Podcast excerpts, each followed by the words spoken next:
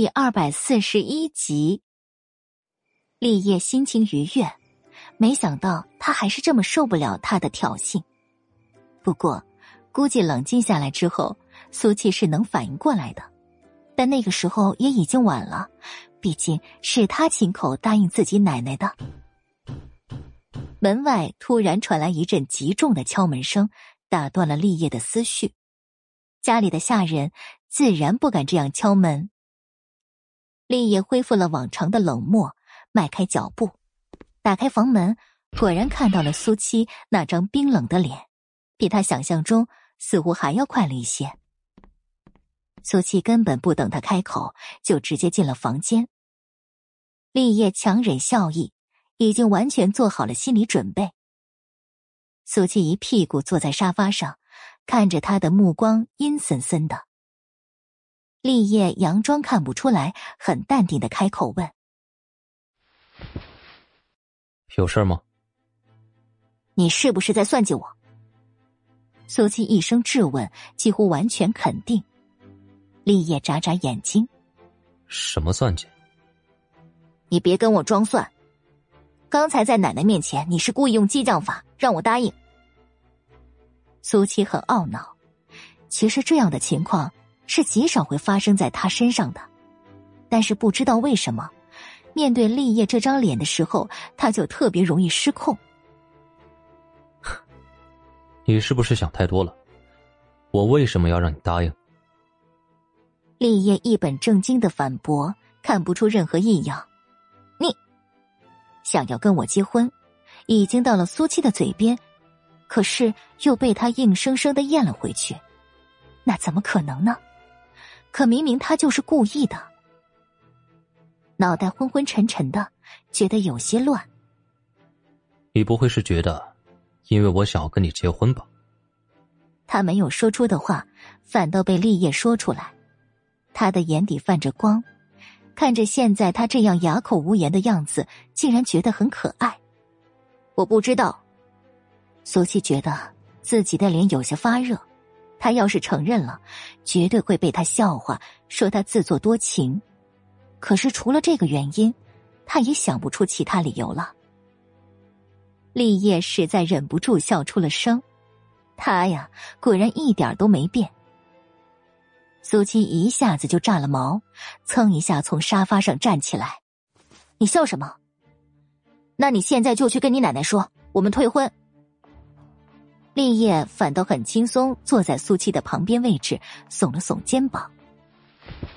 你刚才也看见了，我根本就拗不过我奶奶，而且本来就没有什么问题的，是你自己一定要答应我奶奶结婚的事儿。你这个狗男人！别在这里得了便宜还卖乖，你要是不说，那好，我就跟你结婚，恶心你一辈子。苏七恶狠狠的威胁着，立业眼睛一亮，心里乐开花了，但是却故意拧紧了眉头。如果苏七是正常的状态，一定会发现他极力想要隐藏，可是又根本隐藏不住的欢喜情绪。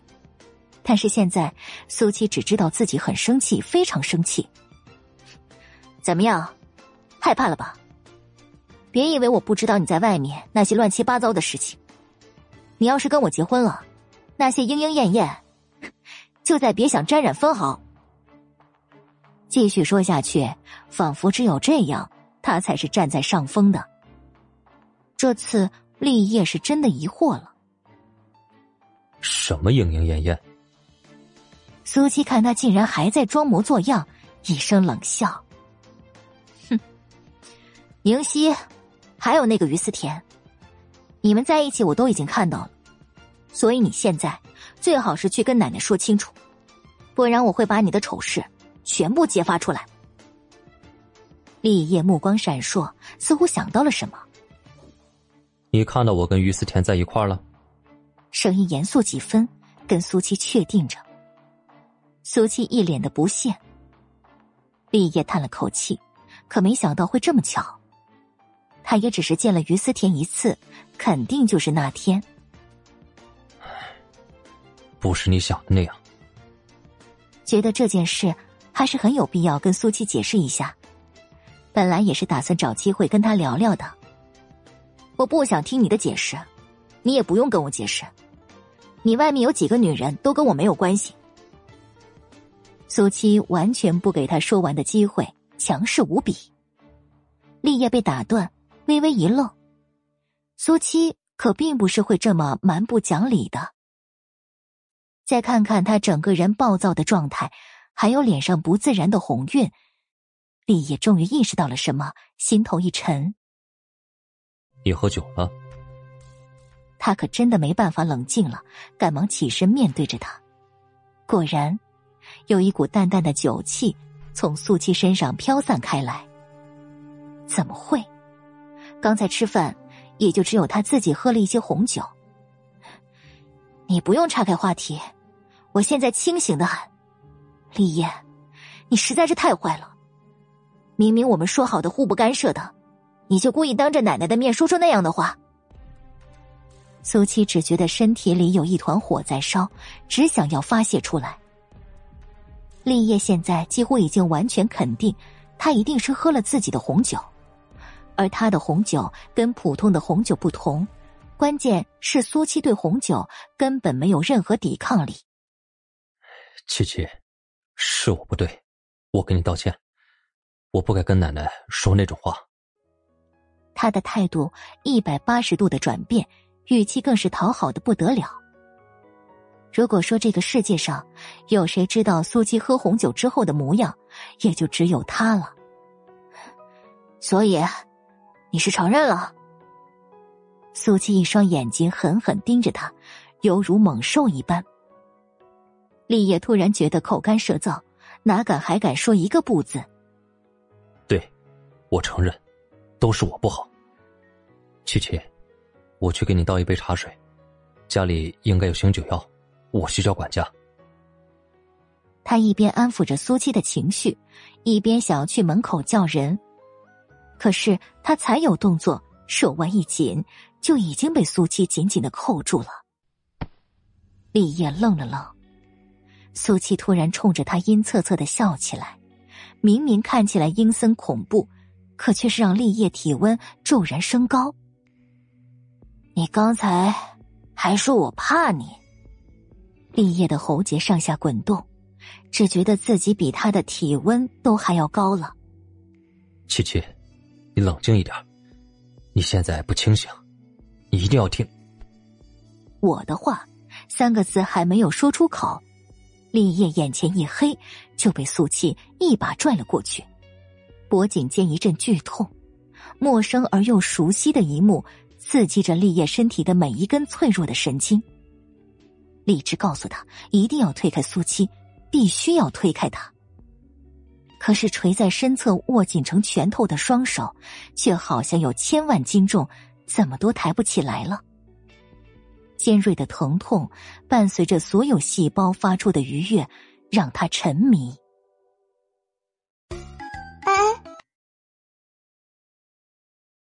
第二百四十二集。夜深人静，房门被人从外面轻轻的推开。男人瞬间从黑暗中清醒，淡淡的酒气伴随着轻微的脚步声，缓缓向他靠近。右手几乎马上摸向被褥底下的匕首，酒气越来越浓，一直近在咫尺。男人猛地睁开双眼，手起刀落。就在刀尖刺入对方皮肉的瞬间，他的瞳孔剧烈收缩一瞬，动作停顿。月光下，是女人美艳的脸庞，她眼角微微泛着红，神色慵懒，仿佛藏着说不清道不明的情绪。男人呼吸急促几分，试图从床上起身。可让他完全没有想到的是，女人竟然软趴趴的倒在他身上，胸口处才刚刚包扎好的伤口一阵剧痛。你在做什么？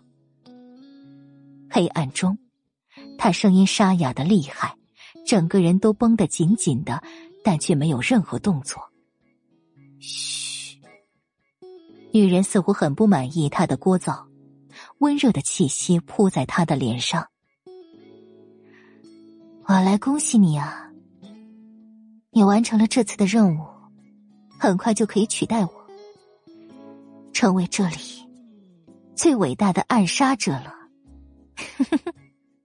他咯咯笑着，可是说出来的话，却让男人重重的叹了口气。他永远都不懂他，不过都不重要，因为有些任务他不做，就要女人去做。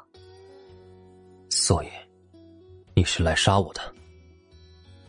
这一刻，他的心情竟然无比的平静，甚至想着，如果现在死在女人的手里，也是幸福的。哼，都被你猜到了，那多无趣啊！女人似乎很不满，呢喃一声。男人手里的匕首却已经不动痕迹的放了回去。女人修长的手指抚上他的脸颊，从他的额头缓缓下滑。浓密的眉毛，挺拔的鼻梁，岑薄的唇瓣。女人的动作很温柔，仿佛她什么易碎的瓷器一般。男人心里很清楚。也许只是下一秒，女人就会紧紧勒住他的脖子，断送他所有的气息。可是他却无比贪恋这一瞬的温柔。你知道吗？你这张脸还真是好看。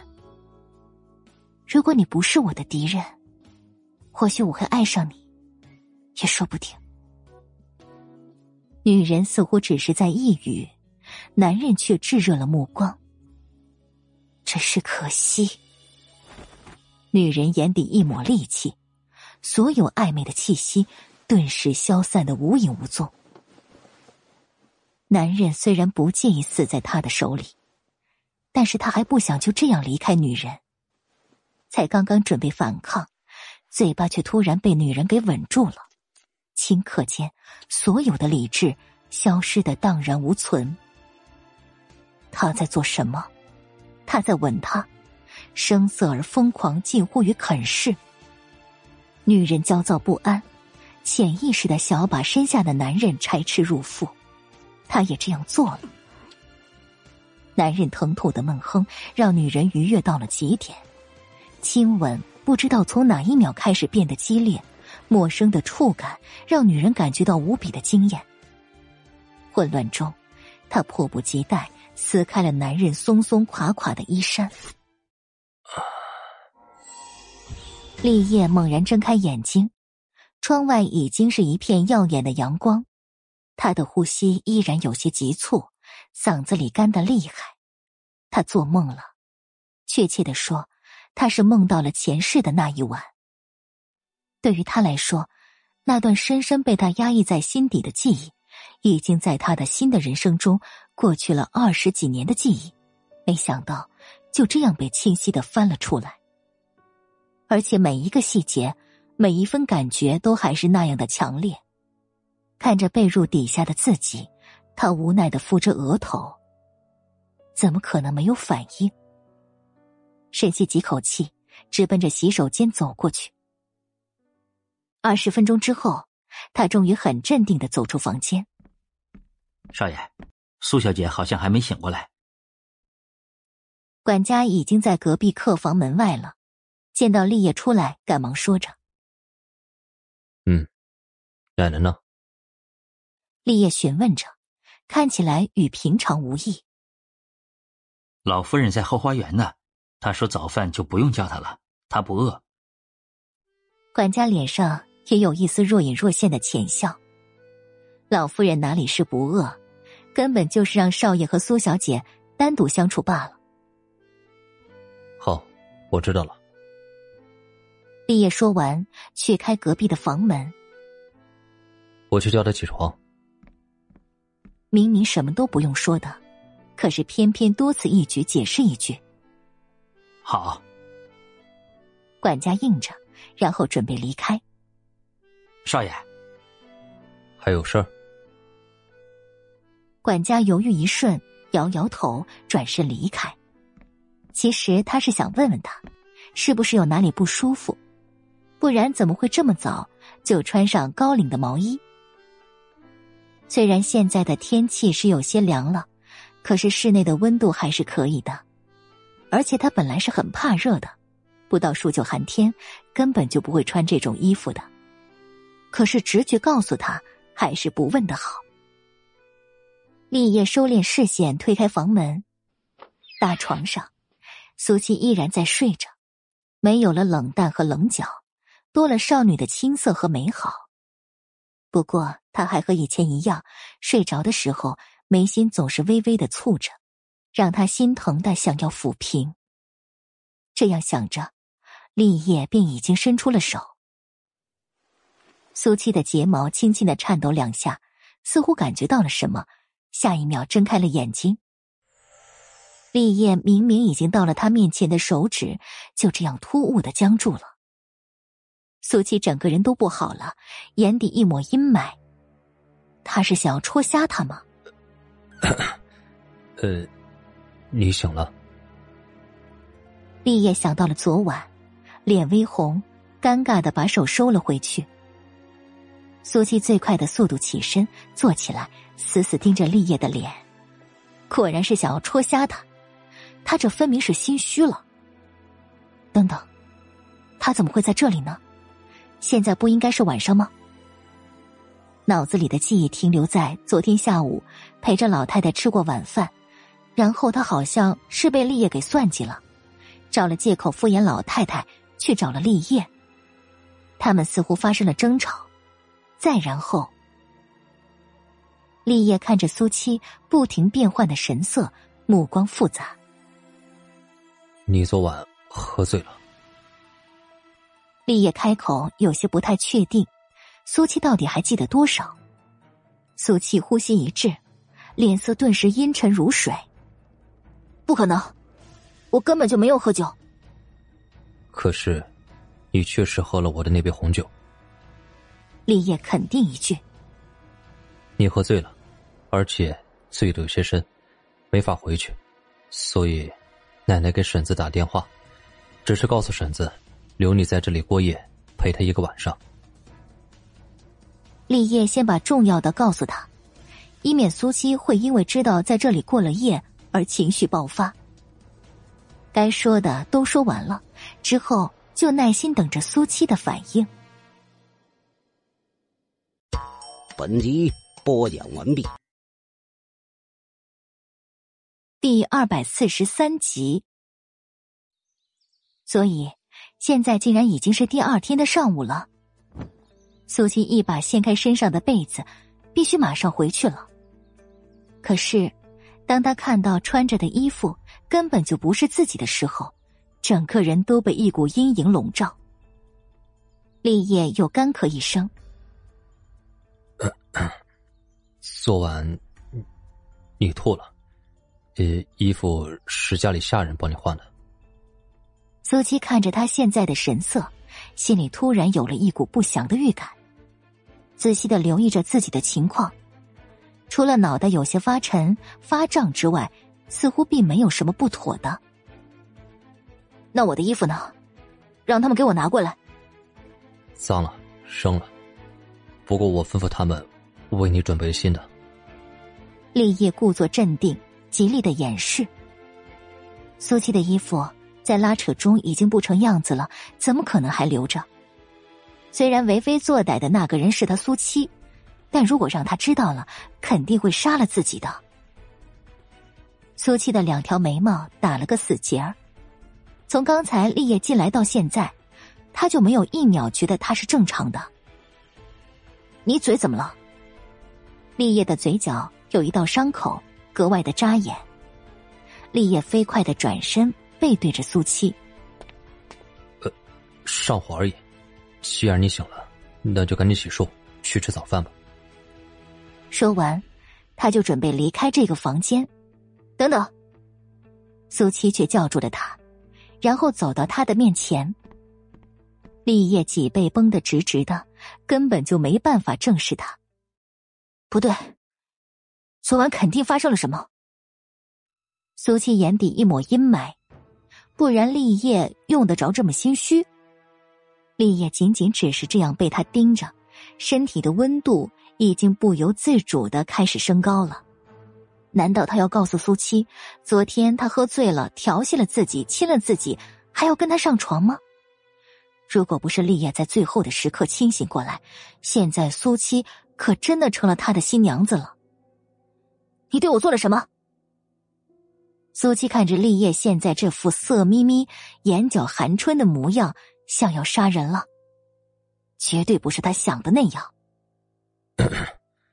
苏七，你别无理取闹了，行不行？我什么都没对你做。事实上，是你什么都对我做了。立业一本正经、无比严肃跟他保证着。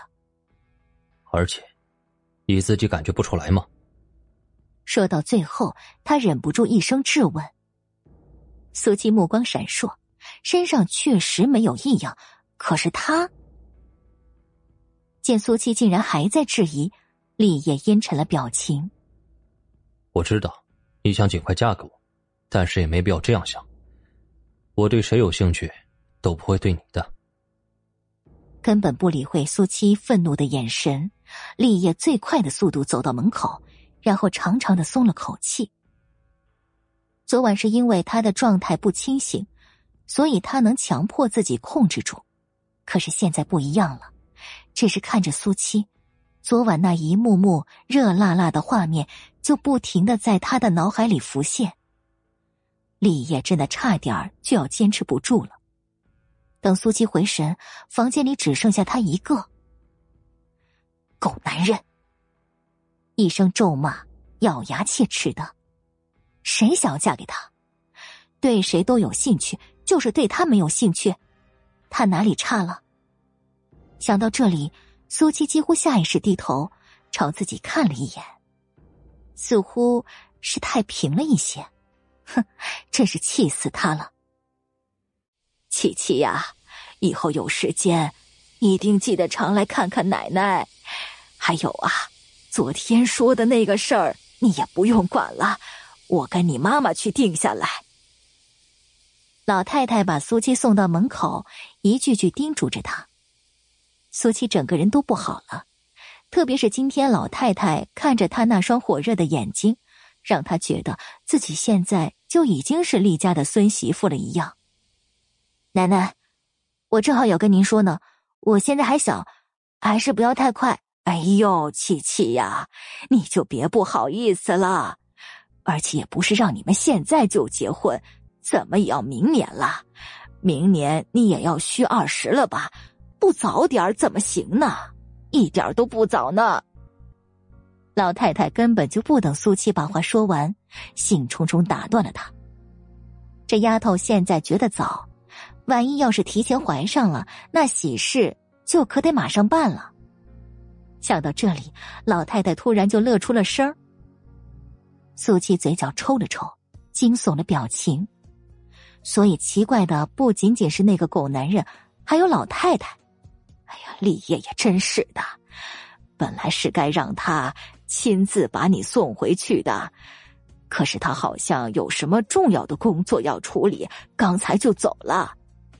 啊，没事，奶奶，这样挺好的。苏七敷衍一句：“要真是狗男人送他，他还不一定会坐他的车呢。”管家呀，你要安全的把七七送回去。老太太又叮嘱着管家，然后目送着苏七上了车。管家，立业说我昨晚喝醉了，那我有没有失态啊？回去的路上，苏七直接跟管家询问起来。管家赶忙摇摇头：“没有，苏小姐昨晚喝了少爷的那杯红酒，然后跟夫人聊了一会儿，就去找少爷了。后来呢？”苏七现在最想知道的，就是他跟狗男人到底发生了什么。您去了少爷房间，后来少爷说您吐了，吩咐下人找了睡衣为您换上。然后啊，就把您安置在了客房。管家实话实说，当然是不会告诉他睡衣其实并不是下人帮他换的，因为当时少爷根本就没有让任何人进去他的房间。苏七听管家说的跟立业说的似乎没有什么出入，这才终于放下心头的质疑，同样也告诫自己以后绝对不能在狗男人面前喝酒了。一个小时之后，管家回来了，而原本应该去忙工作的立业，竟然就悠闲的坐在沙发上。少爷，苏小姐已经安全到家了，辛苦王叔。立业的心情很好，连声音都比往常要轻松。少爷，有件事儿。管家突然欲言又止。什么事儿？直接说吧。是这样的，昨天老夫人让我去接苏小姐，苏小姐当时并不在家，她的母亲说她在学校外面的书店打工，让我去那边。可是我过去之后，才发现，才发现，苏七其实不在那里。立业很淡定的替他说完了后面的话。管家很明显的愣了一下。少爷，您已经知道了。其实他是犹豫了一个晚上，才决定告诉少爷这件事的。立业点点头，不是什么大事儿，但还是别告诉我奶奶了，不然她又该担心了。是少爷。第二百四十四集。一周后，圣德高中。苏七啊，昨天圣都大学又打电话过来了，问你这边考虑的怎么样了。高江特意把他叫到办公室。他们从京城回来，一转眼也过去了十来天，苏七都没有主动来找他说过这件事。我再想想。苏七对于上大学的意愿并不是那么强烈，而且这几天。他几乎所有时间都用在写新故事上，手都快要废掉了。这个年代，各方面真的是太落后了。如果要他在一个月内完成一部手稿作品，也算是个奇迹了。还想要？高江觉得难以置信。一般人遇到这种事情可是迫不及待呢。苏琪，你能不能跟我说说？你脑子里到底在想些什么呀？想挣钱，想发家，想扬名。苏七实话实说。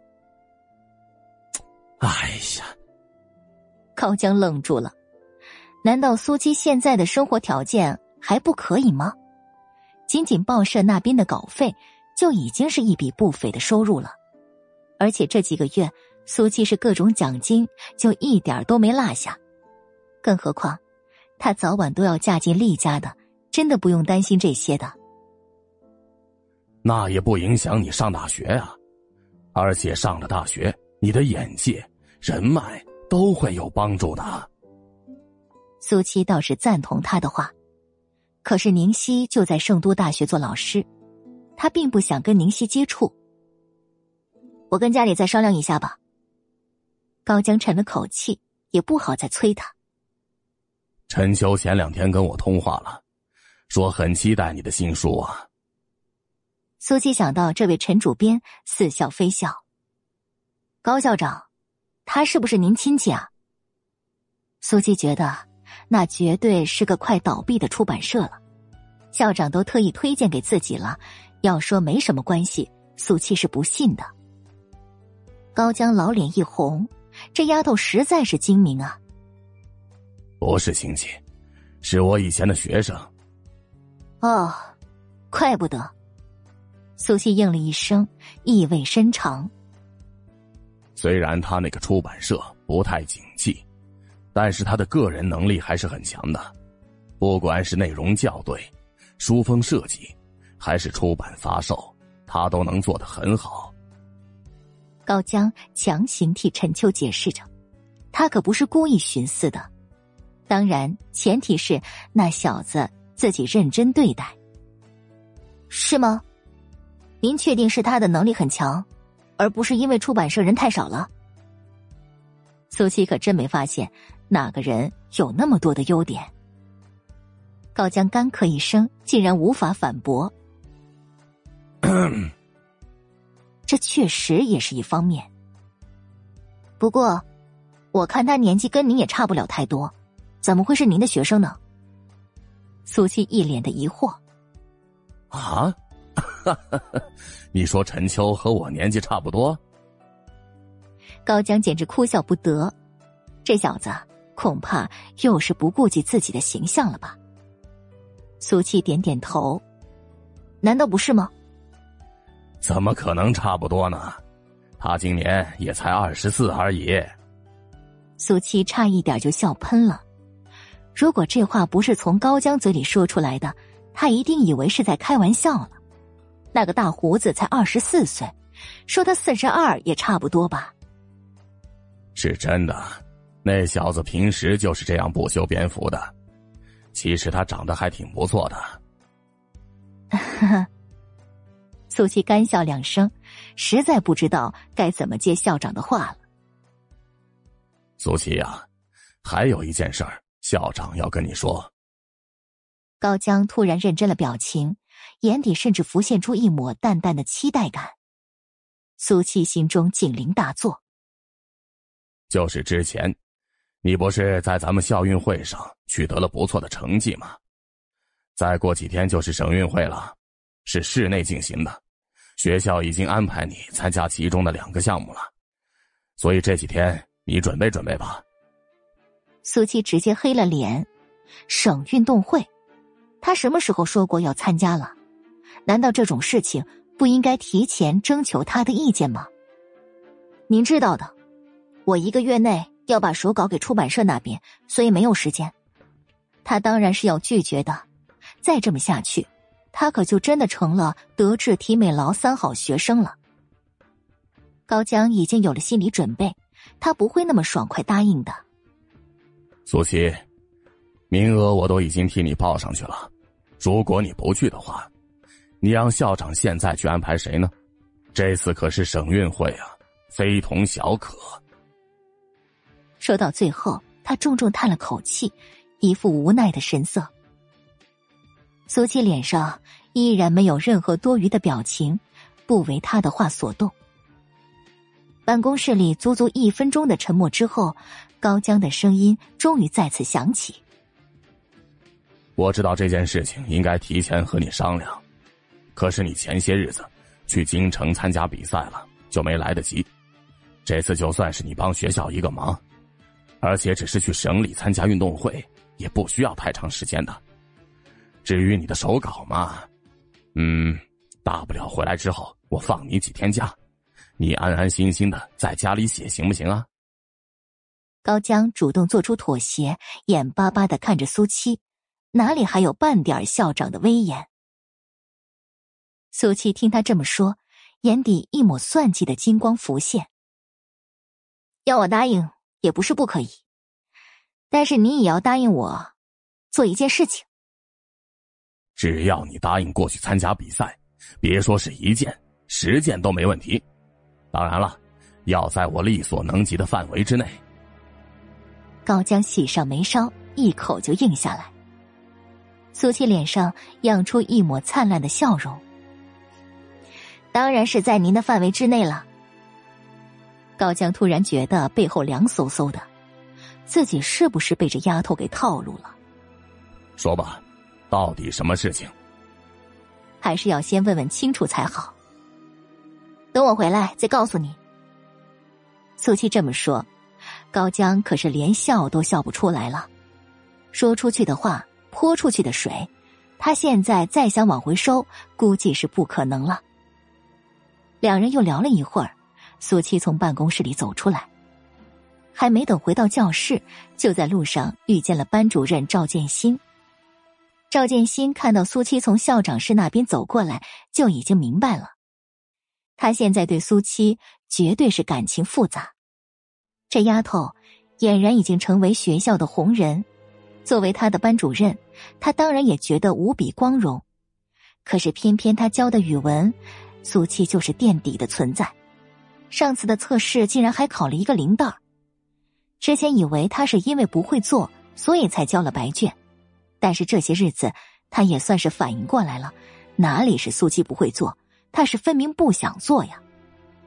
之前周康和他说的那些话在耳边浮现，然后脑袋一热，便鬼使神差的叫住了苏七。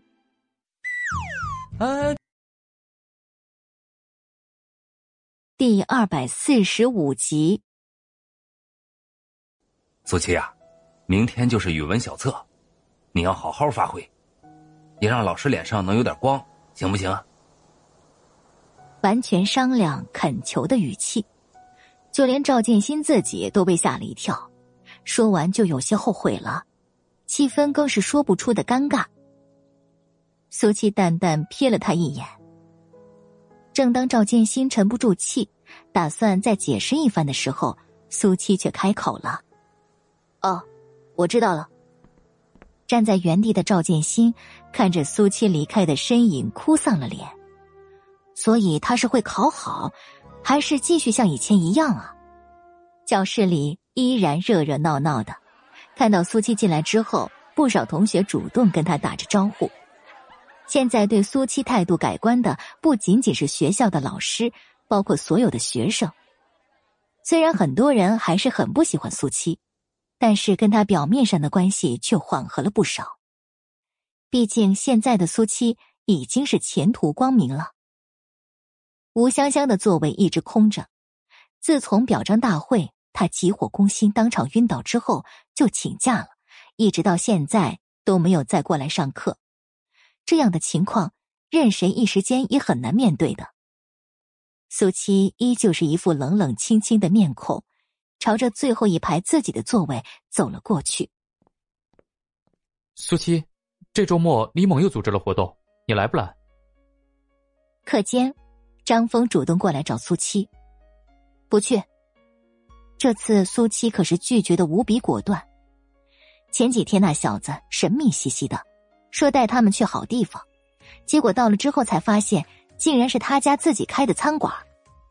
而且本来他们是去吃饭的，可是因为当时生意不错，又缺少服务员，他们几个硬是临时充当了一把。苏七十分怀疑，他根本就是让他们去当免费劳动力的。张峰强忍着笑意，显然也早就想到了。那好吧，等下我会跟他说。苏七以为他就要走了，可是也没想到他依然没有离开的打算。如果放在以前，张峰特意来教室来找自己，其他的学生肯定早已经炸开了。但是现在却完全没有人在意了，因为这些日子已经没人不知道张峰、李猛、张雪梅他们几个和苏七的关系要好的不得了。显然，苏七已经成为了他们那个团体中的一员。还有事啊？苏七看着张峰不动，主动问：“我听说你还没有决定要去哪所大学？”张峰绕了一圈儿，其实这才是他今天过来找苏七真正的目的。嗯，苏七不咸不淡的应了一声，活动着手腕。最近用手过度不舒服。圣都大学是国内最好的大学，从那里毕业的学生都会得到很好的发展。张峰很认真，虽然明知道自己说的这些不会有人不知道，他希望苏七能够去圣都大学，但也并不是完全出于私心的。我跟你又不一样，谁知道一年之后又会变成什么样子？苏七敷衍着回答张峰，在高江那里，苏七都还没有确定。更何况是跟他了。张峰不死心，继续游说着，直到马上就要上课，这才不甘心的走了出去。苏七总算是耳根子清净了，以前可是从来都没有发现张峰是这么聒噪的一个人。呵呵，苏七啊，赵峰学长是不是喜欢你啊？正当苏七准备趴下补个觉的时候。坐在他面前的男生忽然回头，冒出这样一句：“他哪只眼睛看出来了？”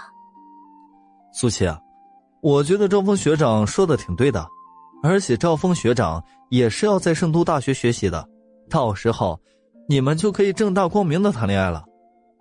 男生一脸的羡慕，虽然他是真的不明白张峰学长为什么会看上苏七这样的女生。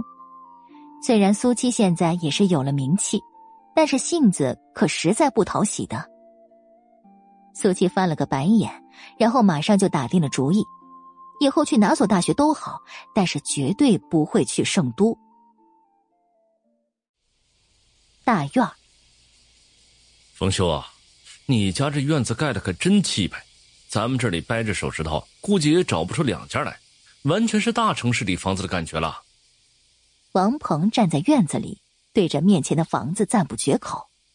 冯秀忍不住笑意融融，都是七七自己想的。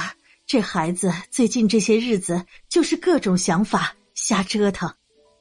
虽然他过来，自己觉得挺突然的，但毕竟都是一个大院里的街坊，就算平时没有太多的来往，聊起来还是不错的。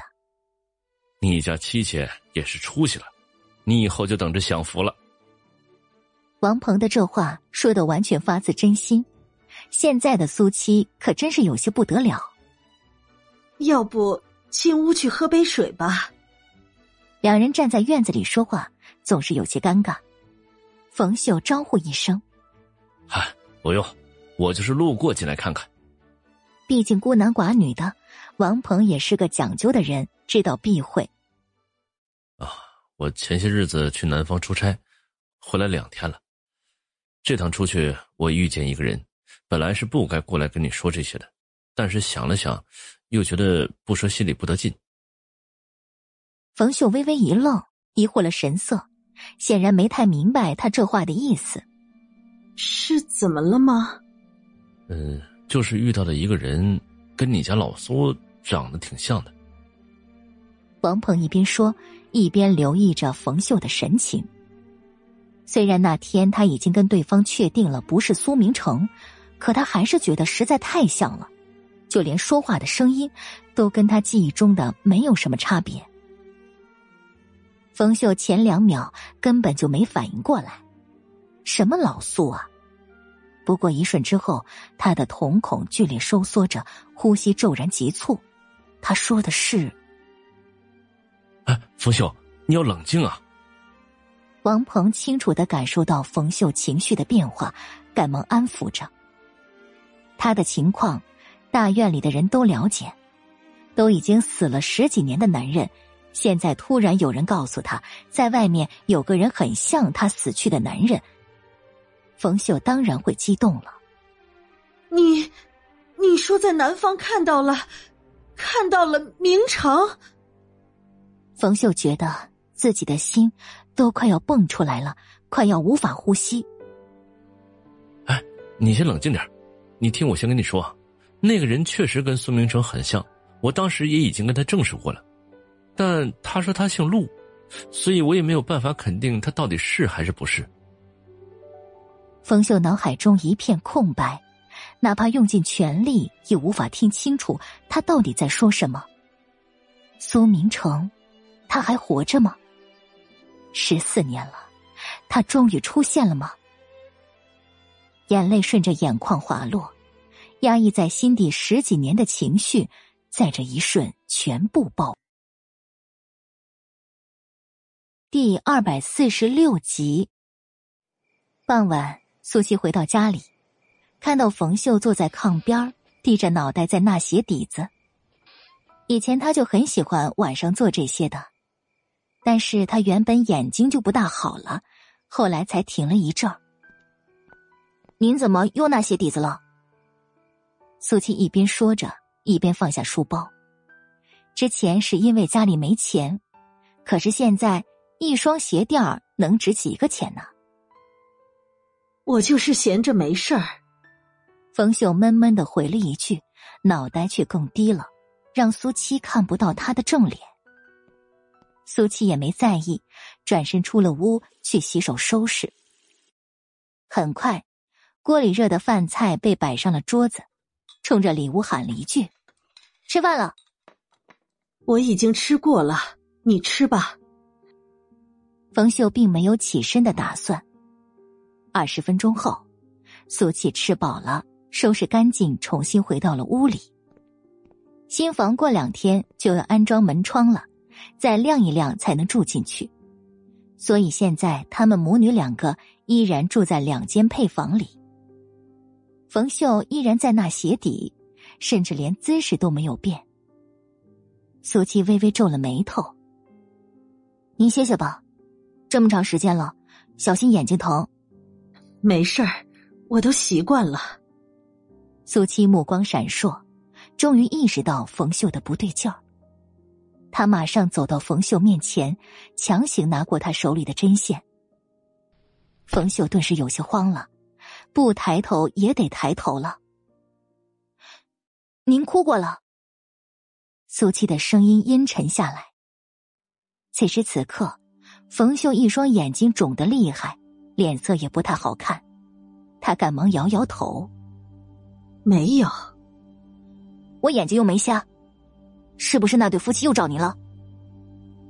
苏七直接想到的就是冯铁他们。不是，他们没再来过。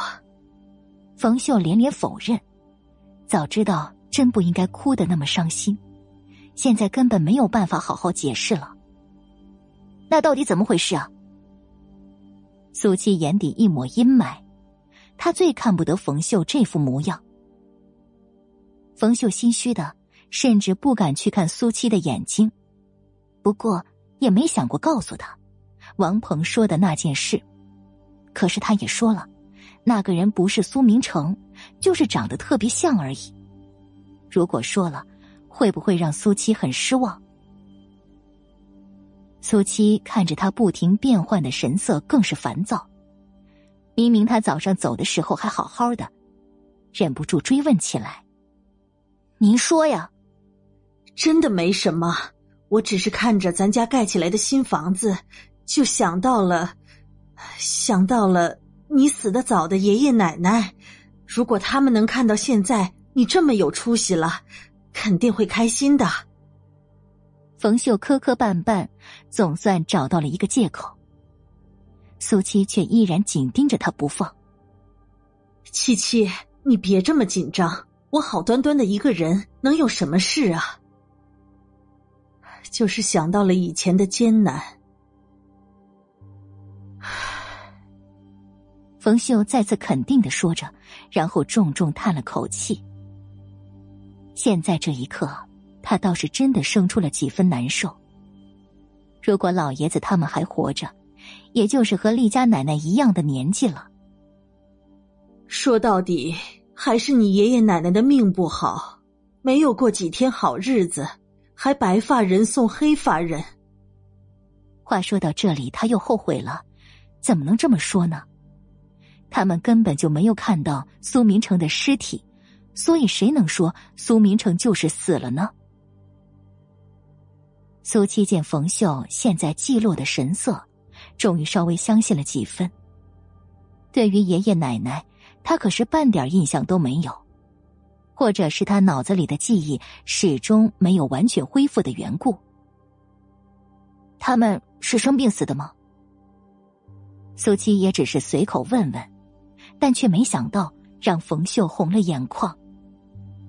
你奶奶是病死的，你爷爷。苏七有些诧异，难道还有什么隐情？想到这里，他在冯秀身边坐下。都是因为我，我没有本事，没有照顾好他。冯秀哽咽了声音，眼泪吧嗒吧嗒的掉下来。苏七赶忙把簸箕里的手绢递给他：“您快别哭了。”虽然他什么都不记得，但是也知道他已经做的很好了。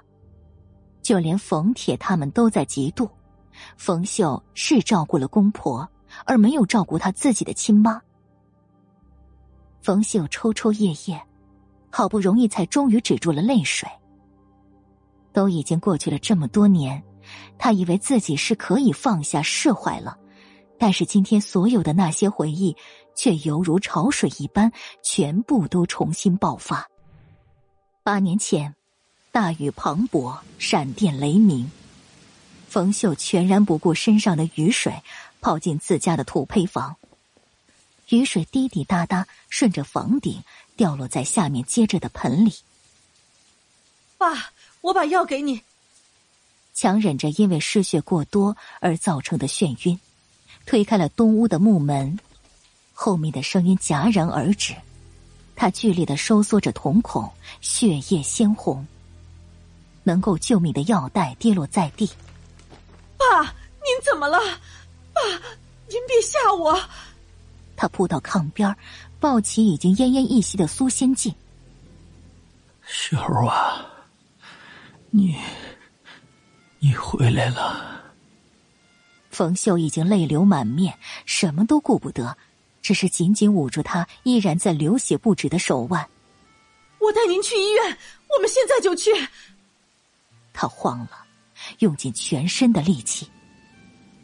不用了，秀啊，是我自己要这样做的，我不能再继续拖累你。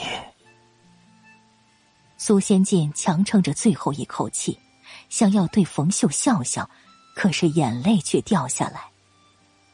冯秀只是他们苏家的媳妇，可是他儿子苏明成早就已经走了几年了，是冯秀一直不离不弃，帮自己的儿子为他们养老送终。他在一年前就诊断出了癌症，而且还是晚期，让这个原本就已经拮据的家更是雪上加霜。爸。我已经为你买到药了，有药了，您看。冯秀已经泣不成声。苏仙锦当然知道药是怎么来的，家里所有值钱的东西都被他耗光了。冯秀为了能维持他的日子，甚至不惜去卖血。秀儿，够了。你做的已经够了，我们苏家有你这个媳妇儿，是上辈子的福气。我走了，你们就可以安安稳稳的过日子。还有七七。那就交给你了。我怕我这个样子吓到他，就把他关在西屋了。苏仙进的声音越来越虚弱，他知道自己快要死了，可是心里却是欢喜的。唯一放不下的，只有自己那个苦命的孙女儿。你为什么要这么做？不要像明成一样丢下我们！冯秀悲痛欲绝，苏仙进浑浊的双眼一瞬间清明，随即双手无力的垂下。订阅评论第二百四十七集。是我没用，你爷爷都是为了不拖累我。伴随着冯秀沙哑的声音落下，苏七只觉得胸腔里仿佛被什么东西胀得难受。原来竟然是这样，他真的很难想象，那个时候的冯秀该是多么的痛苦和绝望。自己的丈夫音信全无，死不见尸，公婆相继生病。唯一的女儿又变成了傻子，家里所有的重担都落在她瘦弱的肩膀上。为了能够维持公公的生命，甚至不惜去卖血换药，可是公公却还是用自杀的方式死在了冯秀的面前。无数个日日夜夜，他都活在愧疚和悔恨当中。就算是这样，他也还要强迫自己振作。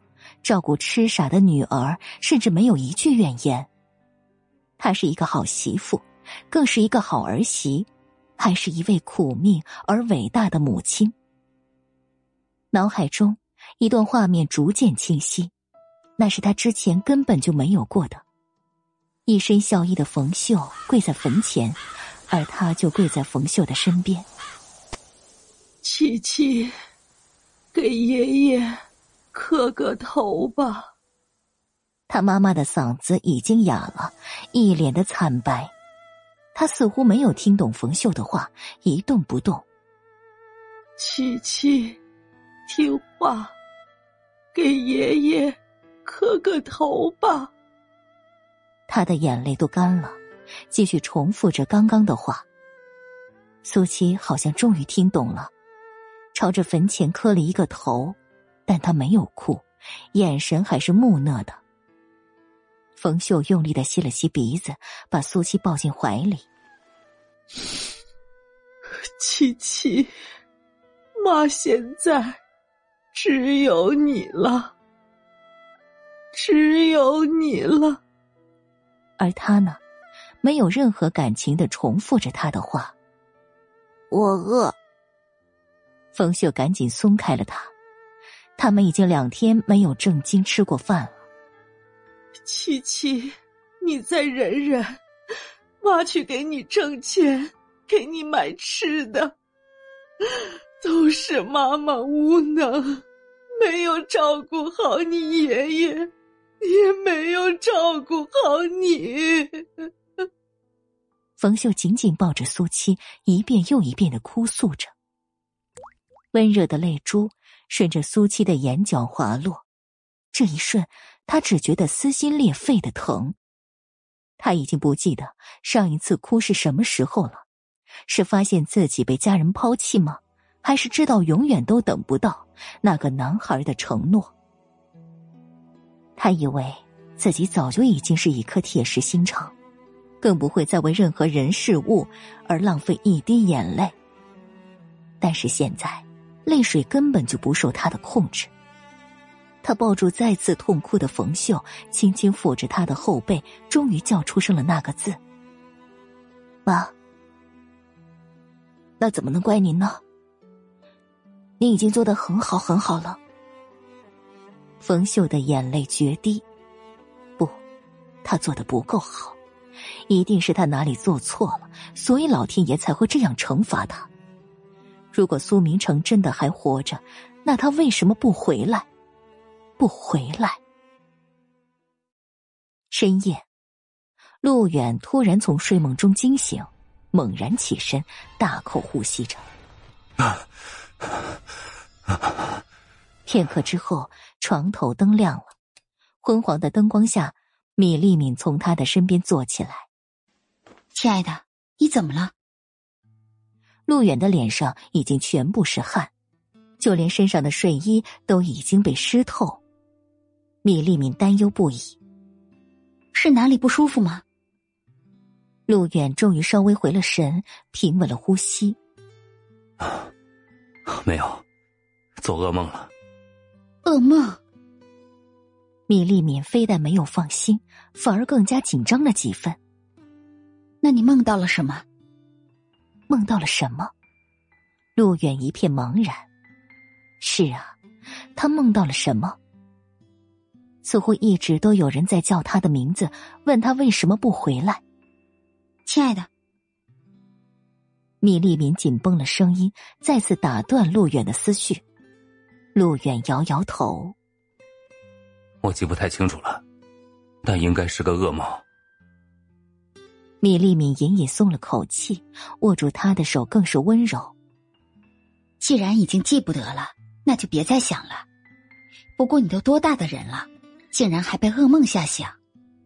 说到最后，他故意轻松的语气。陆远的情绪逐渐稳定了。对不起啊，吵醒你了。米粒米摇摇头，掀开被子准备下床。怎么不睡了？陆远询问着。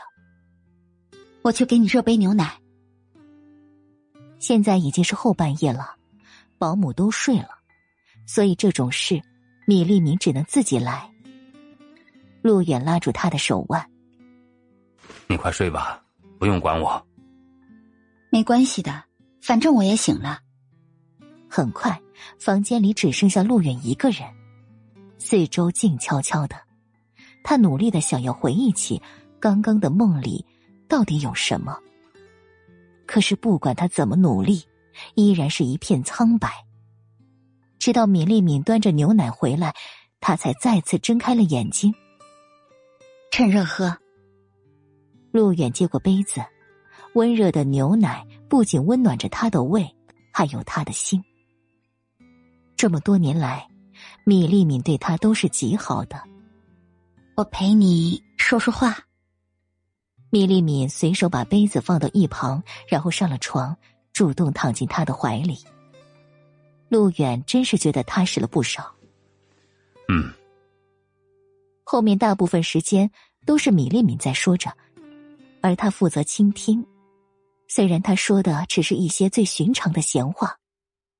谁家的太太又买了新的珠宝首饰？谁家的男人在外面做了不好的事情，被老婆抓包了？亲爱的，如果有一天我老了，不漂亮了，你还会不会像现在这样爱我？米粒米说着说着，突然就问出了这样的问题。陆远忍不住笑起来，然后认真无比的说着：“ 怎么会呢？你是我的结发妻子，要跟我一辈子白头到老的人，我的心里只有你和女儿，永远都是。”米粒米是感动的，但是低垂的眼帘下，却有一抹不安转瞬即逝。如果我说如果我欺骗了你。你会不会恨我，离开我和雅雅？不会。陆远甚至没有任何犹豫。米粒米心中的不安少了几分，搂着身边的这个男人，他是自己的，以前是，现在是，以后更是，没有人能把他抢走。已经不早了，哦，赶紧睡吧，啊。陆远打了个哈欠，示意着。很快，房间里重新陷入黑暗之中。不知道过去了多久，米粒米再次睁开眼睛。他清楚的记得，刚刚跟他在一起的那几年，他也会像这样，经常从梦中惊醒。每一次，米粒米都是心惊胆战，生怕陆远会突然记起什么。不过，好在他醒来之后就什么都不记得了。后来的这些年里，他似乎也逐渐从以前的阴影中走出来，再也没有那样过。但为什么今晚又会做噩梦？隐隐的，米粒米的心里多了一丝淡淡的不安。订阅评论，别忘记，精彩故事再继续，我们下集见。第二百四十八集，苏七在家吗？一大早就有街坊上门了。冯秀正在做早饭，听到院子里的声音，把手里的柴都添进去，然后走了出来。苏七还没起呢，有事吗？来人是潘桂香，跟大院里的其他妇女不同，她是厂里的会计，有文化，有教养。每天都早出晚归的，跟谁的关系都很好。当然，跟冯秀是个例外，毕竟以前真的很少有人跟他家来往的。因为潘桂香比冯秀小了十来岁，所以冯秀也不好称呼他。冯姐有点事儿。潘桂香一边说，一边把手里的篮子递到他面前，满脸灿烂笑容。冯秀一脸的疑惑。也不知道里面是什么东西，就接了过去。不是什么值钱的东西，就是一点糕点、水果。潘桂香的话让冯秀顿住了动作。好好的，怎么会送东西给他？是这样的，我是想邀请苏七给我家强强做家教。冯姐，你也知道，我和我们家那口子工作都忙，平常也没有时间辅导他。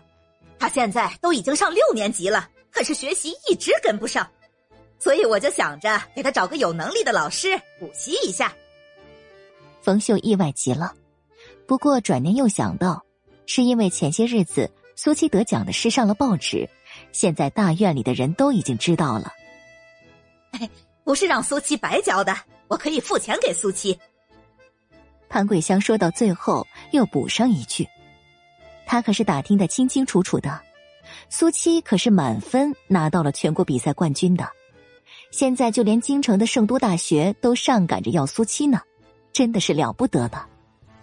而他儿子正好也是数学不好，自然没有比苏七更好的家教了。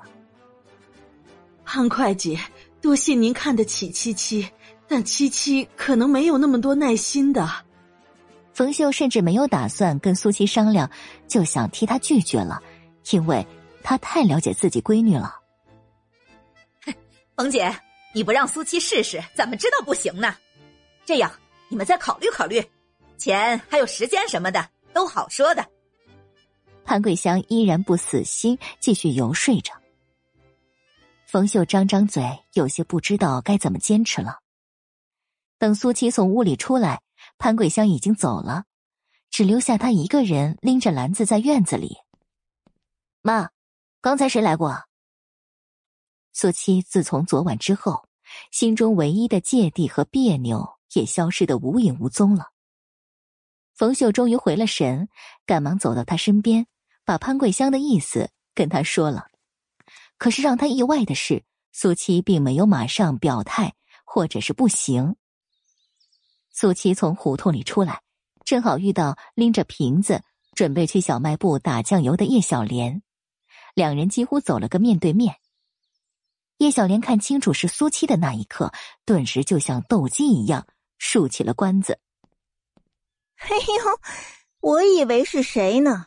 原来是我们的大才女呀！苏七看着他的眼神，就是在看白痴一样，这样的智障。跟他说话都是在浪费时间。苏七，你给我站住！叶小莲看到自己完全被无视，怒火中烧，扯着嗓子喊住了苏七。苏七自然没有停下来的打算。叶小莲脑子一热，三步并成两步，直接拦住苏七的去路，看着他眼中充满了挑衅。苏七，你聋了吗？听不懂人话吗？这几个月来发生在苏七身上的所有事情，都让叶小莲觉得匪夷所思、难以接受，现在更是嫉妒的要命。苏七眼底一抹阴霾，实在是太聒噪了。你这么看着我做什么？别以为你现在就很了不起了。以前我不发声，不是因为害怕你，但是，但是现在不一样了。嗯。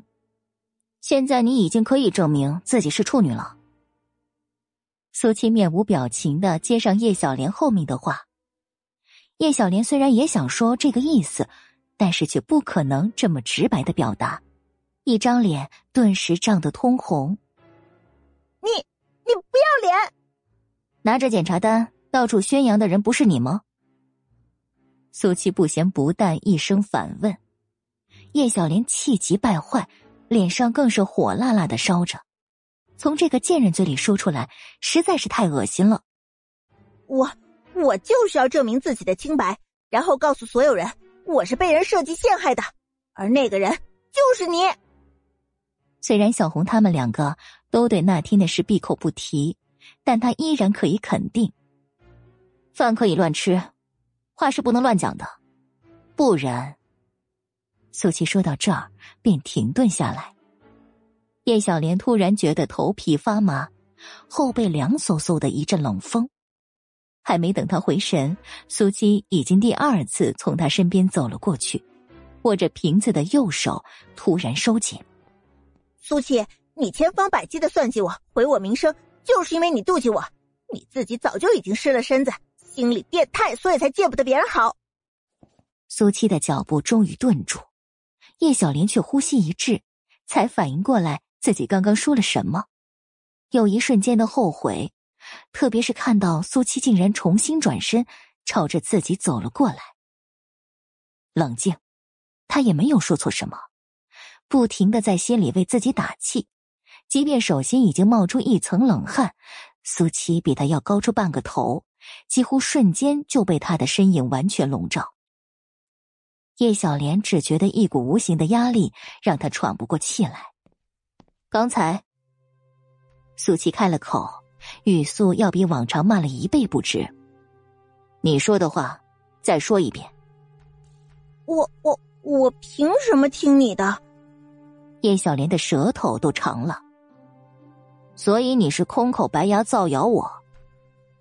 苏西挑了眉头，不怒自威。我我才没有，是你自己什么都不记得了。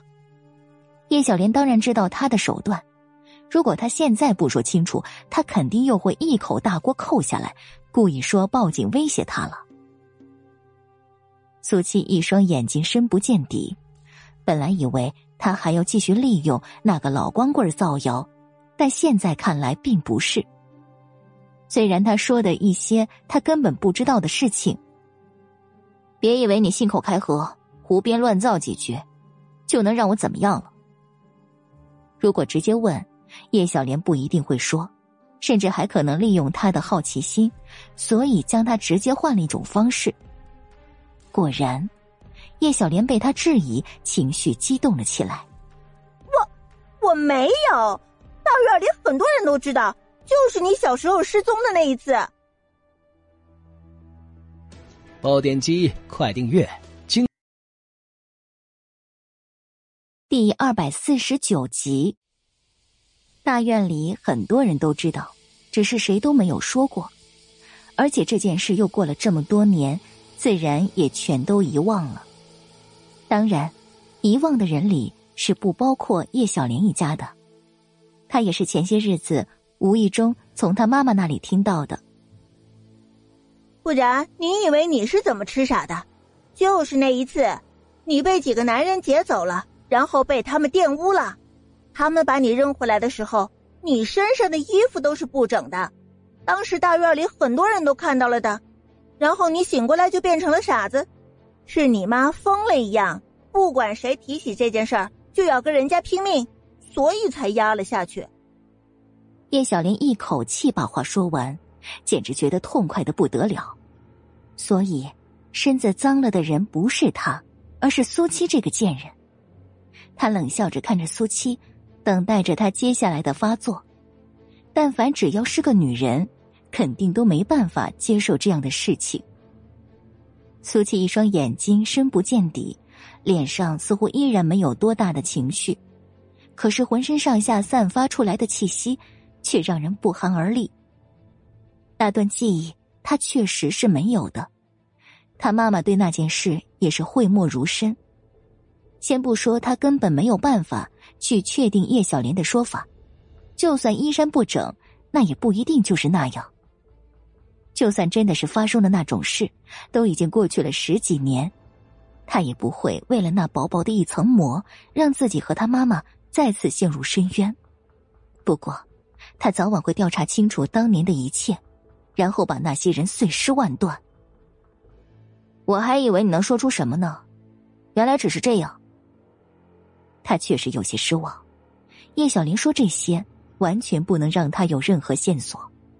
叶小莲很明显的愣了一下，他应该愤怒、羞愧、痛苦，甚至狰狞，但是唯独不该这样平静。苏七，你真的听清楚我在说什么吗？你怎么能这么不要脸？苏七上前一步，靠近他，一侧嘴角微微上扬。叶小莲，你确定要一而再、再而三的招惹我？一股寒意从叶小莲的脚底窜上头顶，苏七突然伸出手，在他的肩膀上拍了拍。叶小莲差一点就尖叫出声，可是下一秒身子一松，他就已经收回了胳膊。这一次，他看着苏七再次离开的身影，也没有勇气再阻拦他了。一双手心里早已全都是汗，脸色更是难看到了极点。素七这个疯子，进来。老大，之前您吩咐调查苏小姐当年那件事儿，有些眉目了。王昭的话马上就让立业放下手里的文件，说。我查到了带走苏小姐的那辆车就在临县的一个废品收购站里，虽然时间已经很长了，但是那个老板却还对处理车的人有些印象。这个是根据他的描述做出来的画像。王昭说着，把画像递到立业的面前。立业看着上面的那张脸，神色阴沉。继续查。既然已经有了线索，找出当年的真相也只是时间问题而已。是。王昭转身准备离开。等一下。立业沉默一瞬之后，才再次开口：“再查一个人。”虽然苏七说不需要调查那个人，但他却觉得还是有必要的。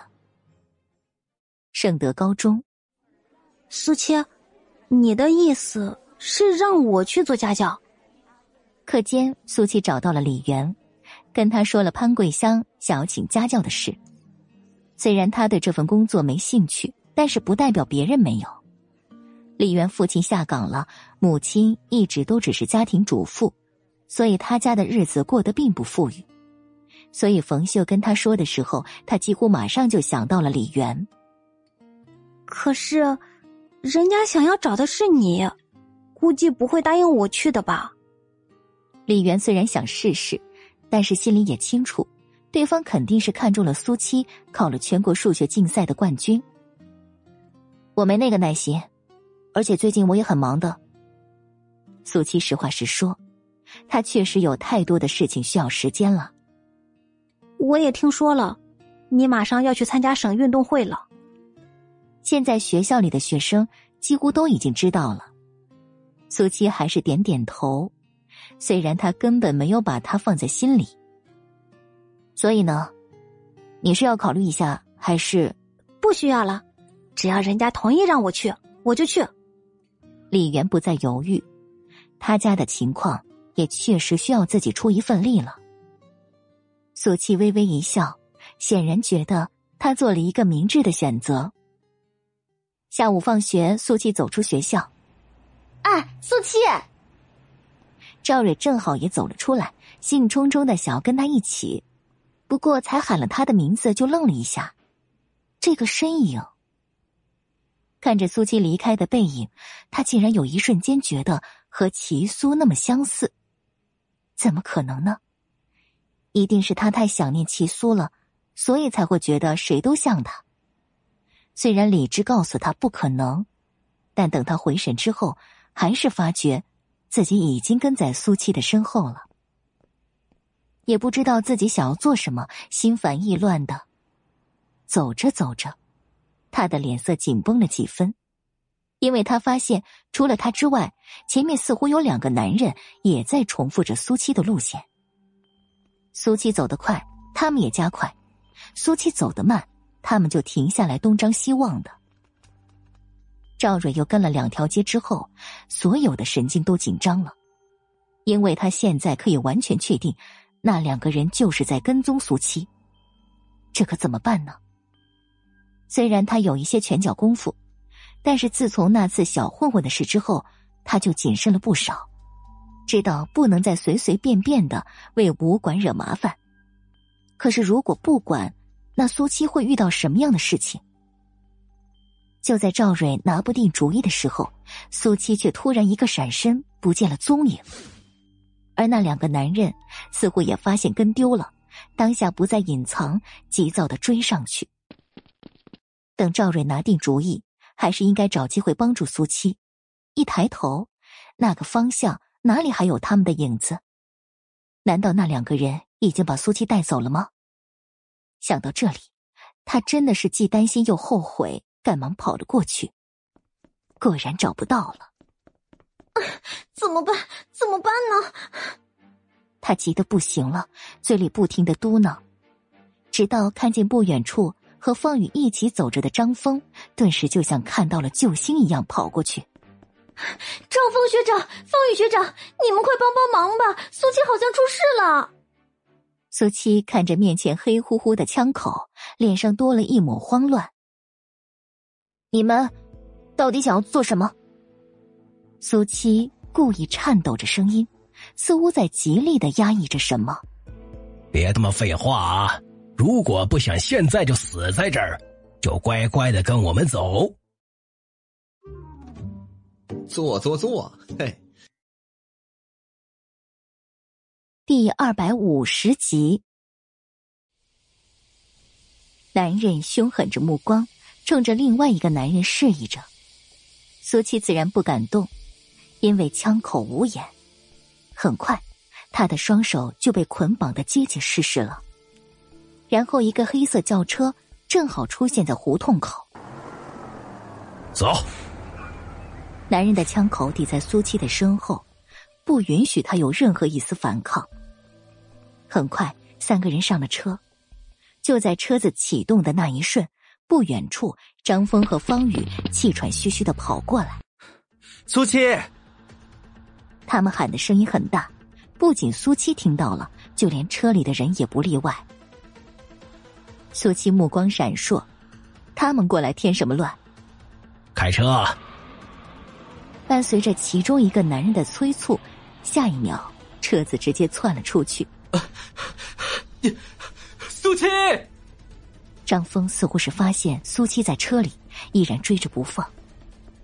苏七扭头看向后面，一脸的无奈。他能不能别这么执着？人追车能追上吗？有那个时间，还不如赶紧记下车号，替他报警呢。两三分钟之后，才终于彻底把他甩开了。把眼睛蒙上，啊，还有嘴也堵上，免得等一下他乱喊乱叫。苏七翻了个白眼儿，他可是全程都配合他们，怎么可能会乱喊乱叫呢？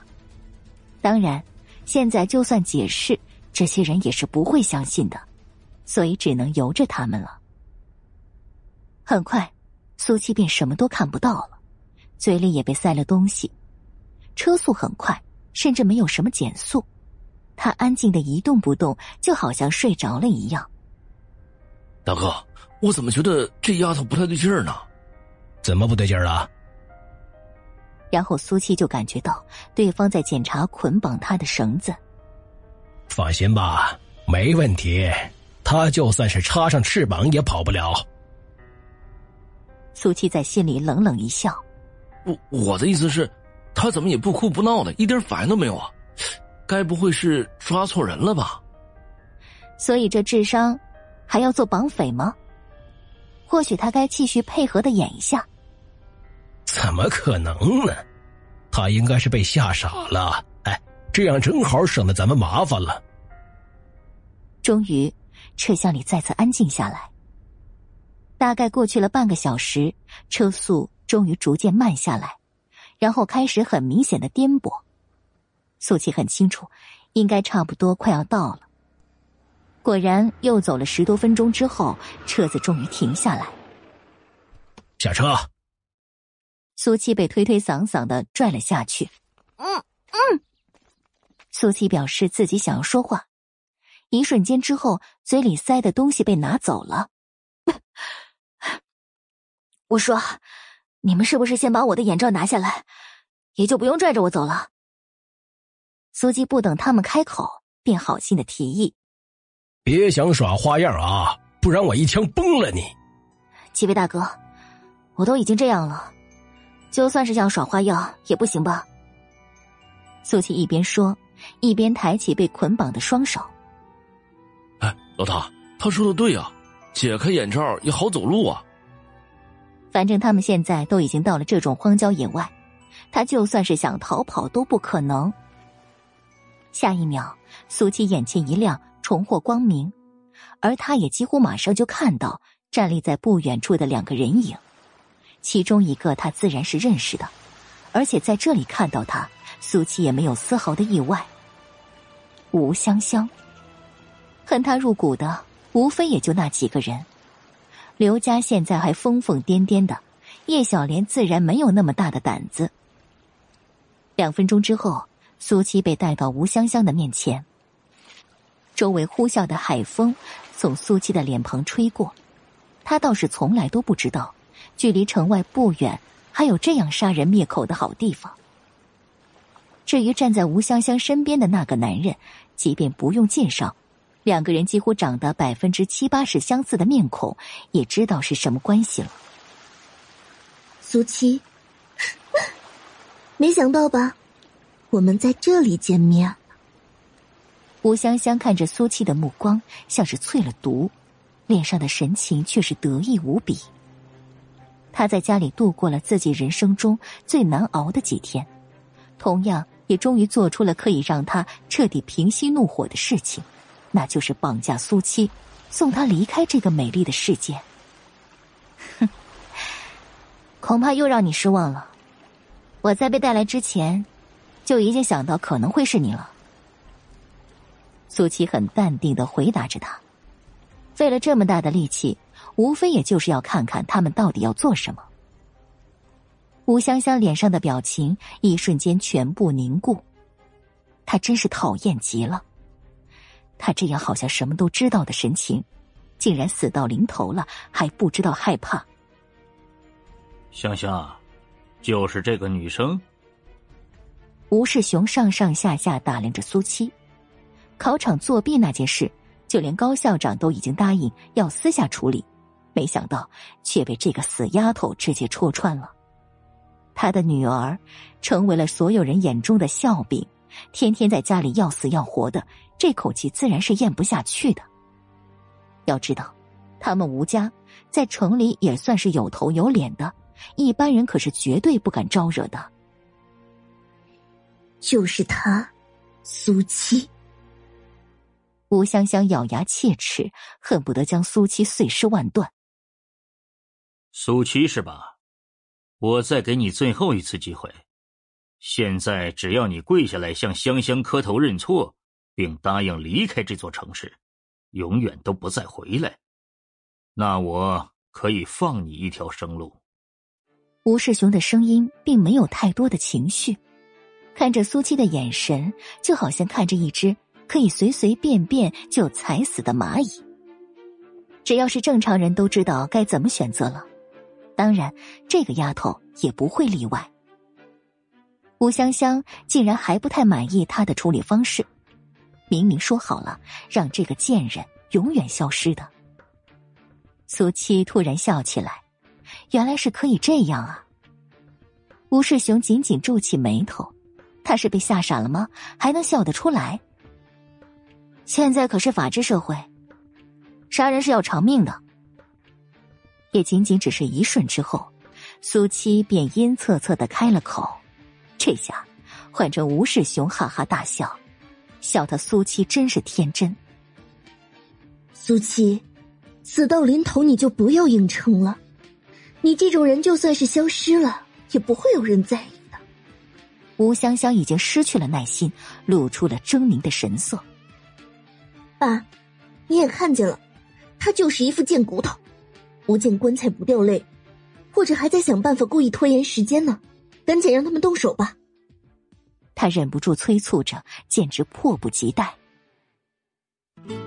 本集播讲完毕，第二百五十一集。吴香香，你就这么想让我死？苏七确实是在拖延时间。他过来，可不是为了让他们杀他的。苏七已经基本上可以确定了，除了站在自己右侧的男人手里拿着一把枪之外，另外两个男人还有吴香香他们父女都是空着手的。毕竟，私人携带枪支是违法的，或者他们只是觉得一支就足够解决苏七了。是你自己太嚣张，太猖狂了。你以为在运动会上跑第一就了不起吗？你以为考一个满分就是人上人了吗？其实，在我眼里，你还是那个让人恶心的垃圾。吴香香积压在心底这么久的嫉妒，顷刻间全部爆发出来。还有之前，我被烫伤、考试作弊，也全都是因为你怂恿我，你全部都是故意的。苏七，你这种人就不配活在这世上。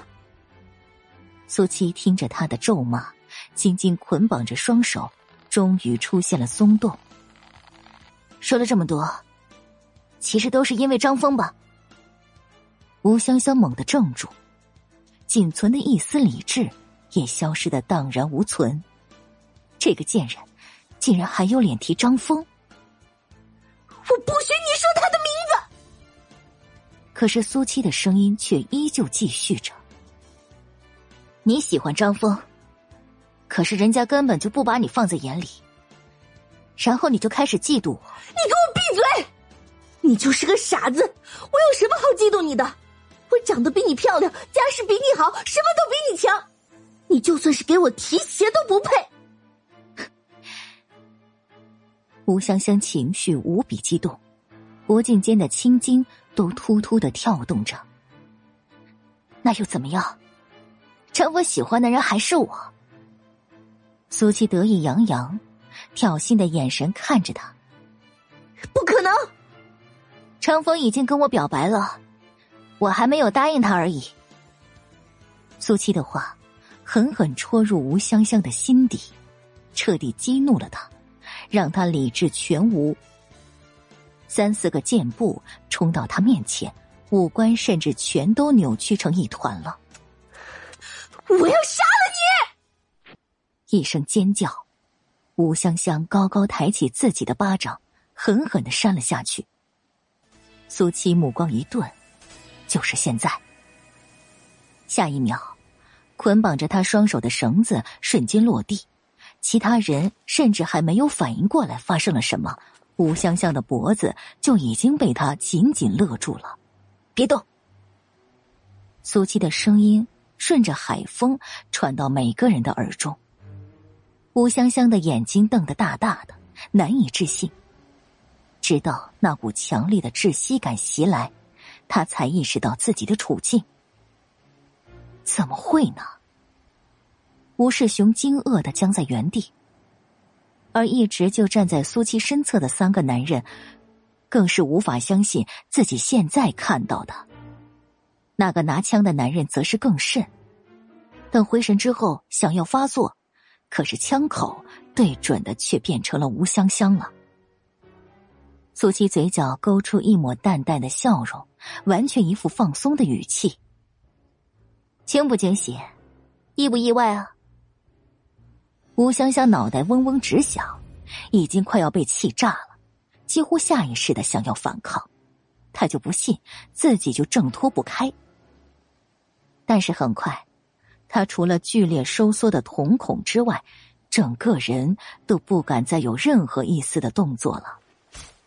因为脖颈间传来一阵尖锐的刺痛，他甚至清楚的感觉到了刀片刺入自己皮肉的那一秒。啊！救救命啊！惊悚的表情，他终于体会到什么叫做恐惧。可是苏七手里为什么会有这种东西？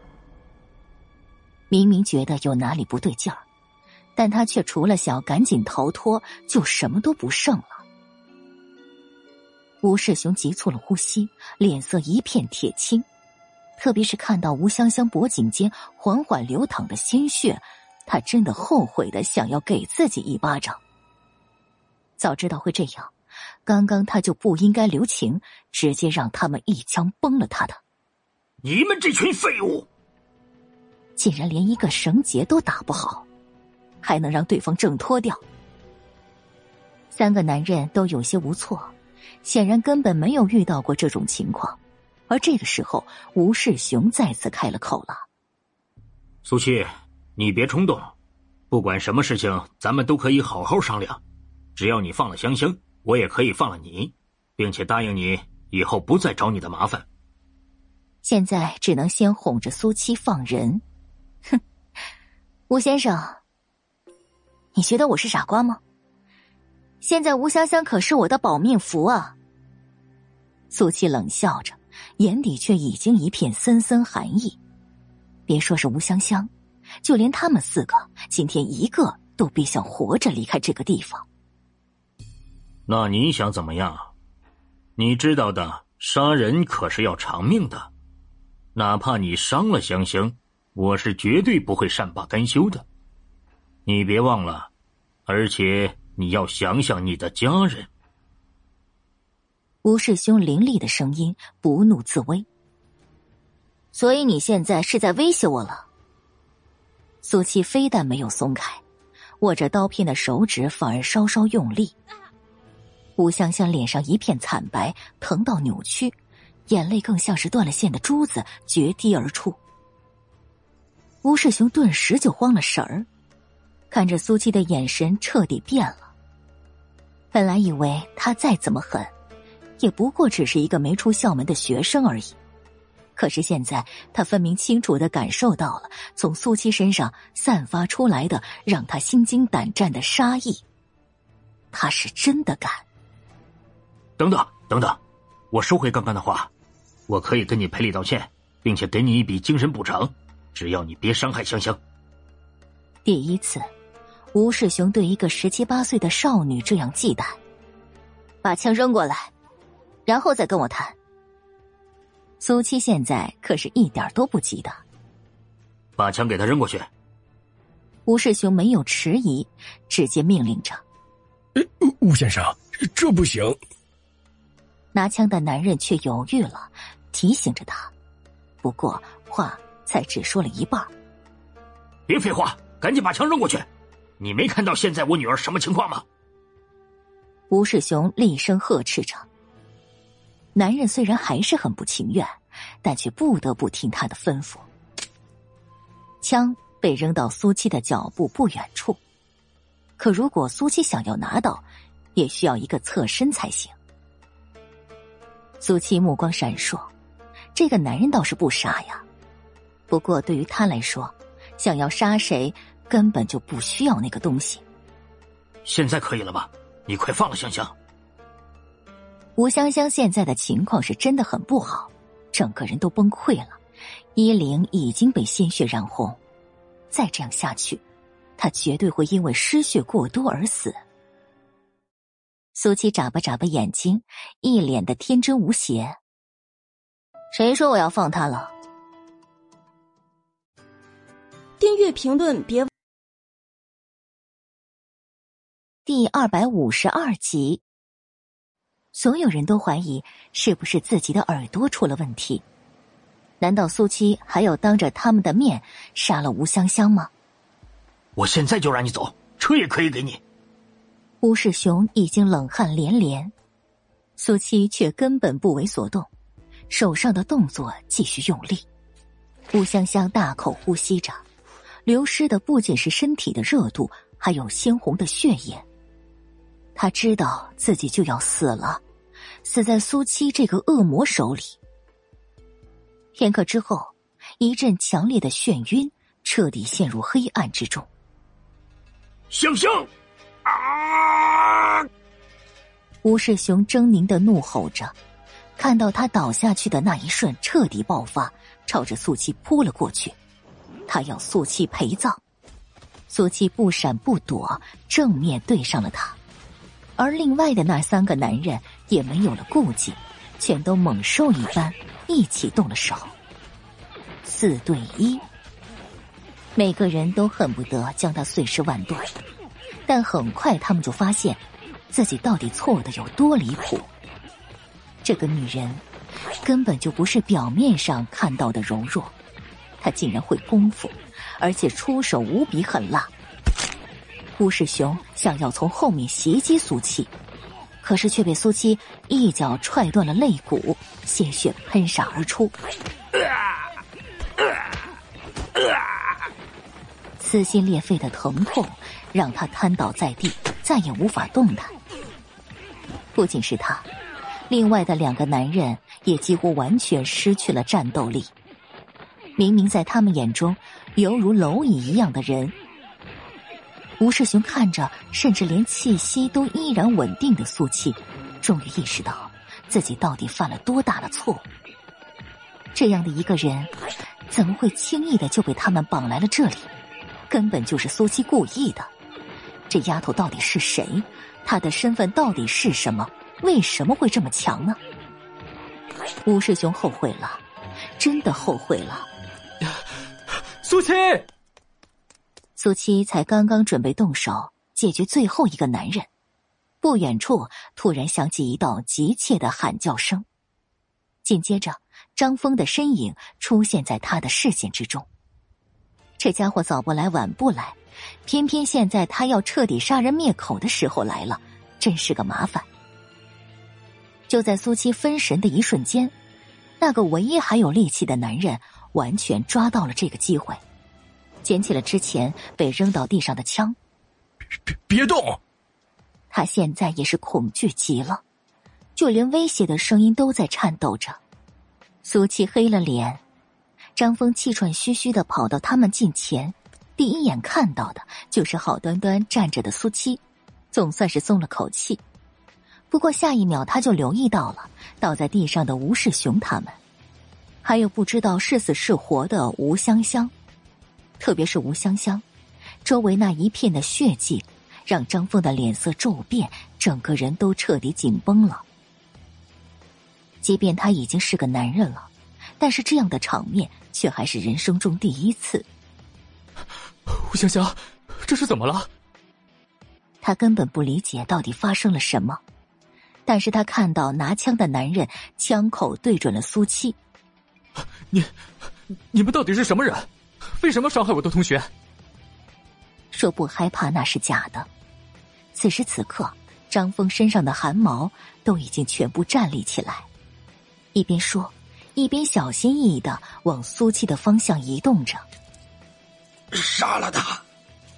现在就杀了他！吴世雄赤红着眼眸，虽然无法动弹，但是却用尽全身的力气命令着。男人僵硬的点点头，手指去抠动扳机。张峰甚至已经不能发出声音了。呵呵，苏七却笑起来。男人身子猛地一个机灵，他马上就要死了，怎么还能笑得出来？这个女生实在是太恐怖了。小心点儿，手别抖啊！万一是一枪打不死我，那死的人可就是你自己了。苏七的脸上找不到一丝的慌乱，轻松的语气就仿佛在跟他聊着天气如何，海风凉不凉。男人喉结上下滚动，因为紧张，不停的吞咽着自己的口水。这个世界上，不会真的有不怕死的人，所以，他一定还有什么后招在等着他。快开枪，杀了他！吴世雄见男人竟然被苏七吓破了胆子，再次嘶吼着：“明明只要扣动扳机。”吴先生，你没听到他刚刚说的吗？你别急呀。男人确实是在害怕。你糊涂了吗？如果你现在不动手，那咱们几个都会死。吴世雄的头脑异常清醒，这个女人根本就没有打算让他们活下来。男人呼吸一滞，眼中的迟疑终于完全的消失。大喊一声，扣下了扳机。哎！几乎在这一瞬，苏七手中的刀片也脱手而出。可就在这千钧一发，明明已经被吓到僵硬的张峰，却突然窜了出来，直直的挡在苏七的前面。苏七所有的动作被迫停顿，漆黑的瞳孔中浮现出一抹惊愕神色。不管前生还是今世。他从来没有依靠过任何人，更没有想过有谁会为了另外一个人而生死不顾。可是现在，张峰一声闷哼，整个人便歪歪斜斜的倒下去。几乎是下意识的，苏琪马上接住了他。男人完全没想到张峰会替苏七挡枪子，直接愣住了。吴世雄和另外两个男人失望的不得了。怎么就没有打中他呢？不过还有机会。苏苏七，你没事吧？张峰已经疼到颤抖，可是第一句话竟然还是在关心苏七。苏七的一张脸比寒冬腊月还要冷。明明他张峰什么都可以不用做的，鲜红的血液。顺着张峰被打穿的肩膀淌出来，顷刻间染红了所有衣衫。你怎么这么傻？没有感激，更没有哽咽，清冷的声音甚至带了一丝埋怨。张峰想要给苏七一个笑脸，可实在是太疼了，笑不出。你没事就好，我我我是不是要死了？虽然他现在真的不想死。苏七看向他中枪的地方，放心，死不了。张峰听他这么说，就心安了。我，我在过来的时候，已经让方宇报警了。你，你再拖延一下，警察来了，就会没事的。即便到了现在这样，他想到的也依然是苏七。交给我。苏七松开支撑他的手臂，让张峰瘫坐在地上，然后缓缓抬起视线，看向对面拿枪的那个男人。男人已经紧张到两只手一起才能握住枪了。别别动，子弹不长眼睛。就算是你有什么本事，可我想杀了这个小子，还是可以的。看到苏七终于有了变幻的脸色，他心头一喜，觉得自己找对了方向，要用他的朋友来威胁这个疯丫头。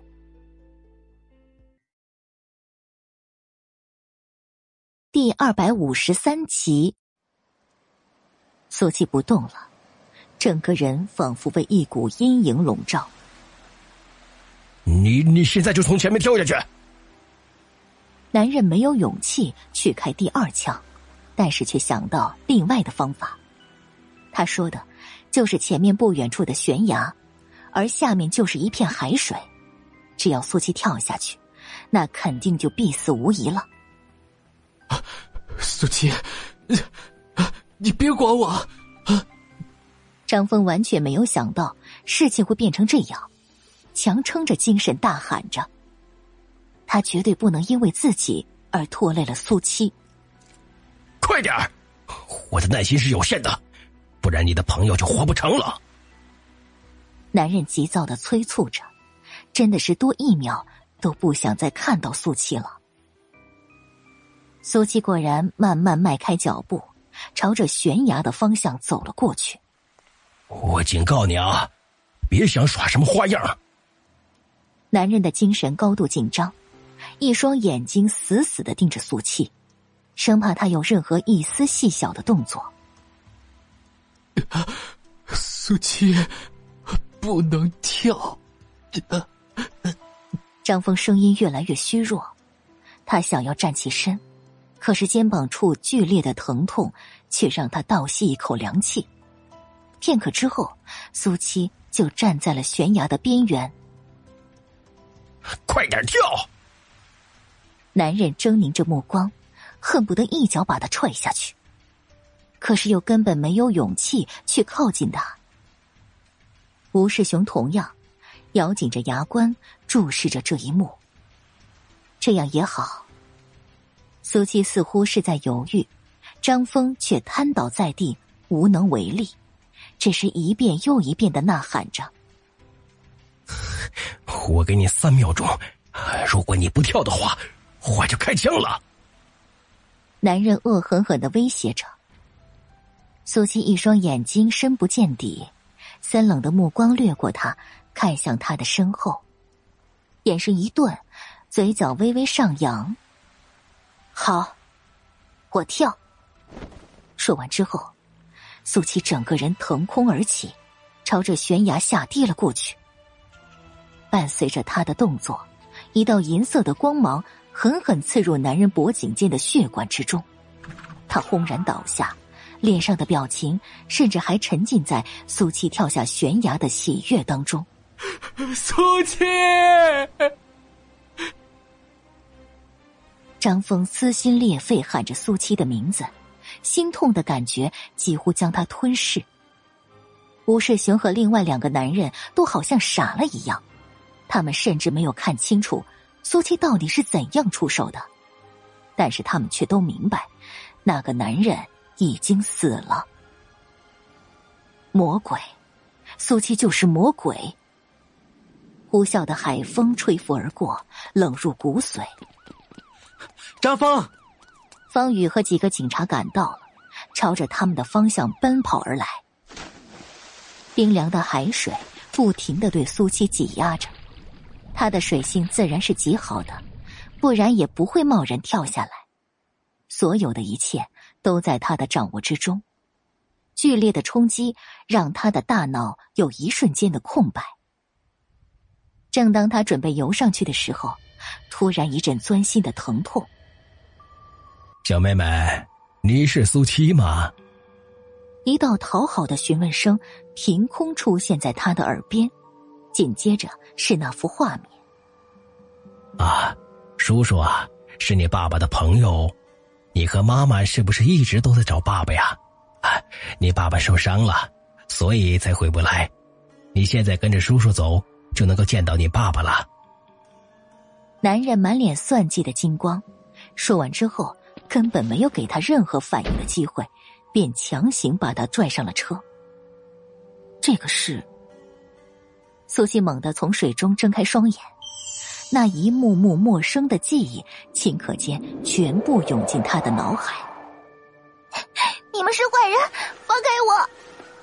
他剧烈挣扎着，换来的却是狠狠的一个巴掌，鲜血顺着他的嘴角进出来。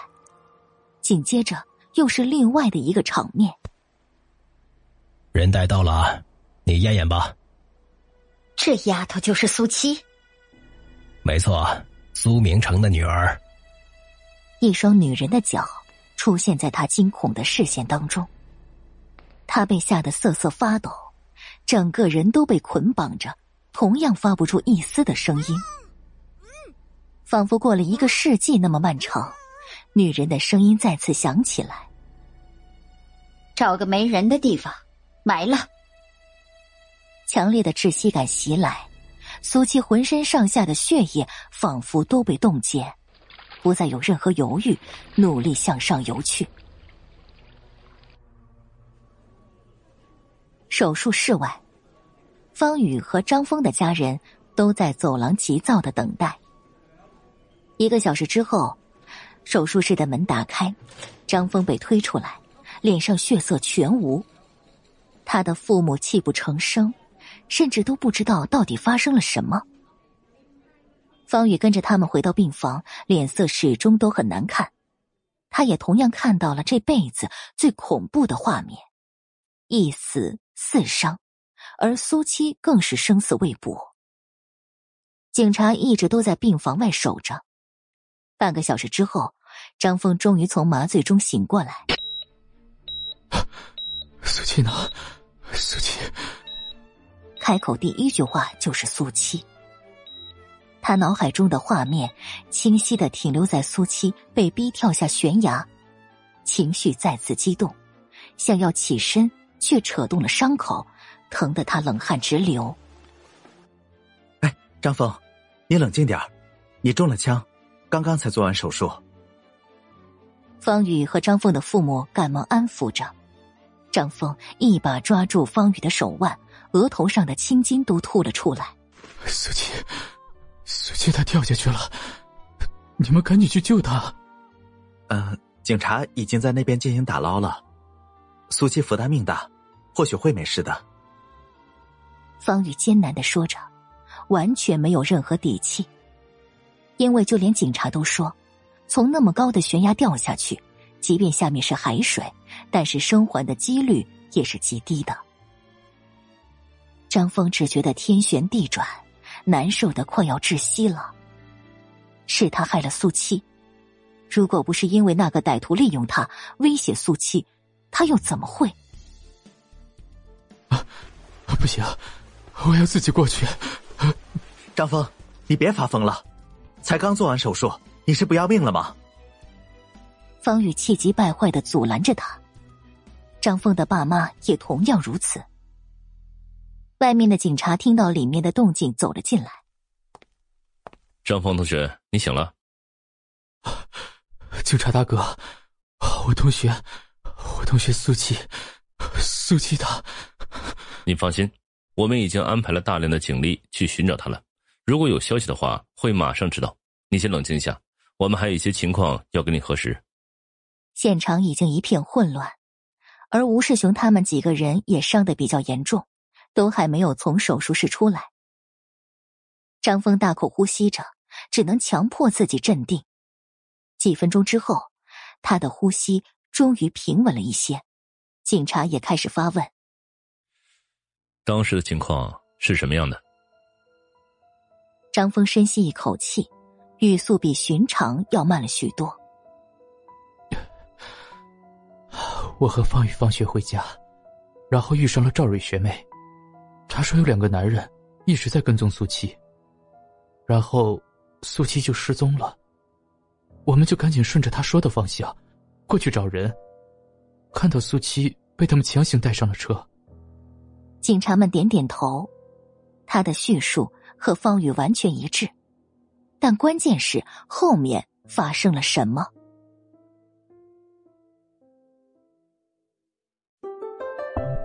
哎哎，别走！第二百五十四集，我让方宇去报警，然后自己拦下一辆车追了上去。这一点。我们是要表扬你的，如果不是你沿途留下记号，我们也不可能那么快就找到那里。警察肯定的说着，能在那种情况下做到临危不乱，不是什么人都可以做到的。张峰只是苦笑一声：“他们绑架了苏七，而且还想杀了苏七。其中一个男人手里有枪，他对着我开了枪。”现在他的父母都在，他私心不想让他们知道，他是因为想要保护苏七，所以才会受伤。然后，然后他又逼着苏七跳崖，利用我威胁苏七。苏七就是为了救我，所以才会义无反顾的跳下去。说到这里。他的声音微微哽咽，难受到了极点。房间里死一般的寂静。方宇更是觉得难以置信，苏七竟然是这样的人吗？可是，他分明才是去救人的那一个呀。其他人身上的伤是苏七打的。片刻之后，警察低沉的声音再次响起。他们也很难相信，一个女生。会有那样的手段？张峰目光闪烁，僵硬的点点头，又摇摇头。虽然他也没有看到之前到底发生了什么，但是苏七绝对是受害者。他们想要杀苏七，苏七才会反抗。其实他是会些功夫的，但是他毕竟只有一个人，伤的也很严重，为了能够逃生。拼尽了全力。一开始他还是不清楚的，但是现在他却已经想明白了来龙去脉。绑架苏七的人就是吴香香，她是为了报复苏七。这样的女生实在是太可怕了。吴香香，她，她死了吗？虽然觉得她可恶，但问出这句话的时候，他还是忍不住颤抖了一下。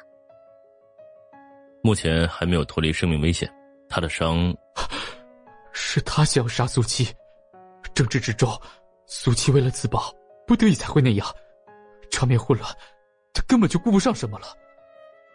张峰依然咬死这一点，也坚信是这样。那拿枪的男人也是苏七杀的了。警察一脸的冷酷，这可是人命关天的案子，而他作为唯一的目击者。证言是最关键的。他先开枪想要杀我，然后又惧怕苏七，所以逼他跳下去。苏七临死之前反抗，也是为了救我，都是因为我。张峰的呼吸再次急促起来，显然情绪已经有些控制不住了。他没有撒谎，除了自己为苏七挡枪这一点。张峰同学，你先冷静一下，好好休息。如果有需要的话，我们再找你。该问的都已经全都问完了，警察们也退出了病房。张峰，不是爸妈说你帮助同学是应该的，可是这么大的事情，你怎么就不知道害怕呢？病房里只剩下他们自己人，张峰的父母终于沉不住气了。光是听着刚才张峰说的那些，都已经觉得心惊肉跳了。现在闹出了人命，虽然他也是受害者，但肯定麻烦的事情还会有一大堆的。张峰却根本就不在乎这些，现在他满脑子都是苏七。如果苏七真的，那他该怎么办？接下来的时间注定是个不眠的夜晚。赵蕊同样接受了警察的询问，而且很快的惊动了高江和孙海。得到消息之后，他们第一时间就来到医院探望张峰，然后问清楚事情的来龙去脉。怎么都没想到，吴香香竟然因为一己私欲做出这样恶劣的事情，害了自己和家人不说，就连苏七现在也是生死未卜的。高校长，现在怎么办呀？咱们是不是得去通知一下苏七的家人啊？孙海征求着高江的意见。当然是要通知的，我现在就去打电话，然后我们亲自过去。高江当机立断，完全顾不上现在已经是三更半夜了。从病房里出来，他直接借了医院的座机，但是第一个电话并不是打给冯秀，而是立业。出了这么大的事情。他现在应该还没有得到消息。我马上过去。果然，立业接到他的电话之后，只回了这一句。只是十分钟不到，立业便出现在医院门口，而这时候高江和孙海正在跟警察交谈着。苏七是会一些功夫，之前我们去京城参加比赛的路上，曾经遇到过两名劫匪。当时也是他挺身而出救下同学的。虽然当时他也受了伤，但还是帮助了警察，成功的抓到了那两个歹徒。这件事儿你们可以跟那边的警察局确定。至于吴香香跟苏七的恩怨，也是因为那次的行程，但我们可以很负责的说，苏七并没有错。高江严肃着声音，郑重其事的保证着：“好的。”情况我们都已经了解了。在半个小时前，其中一个受伤的男人也出了手术室。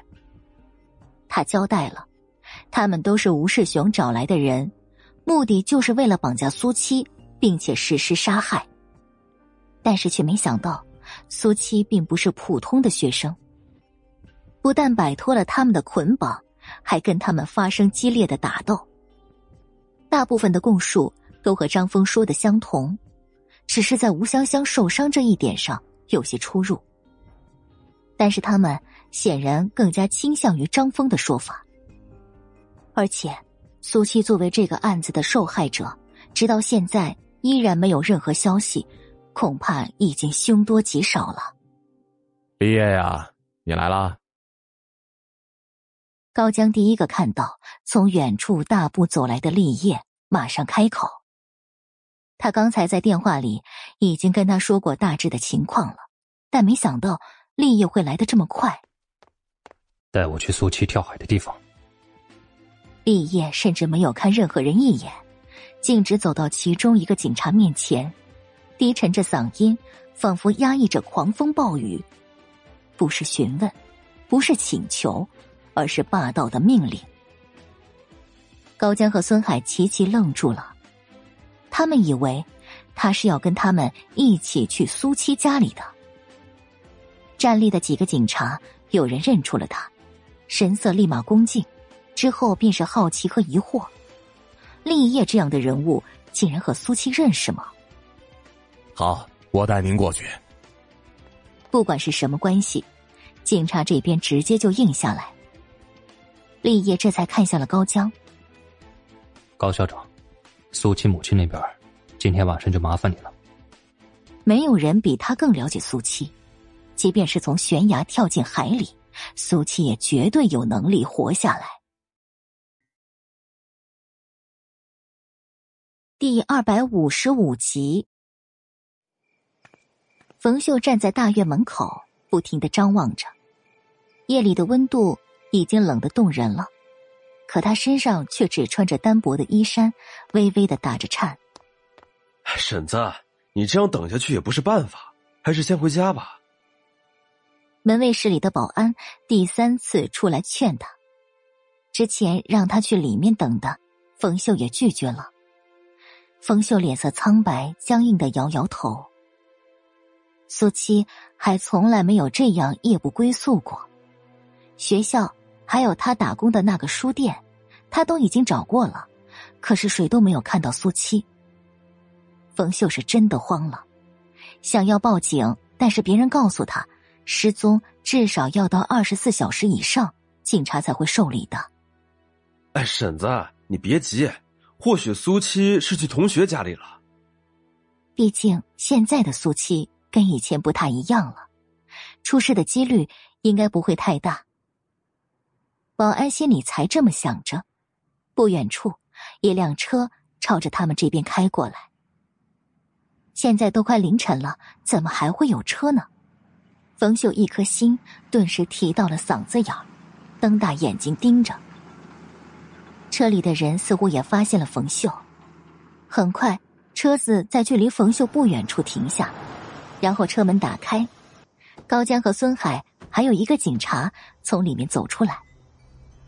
冯秀是认识高江的，看到他的这一刻，就连呼吸都变得艰难。一定是闺女出事了，一定是。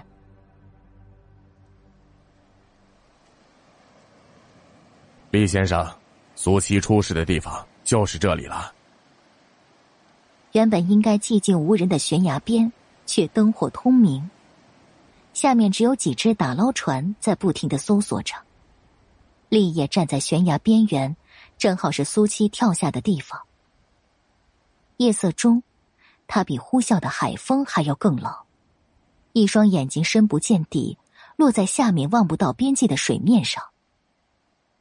这个时候，负责案子的队长来到立业的身边。我们已经在这一带搜救了将近五个小时，但依然没有找到苏七。这边的水流湍急，我们也一再的扩大搜救范围了，恐怕苏七凶多吉少。虽然不知道立业和苏七是什么关系，但他都如实说出现在的情况，让他做好心理准备。不会。立业开口，声音说不出的沉。队长微微一愣，有些不明白他这两个字是什么意思。厉先生，您的意思是？没什么，请你们继续搜索。立业很平静的说着，然后抬起手腕看了一眼时间。在过来之前，他已经吩咐王昭去准备船，现在应该也差不多到了。大概又等了七八分钟，一艘船缓缓驶入他们的视线范围。不同于警察局的搜救船只，这是一艘很宽敞的载人横船。立业马上找到可以下去的路线。老大，只能找到这样的船，先凑合一下了。甲板上除了王昭之外，还站着十几个已经穿好潜水服的人。立业点点头，然后简单交代几句。所有人都扑通扑通跳了下去。这样的阵仗，让周围负责搜救的警察都被惊到了。显然，他是找到专业的打捞队伍，而且还这么多人，这就是财大气粗了。王昭小心翼翼看着立业，虽然老大看起来很淡定，但他却很清楚，老大就是这样，越是在意，表面就越是冷静。让人丝毫感觉不出。去给我准备潜水服。下一秒，立业的声音打断他的思绪。王昭呼吸一紧，河水这么冰冷，而且水流也很急的。老大，您要亲自下去吗？其实不用的，他们都是最专业的。呃，去。立业的音量稍稍加重。王昭赶忙闭了嘴巴，多说一个字都不敢说了。三分钟后，穿好潜水服的立业在他的注视下一跃而下。早就知道老大是很在意苏七的，可他好像还是低估了未来大嫂在老大心里的位置。可是都已经过去了好几个小时了，苏七还真的有可能活着吗？要不要再挖深点儿？他一个孩子，这就够了。快点把他扔进去，别让人发现了。放心，这荒山野岭的，没人来。不过，他们到底是有多大仇怨，居然连这么大的孩子都不放过？闭嘴！雇主的心思轮不到咱们揣测，收钱办事就行了。快点填图！苏七剧烈挣扎着想要出去，鲜血顺着他被勒住的手腕渗出来，身上很快被黄土覆盖，紧接着就是他的脸、他的眼睛。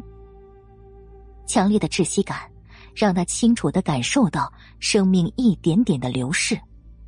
上面恶魔们的面孔，他撕心裂肺的叫着：“放我出去！”可是这些声音全都被堵在了喉咙里。放我出去！放我出去！苏西猛然睁开眼睛，昏黄的灯光下，他的目光依然惊悚而呆滞。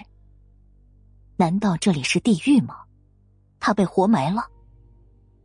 颤抖着手，摸着自己的脖子，那股窒息感仿佛依然还在。大口呼吸着新鲜的空气，意识终于慢慢回归。那不是真的，这是苏七小时候经历过的回忆。对，是回忆。苏七目光剧烈的闪烁着，他全都想起来了。他被人绑走了，而幕后指使人竟然是一个女人。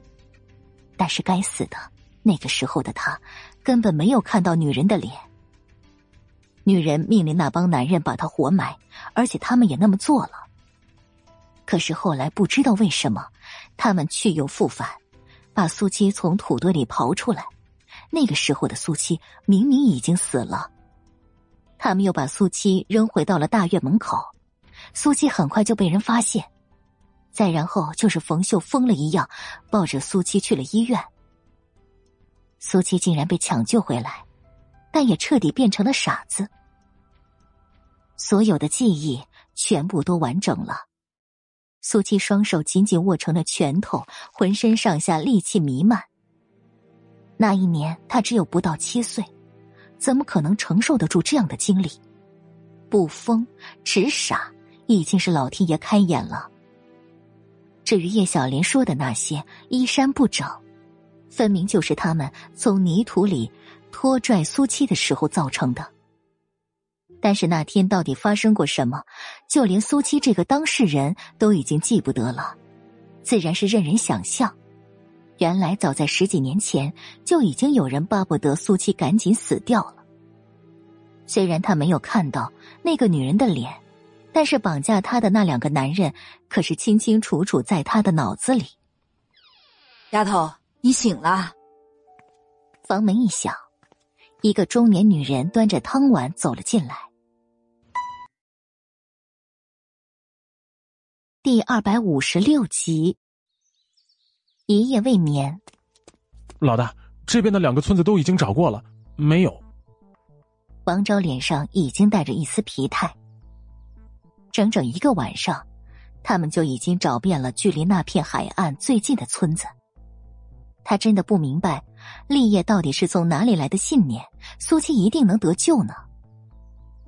立业打开手里的地图，凌厉的视线。落在西面的村庄上。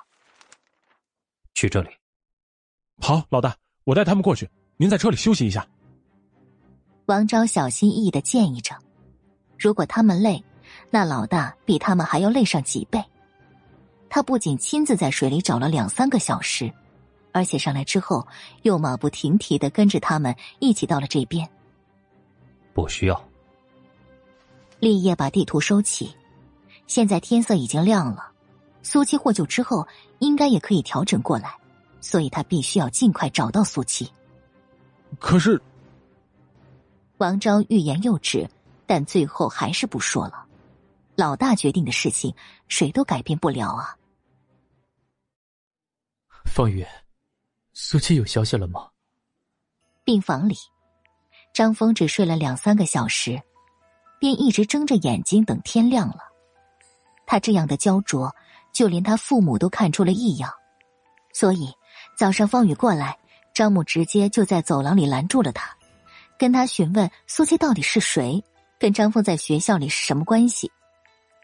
方宇自然不好多说些什么，而且其实本来也没什么的，比较要好的同学和朋友，之前一起参加了全国高中生比赛。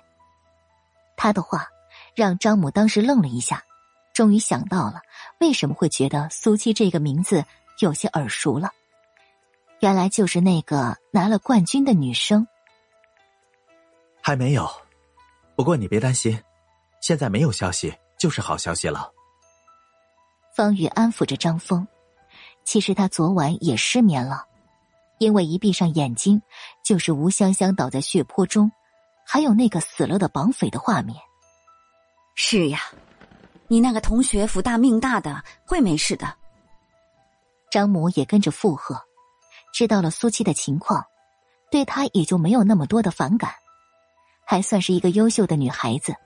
如果还活着，以后自然也是前途无量的。妈，你能不能跟医生说一下，让我出院？我想去找找他。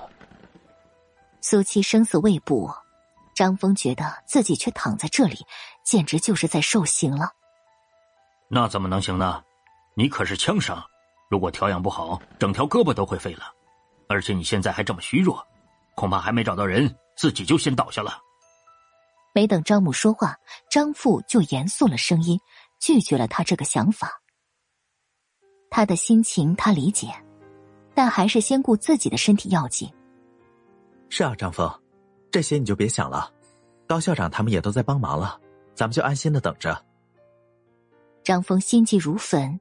却也只能强迫自己等待。警察局，冯秀昨晚就和高江他们一起来了。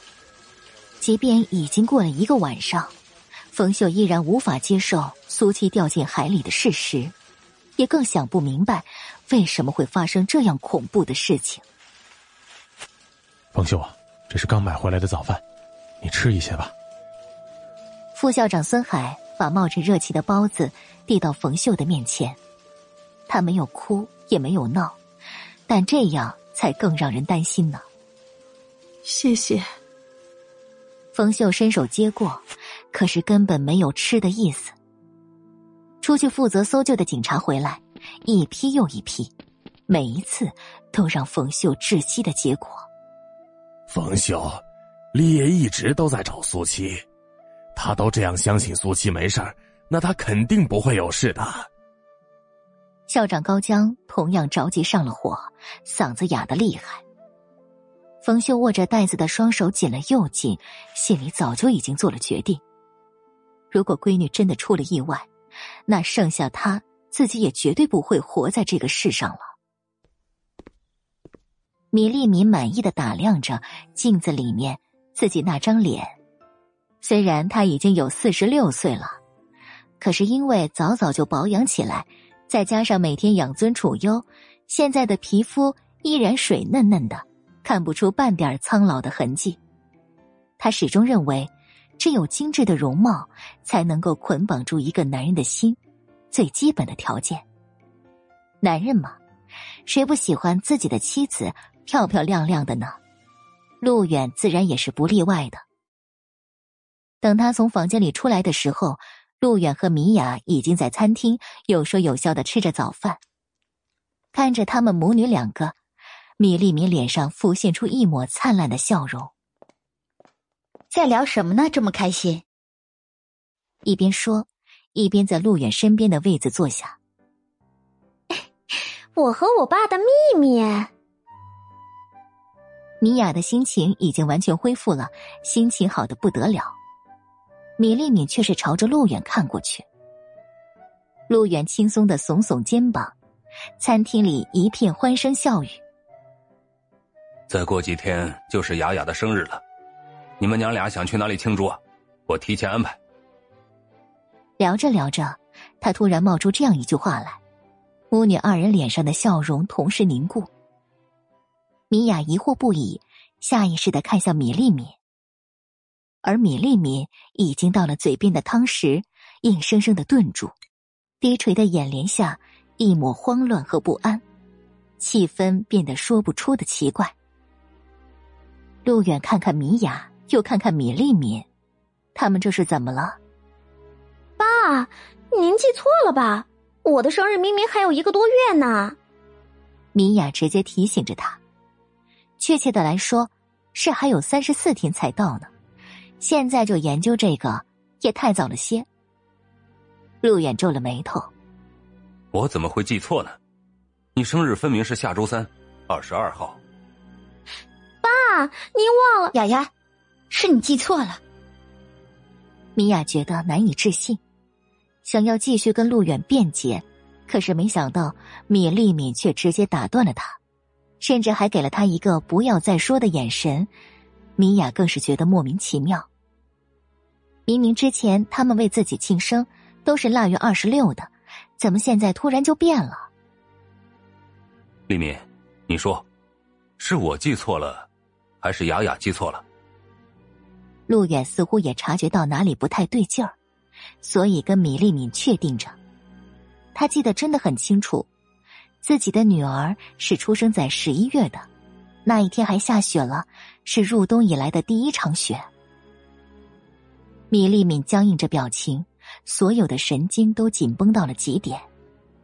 他比任何人都清楚，陆远说的日子到底是谁的生日。可是怎么会这样？他明明都已经不记得了。陆远依然在盯着他，等着他的回答。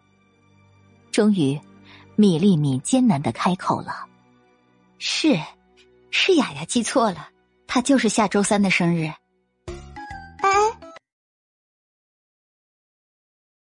第二百五十七集。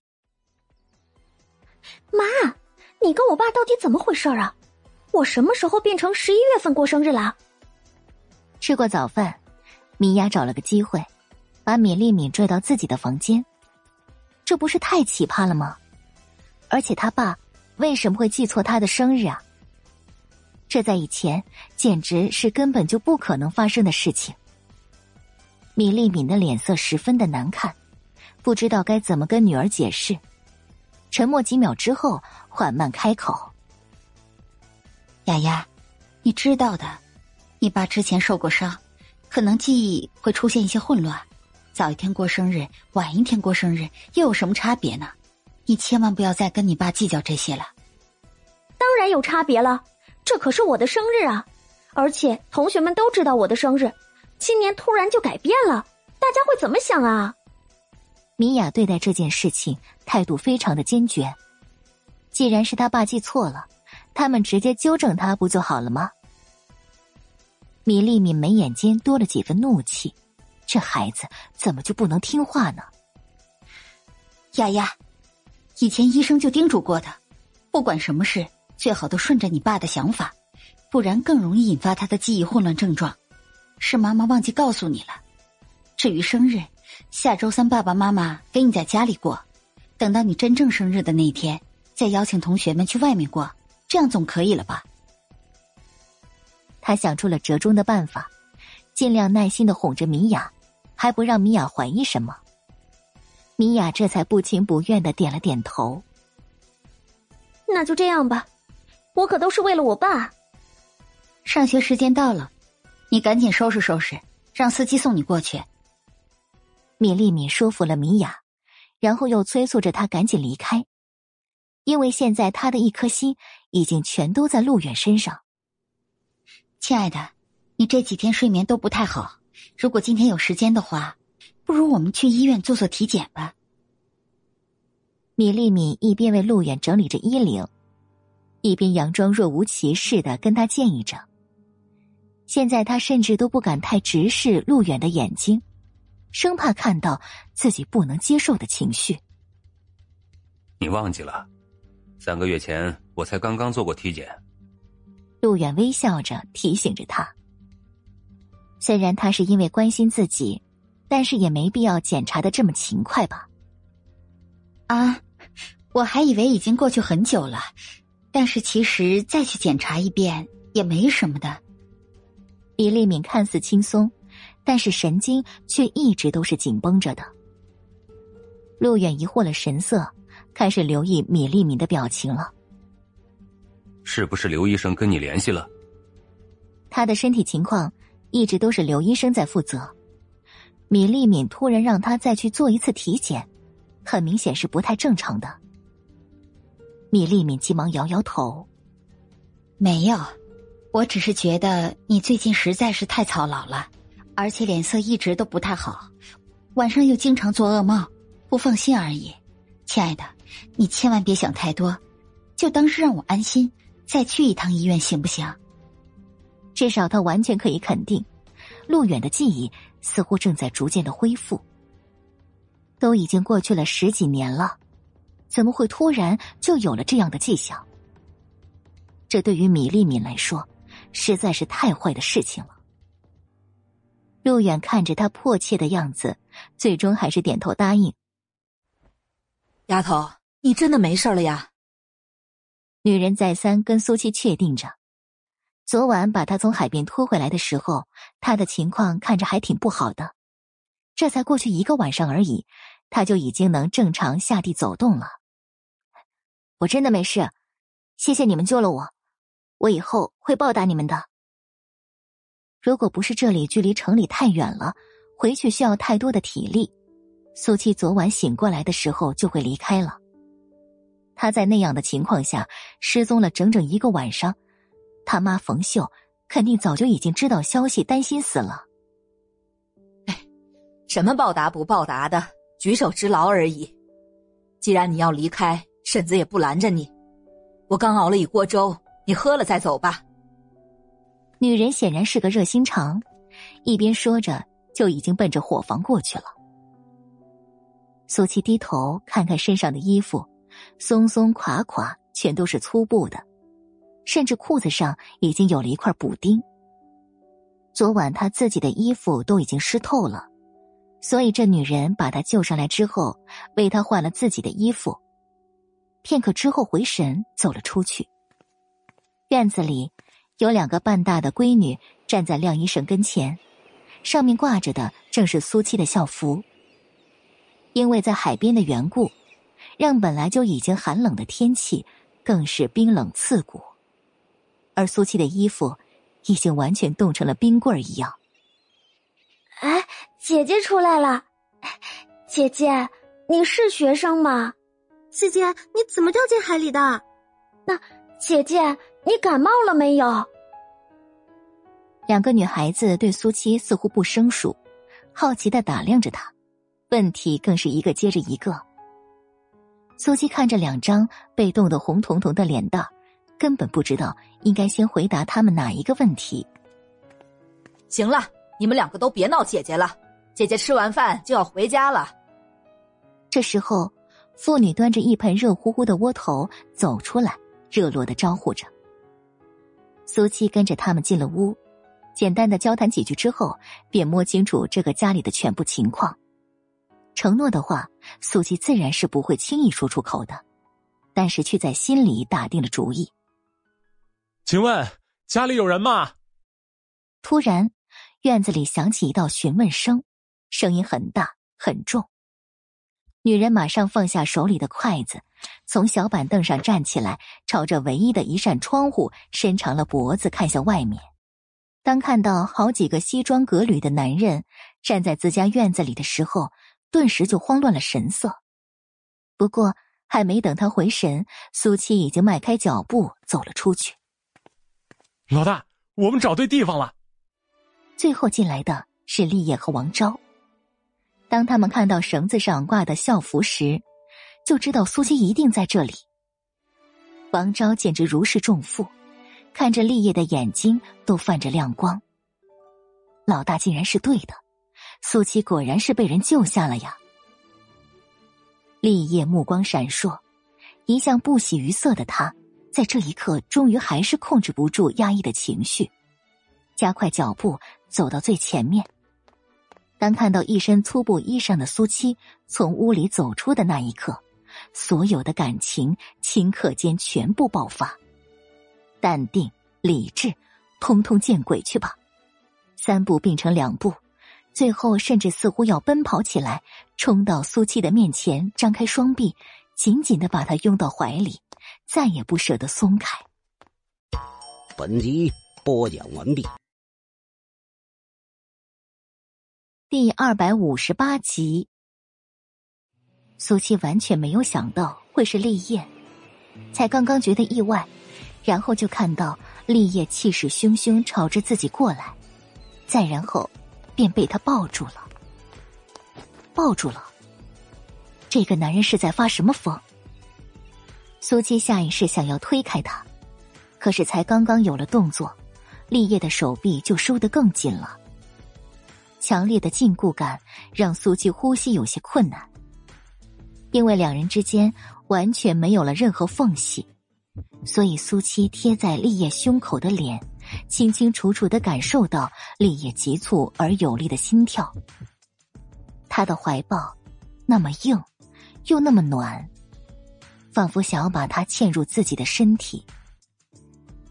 苏七抬起双手，顿在半空，竟然忘记了继续反抗。好像过去了一个世纪那么漫长，又好像只有短短几个呼吸之间。旁边尴尬的咳嗽声，终于让苏七的理智回归了大脑。哎，你在做什么？大庭广众之下搂搂抱抱。而且这里还有孩子呢，确实有的。那两个半大的小闺女已经面红耳赤，捂上了眼睛。咳嗽声是王昭发出来的，他其实就是想要提醒一下立业，但立业依然没有松开苏七，温热的气息在苏七的耳旁响起。苏七呼吸一滞，心跳甚至加快了一倍。他说。谢谢你还活着，你，你能不能先松开我？等等，他为什么要结巴？为什么是这样的语气？难道不该直接一巴掌扇过去，或者直接掰断他的爪子吗？我快要喘不上气了，大脑甚至都还没有反应过来，紧接着就又冒出这样一句。这嘤嘤嘤的语气，即便是他自己发出来的，依然让苏七冒出一层鸡皮疙瘩。可是让他没有想到的是，下一秒立业竟然真的松开了。原来狗男人喜欢这样的调调啊！有没有哪里受了伤？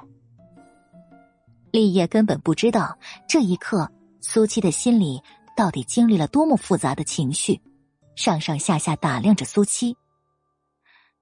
没有，你怎么会知道我在这里啊？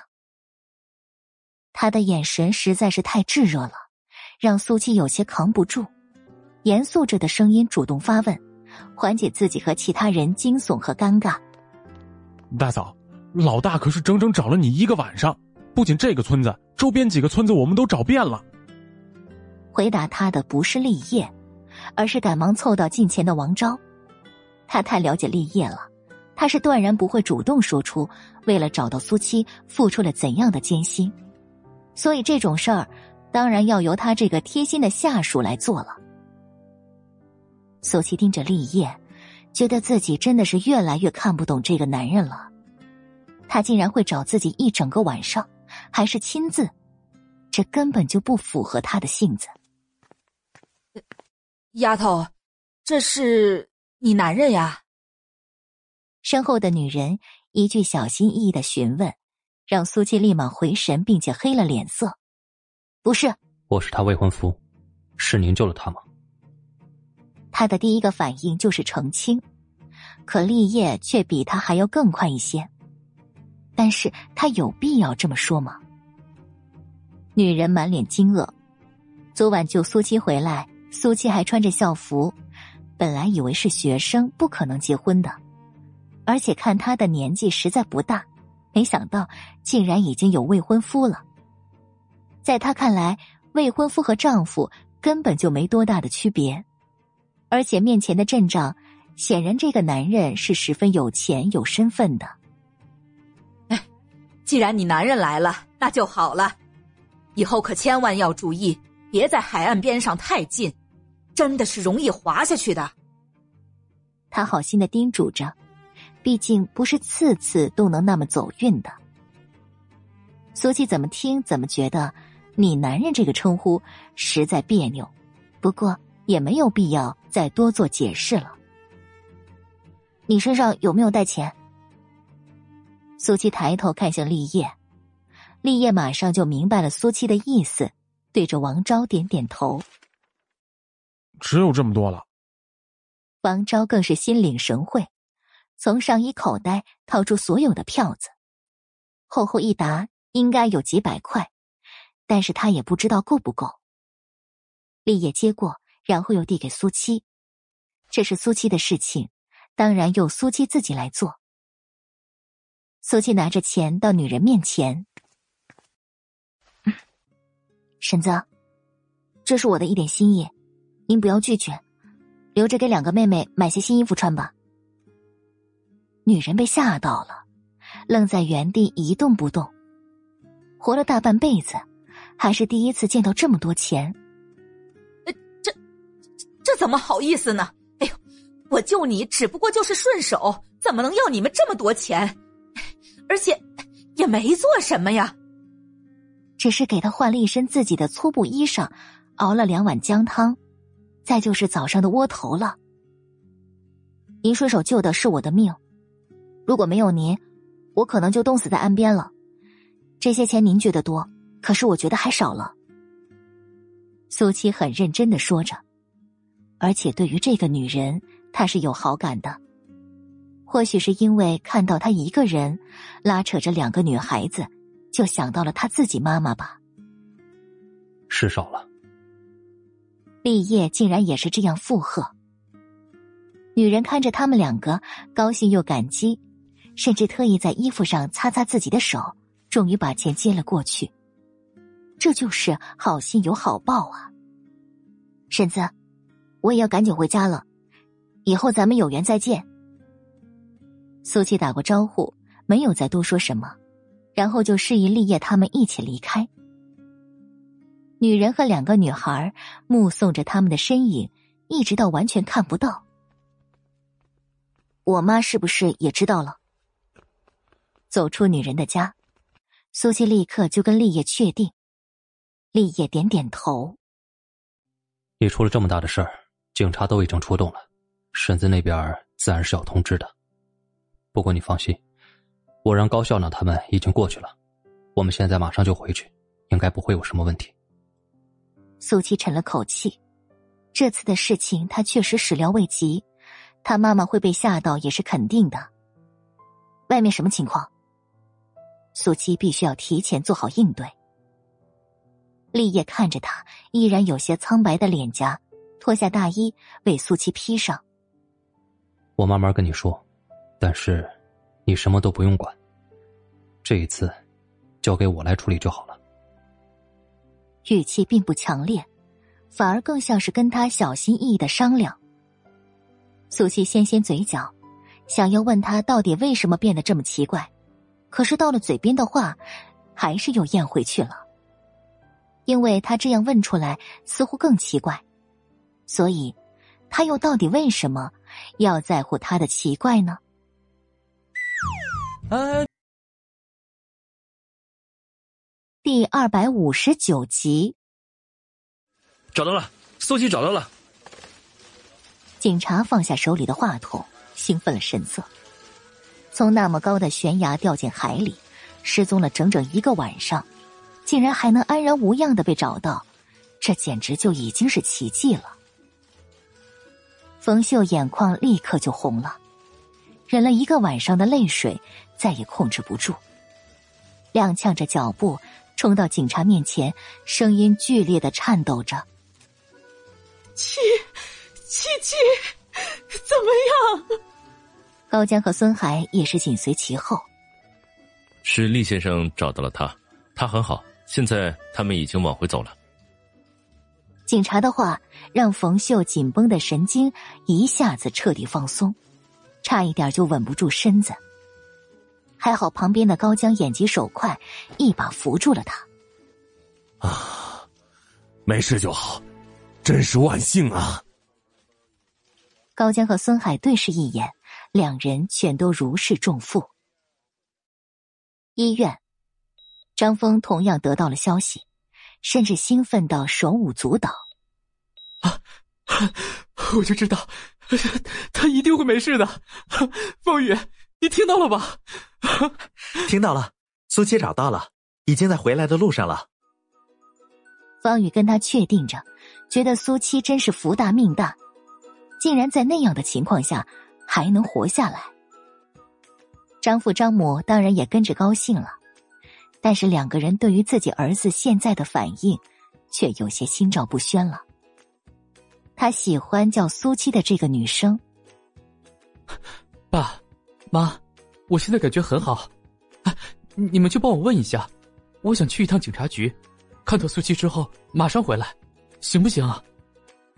张峰真的是迫不及待的想要跟苏七见面。张父犹豫一瞬，然后还是点了点头。苏七和立业回到了警察局。冯秀抱着他又哭又笑，再三的确定苏七有没有哪里受了伤。母女俩聊了好一会儿，冯秀的情绪稳定的差不多了，苏七开始接受警察的询问。他是绑架案的直接受害者，但同样也涉及杀了一个，重伤三人。为了避免冯秀听到无法接受，所以笔录是单独在另外一个房间里进行的。刀片是我在他们绑架我的车里无意中发现的。我本来是想用它割断绳子逃跑的，当时情况危急，所以，我只能用它来自保。吴香香的伤，我当然不是故意的。情况那么混乱，他们想要杀我，我脑子里只想着怎么样活命了。他开枪了，张峰也中了枪，最后还逼我跳崖。如果不是我命大，被延安的人救下来，现在早就已经是一具死尸了。苏七对于警察的问题知无不言，有条不紊的叙述，完全就是受害者的姿态。案子的环节都很清晰，从目前他们所掌握的证据和证言来看，如果说苏七唯一有做的不对的地方，那可能就是防卫过度了。但是不是他的主观意识，这一点就不是他们能够判断，而是要交给法官了。进来。问题也差不多了，外面敲门声响起，紧接着立业和一个男人走进来。男人快走两步，来到苏七身边，然后朝着警察递出自己的名片：“我是苏七的律师景运，以后有什么事情。”可以直接跟我联系。苏七忍不住看向了立业，放松了神色。原来他说的交给他处理是这个意思。接过名片的那名警察看到上面名字的时候，神色顿时就有了变化。好的，现在我的当事人可以走了吗？景月虽然是在询问，但是语气却是肯定的。苏七已经从椅子上站起来。没有什么问题，可以走了。果然，警察马上就答应了，正常的笔录程序也正好做完了。苏七和立业他们走了出来，高江、孙海还有冯秀一直都在门外等着。没事了，可以回家了。回答他们的是立业，校长高江长长的松了口气，他是清楚整个案子的。还真怕苏七会有什么麻烦。高校长，孙副校长，这次麻烦你们了。苏七是真心的向他们道谢。如果不是他们陪着他妈妈整整一个晚上，还不知道他妈妈冯秀会担心成什么样子。这都是我们该做的，说什么麻烦啊？这两天你就在家里好好调整调整，就别急着去学校了，啊？高江叮嘱着苏七：“发生了这种事，心理阴影该有多大呀？”苏七点点头，他确实需要在家里陪着他妈妈。那我们就先回去了。高江和孙海和他们告辞，不过走出两步，高江又想到了什么，再次停下。啊，对了，苏七，张峰中了枪伤，就在人民医院，你有时间可以过去看看他。我知道了。苏西应了一声，他当然没有忘记张峰。立业却皱了一下眉头。妈，我们也回去吧。苏七已经去搀冯秀了。车就在外面，我送你们回去。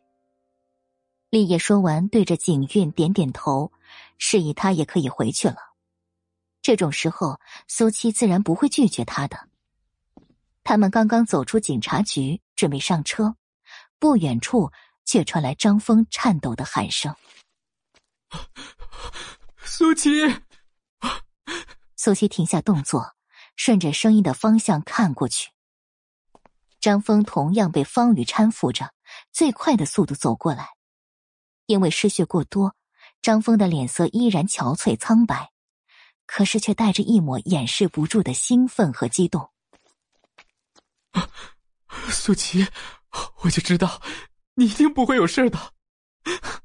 看到苏七安然无恙，他觉得没有比这更让他满足和幸福的了。几乎下意识的就握住苏七的手，苏七愣住了。你有没有哪里受伤？应该先去医院检查的。张峰现在满眼都是苏七，至于立业甚至是冯秀，都是不存在的。苏七清楚的感觉到来自旁边阴鸷的目光，赶忙用力打算抽回自己被握住的手，可是张峰却根本不舍得。拉扯之间，牵动了肩膀上的伤口，疼得倒吸了一口凉气。你没事吧？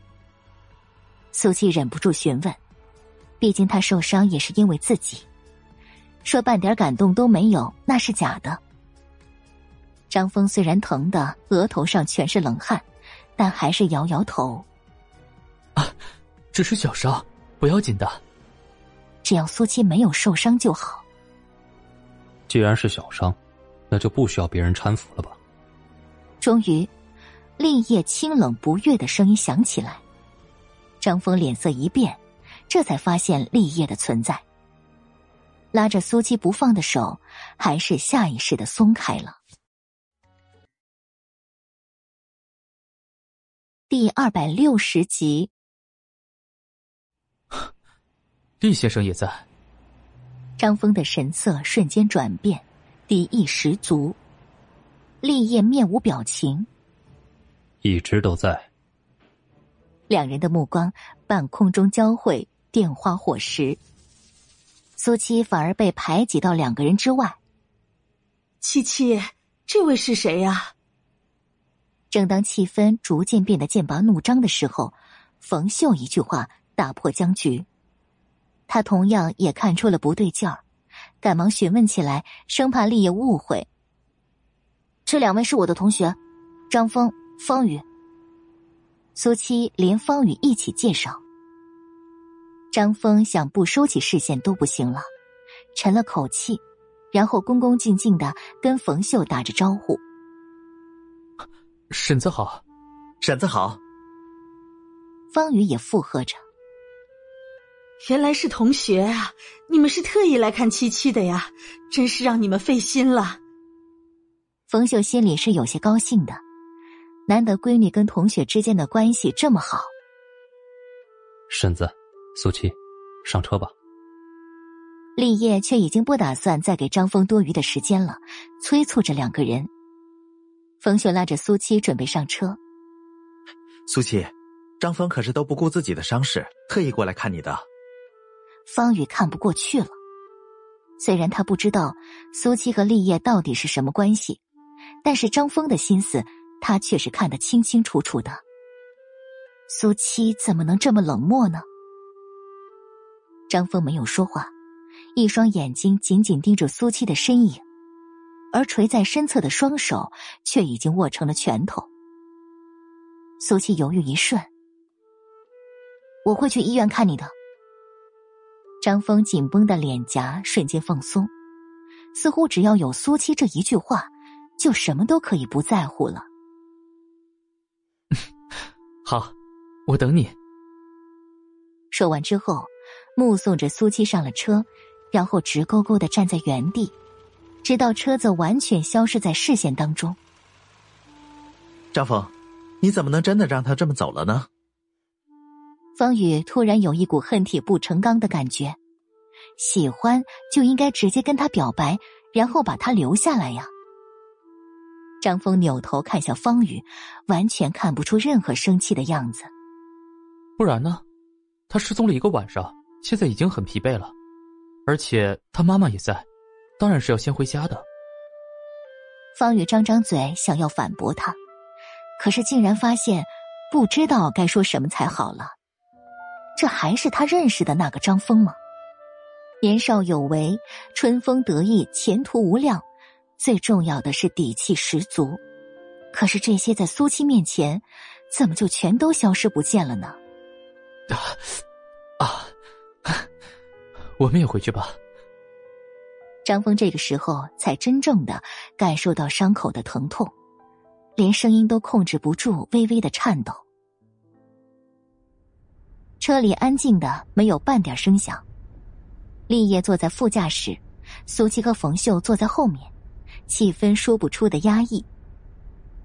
苏七皱了皱眉头，这个男人脸色摆的也太快了一些。明明从警察局出来的时候还好好的。本来他并不想要主动找他说话的，可是却感觉到了身边冯秀的拘谨，叹了口气：“那个景律师，你是什么时候通知他过去的？”苏七随便找了一个话题。打破僵硬的气氛。昨天晚上我就联系他了。立业没有犹豫，回答了苏七的问题，但也并没有扭头看向他，这倒是让苏七诧异了一瞬。你倒是能够未卜先知，知道苏七一定需要律师吗？立业一双眼睛深不见底，不是未卜先知，而是因为他太了解他了。而且景运的工作范围也并不在这座小县城里，所以想要让他负责这个案子的话，就必须提前通知，让他连夜赶过来。当然，这些话立业是不会告诉苏七的。这位景律师很有名吗？警察看到他的名片之后，反应好像不太对劲儿。虽然只是一个小的细节，但苏七还是没有错过。嗯确实算是有名，所以这个案子交给他，你完全不需要有任何担心。立业的语气相当肯定。律师界的泰山北斗，国内最大的律师所创办人，连续五年无败诉，景苑这个名字在政法商三界恐怕无人不知吧？苏七虽然看不到立业的表情，但是听他这么说，心里就已经有了底气。看来确实可以省下自己不少麻烦，算我欠你一次人情。立业对于他的这句话很不待见，然后什么都不再说了。七七，你跟妈说说，这到底是怎么回事啊？他们为什么要绑架你？你是怎么得救的？冯秀听着他们两个的对话，也实在沉不住气了，细细的询问起来。苏七想了想。只是大概把情况说一下，至于跟吴香香的过节，也就一两句话就带过了。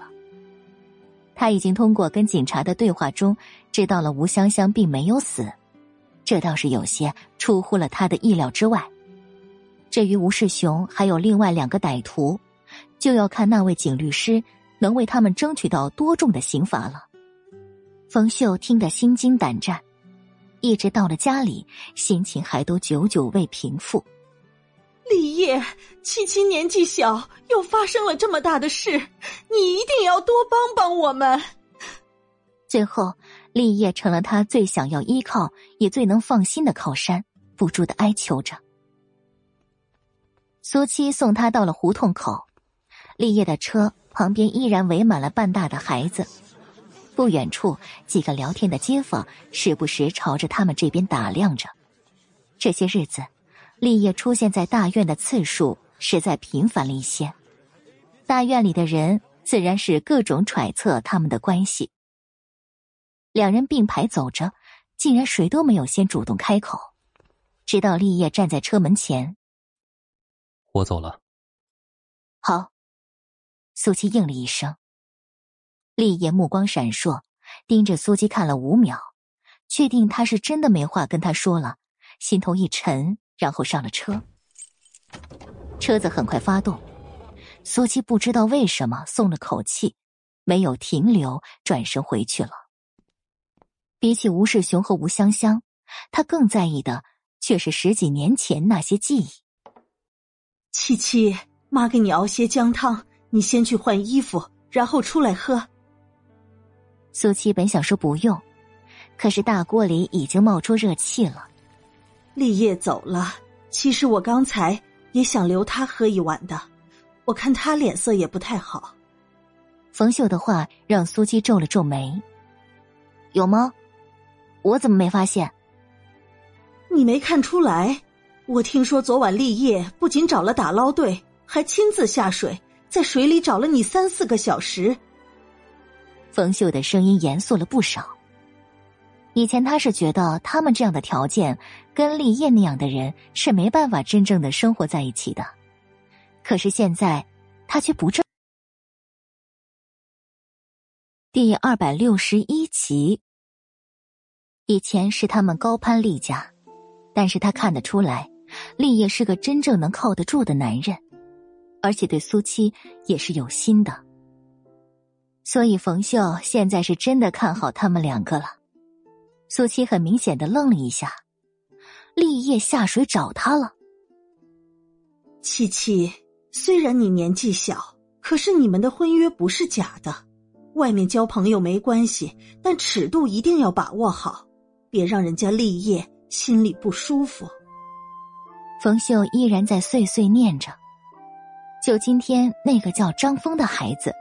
怎么就拉住他的手了呢？偏偏苏七还没什么反应，就连他在一边看着都觉得心惊胆战的。苏七扯扯嘴角，想要跟他说，根本就不是他想的那样，但脑子里却又突然浮现出立业临走时的那张脸，似乎气色确实不太好看。妈，别说这个了，我就想问你，以前咱们家。有没有得罪过什么人啊？苏七用力摇摇头，甩开立业，强行岔开话题。得罪人？冯秀一时间有些反应不过来。不是现在，早些时候。苏七也不敢直接问他当年的那些事，只能这样旁敲侧击的。冯秀直勾勾的看着苏七，依然不明白他为什么会突然冒出这么一句。你要想不起来，那就算了吧。苏七有些无奈。冯秀这样唯唯诺诺、只会吃亏的性子，怎么可能跟人结仇呢？七七，你到底怎么了？他们娘儿俩相依为命这么多年，冯秀一直都是小心翼翼过日子。如果说跟人发生口角什么的，其实那也是难免的，但还真算不上得罪。苏七心里叹了口气，看来想要调查已经过去十几年的事情，实在没有那么容易。老大，您回来了。王昭才处理完所有后续的事情，立业也回来了。迎上去之后，又疑惑了一瞬，老大的脸色怎么这么难看？明明找到了大嫂，很开心的呀。立业随后又闷声的问他：“事情都处理完了吗？”景律师已经在招待所住下了，说让您放心，案子没什么问题。王昭实在佩服立业，昨晚一听说大嫂出事了，他几乎就立刻联系了景律师过来。能够让景律师这样的人随叫随到，也就只有老大了。不过刚才景律师逮到他，也是一个劲儿在打听着。老大和苏七到底是什么样的关系？那个八卦程度可是完全不逊于他呢。没什么事儿，你也回去休息吧。立业吩咐着，毕竟他也忙碌了一整个晚上。谢谢老大。王昭兴冲冲的答应一声，终于可以回去补补觉了。老大，您不回去休息吗？临走之前还不忘记关心自己的领导。立业揉揉额头，便转身进了办公室。王昭脸上的表情凝固，快步跟了上去。老大，我看你气色不太好啊，是不是不舒服？啊？跟在立业身边这么多年，对于他的一举一动，王昭都了如指掌。有些头疼。立业并没有强撑着，实话实说，可能是被某个不解风情的女人给气的。老大，你不会是冻着发烧了吧？王昭忧心忡忡，竟然直接朝着他伸出了手。你干嘛？立业几乎下意识就躲开了。我看看你是不是发烧了，你别动啊！王昭依然坚持着，谁让他们这里根本就没有温度计这种东西呢？所以也只能这样了。也只是轻轻的一下触碰，立业就马上避开。他实在不习惯这样的接触。老大。你发烧了！王昭瞪大眼睛，一声叫喊，立业的耳朵都差点被他给震聋了。有必要这么大惊小怪？老大，我现在就送你去医院。王昭如临大敌，就准备去搀扶他了。立业黑了脸色：“你给我站在那儿，发烧而已，吃药就行了。”可是老大，这是你这么多年来第一次生病。俗话说得好，病来如山倒。你可不能小看发烧啊！王昭苦口婆心的劝说着，立业恨不得直接堵住他的乌鸦嘴。他有那么弱吗？别废话了，去找些感冒药，还有退烧药过来。好吧。王昭心不甘情不愿的答应着，还是觉得应该去医院。夜深人静，冯秀均匀的呼吸声响起，而苏七。还坐在写字台前，昏黄的灯光下，一张素描的画像，将男人的五官完全展现出来。就是这张脸，苏七的眼神仿佛结了冰，戾气升腾。翌日，张峰在病房里百无聊赖，苏七来了。看到苏七的那一瞬，张峰开心的差点从病床上蹦起来。张父、张母两个人对看一眼，更是笃定。哟，你就是苏七啊！张母上上下下打量着苏七，倒是个清秀的姑娘，可就是神色太冷了，说不出的感觉。是。苏七虽然没有见过她，但也能猜到这个女人的身份了。你比张峰小一届是吧？你家住在哪儿啊？家里还有什么人？苏西不解的一愣：“ 妈，你问这么多做什么？你跟我爸先出去吧。”张峰一张脸通红，第一次不敢去正视苏七的视线。张母察觉到自己似乎是太心急了，可他也是为了儿子好啊。他们夫妻又不是老古板，谈恋爱是不反对的，但前提最好是可以门当户对。这丫头得了全国比赛的冠军，以后个人发展倒是不用愁了，就差她家里的条件了。张峰，我关心一下你的同学和朋友。爸，你快点带我妈出去吧。张峰生怕他妈妈说出什么不该说的，他们根本什么都不知道。好了，咱们先出去吧。张父还是理智的，既然儿子不愿意让问，那就不问了。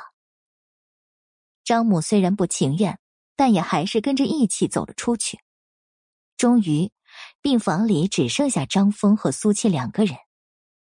啊，我妈就是这个样子，你别往心里去啊。张峰觉得他肯定不会喜欢被人这样查问，所以赶忙解释：“没关系，我是来看你的，当然顺带瞧瞧吴香香他们父女。”张峰眼睛一亮。他的意思，他明白了。突然觉得帮他挡一枪，这个选择是对的。我已经没事了，啊，还有警察那边，我已经替你澄清过了。强压心头的喜悦，不想表现的太明显。苏七点点头，那些都不重要。你知道吴香香住在哪个病房吗？订阅评论。第二百六十二集，张峰微微一愣：“啊啊，我听说他住在顶楼，具体哪个房间不太清楚。”苏七一双眼睛深不见底。顶楼，张峰神经有些紧张了。你问这个做什么？没什么，随便问问。苏七很淡定的说着，看不出任何异样。苏七，吴香香的情况挺严重的，好像现在都还没有醒过来，而且吴世雄他们也在那一层，上面有警察看守着。张峰也不知道为什么要跟他说这些，只是觉得不安。苏七选择沉默。苏七，吴香香她确实做错了，法律会给你一个公道的。不聊这些了，你好好养伤，这次算我欠你一个人情。我可以答应帮你做一件事，等你什么时候想好了，需要我做什么，随时找我。苏七实在不愿听他的长篇大论，主动结束他的话题。虽然他当时是自己冲过去的，但是为自己挡枪也是事实。他这个人最不喜欢欠别人的，所以就想到了这样的方式。我救你是自愿的，不用你偿还。张峰的好心情顿时就少了大半。苏七对他实在是太见外了。你不用这么快就拒绝，我刚才的话会一直有效，不管你什么时候改变主意。找我要求都可以。苏七在这种事情上从来不会拖泥带水的。张峰绷着脸颊，双手突然收紧。你是真的不懂我的心吗？现在所有人都看得出来，他喜欢苏七，可是唯独苏七就这样佯装不知道。他真的不想再隐藏了。苏七呼吸一滞，眉头拧成了麻花一样。有些话不该说，而且我跟你不可能。张峰心知肚明，苏七和立业的关系，竟然还想要跟他表明心意，难道是他平常的态度还不够明显吗？为什么不可能？你和立业现在只是订婚而已。张峰情绪激动起来，连声音都在打着颤。你是想让我脚踩两条船吗？苏七上一世就极少沾染男女感情的，因为一旦动了情，就等于有了软肋，这个软肋会被他的敌人抓住，那他将要付出的就是自己的生命了。所以在感情这方面，他是潜意识的抗拒，并且一片空白。张峰明知道苏七现在是立业的未婚妻，却还想让他接受自己的感情。自然就是苏七刚刚说的那个意思了。张峰的脸腾一下就红了。啊，我我不是。苏七怎么会这么想呢？请你发自真心的告诉我，你喜欢立业吗？犹豫一瞬之后，他还是决定问出口：“不喜欢。”苏七甚至没有一秒的停顿，甚至声音都比正常要高出一倍。就算立业不是那个人，但却跟他长了一模一样的脸，苏琪光是看着都会做噩梦，想要让他永远消失了。张峰心头一喜，啊，既然你不喜欢他，那怎么可能跟他结婚呢？所以退婚只是早晚的事而已。苏七倒是很认同他的这些话，可这也不代表苏七会跟他在一起的。张峰见苏七没有反驳，更加有了信心，继续说下去。感情是需要慢慢培养和建立的，我不奢望能立刻接受我，啊，就算拒绝也没关系，我会一直在你身边，守护你，打动你，让你真正的爱上我。说到最后，他的一双眼睛都泛着光亮，信心十足。苏七扑哧一声笑了。守护我，旁的也就算了，但是这个他真的做不到，而且也不需要。就算是昨天在面对吴世雄他们那些人的时候，如果张峰不出现，苏七只会处理的更好。你或许现在觉得很可笑，但总有一天，我会用自己的行动来证明的。张峰觉得胸腔里有一团火焰燃烧着，第一次有了这样强烈的信念。苏七慢慢收敛笑意，还是你自己先变强吧。至少张峰在这方面是真的比不上立业的。医院顶楼，查房。医生来到最里面的一间房间，跟守在门口的两个警察说着：“不是早上已经查了吗？”其中一个警察有些疑惑的询问：“这里是重症监护室，要时刻留意病人的情况。”医生解释着：“因为戴着口罩，所以他们完全看不到医生的脸，也没有多想，便示意让他进去了。”病房里。除了各种仪器滴滴答答的声音之外，就再也没有半点其他的声响了。他直径来到病床前，看着躺在上面一动不动的吴香香，脸上一片惨白，血色全无，脖子上包裹着纱布，白色的药液顺着刺入手背的针头缓缓流淌。果然命大。低沉的声音。从他戴着的口罩下传出来，眼神更是阴森。伸出手，慢慢拿开吴香香脸上的氧气罩，然后看着他的呼吸逐渐急促，即便是在昏迷中，都恐惧的紧皱眉头。下一秒，又体贴的为他放了回去。既然你这么不想死，那就好好活着吧。还有多姿多彩的牢狱生活在等着你呢。仿佛是听到了他的声音，吴香香的睫毛突然颤抖了两下，紧接着眼球滚动，然后竟然睁开了眼睛。哟呵，这是心有灵犀。他才刚来看他，吴香香就醒了。已经准备离开的医生再次站在了病床边。吴香香目光呆滞，一脸茫然，不过很快他便恢复了神智。察觉到了自己现在的状况，他没有死，还活着。张张嘴想要说话，可是嗓子却疼得一点声音都发不出来。他急了，想要挣扎，身子软绵绵的，没有力气，更无法支撑他起身。慌乱之下，他终于发现了守在这里的医生，急躁而疯狂的用眼神示意着：“你醒了。”想说话，吴香香赶紧眨眨眼睛，简直已经迫不及待了，竟然丝毫没有听出面前这个人声音有多么的熟悉。他帮他把氧气罩第二次摘下来，是是苏琪，他杀人，抓他，杀人犯。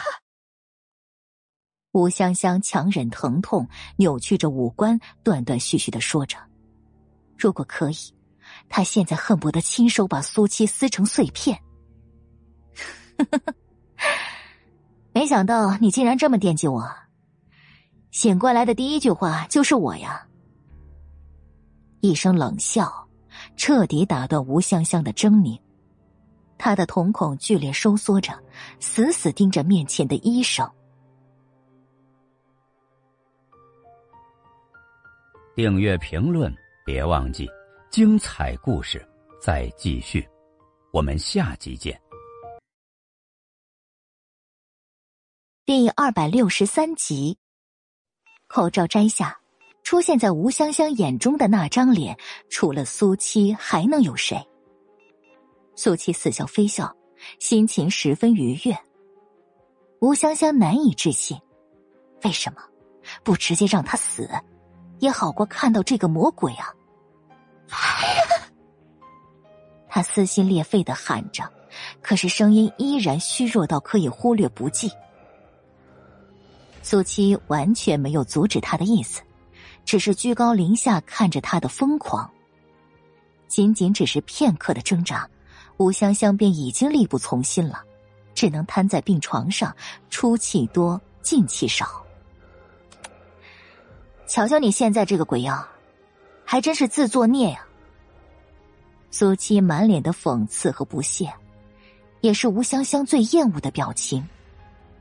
吴香香从来都没有这样恨过，但只能用眼神来表达自己的满腔愤怒。不用这么看着我，现在我为刀俎，你为鱼肉。不过你放心，我是不会对你怎么样的。死太容易了，那不是你的归宿。苏七语气轻松，贴心的告诉他之后会面对什么。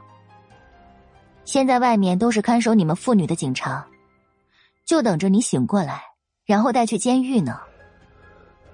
吴香香的胸脯剧烈的起伏着，指甲嵌进了掌心。别，那也不如吴同学你呀。你想要我死，也不是一天两天了。从教学楼上落下的花盆，只是李卓山放毒蛇，并且诬陷我，都是你做的。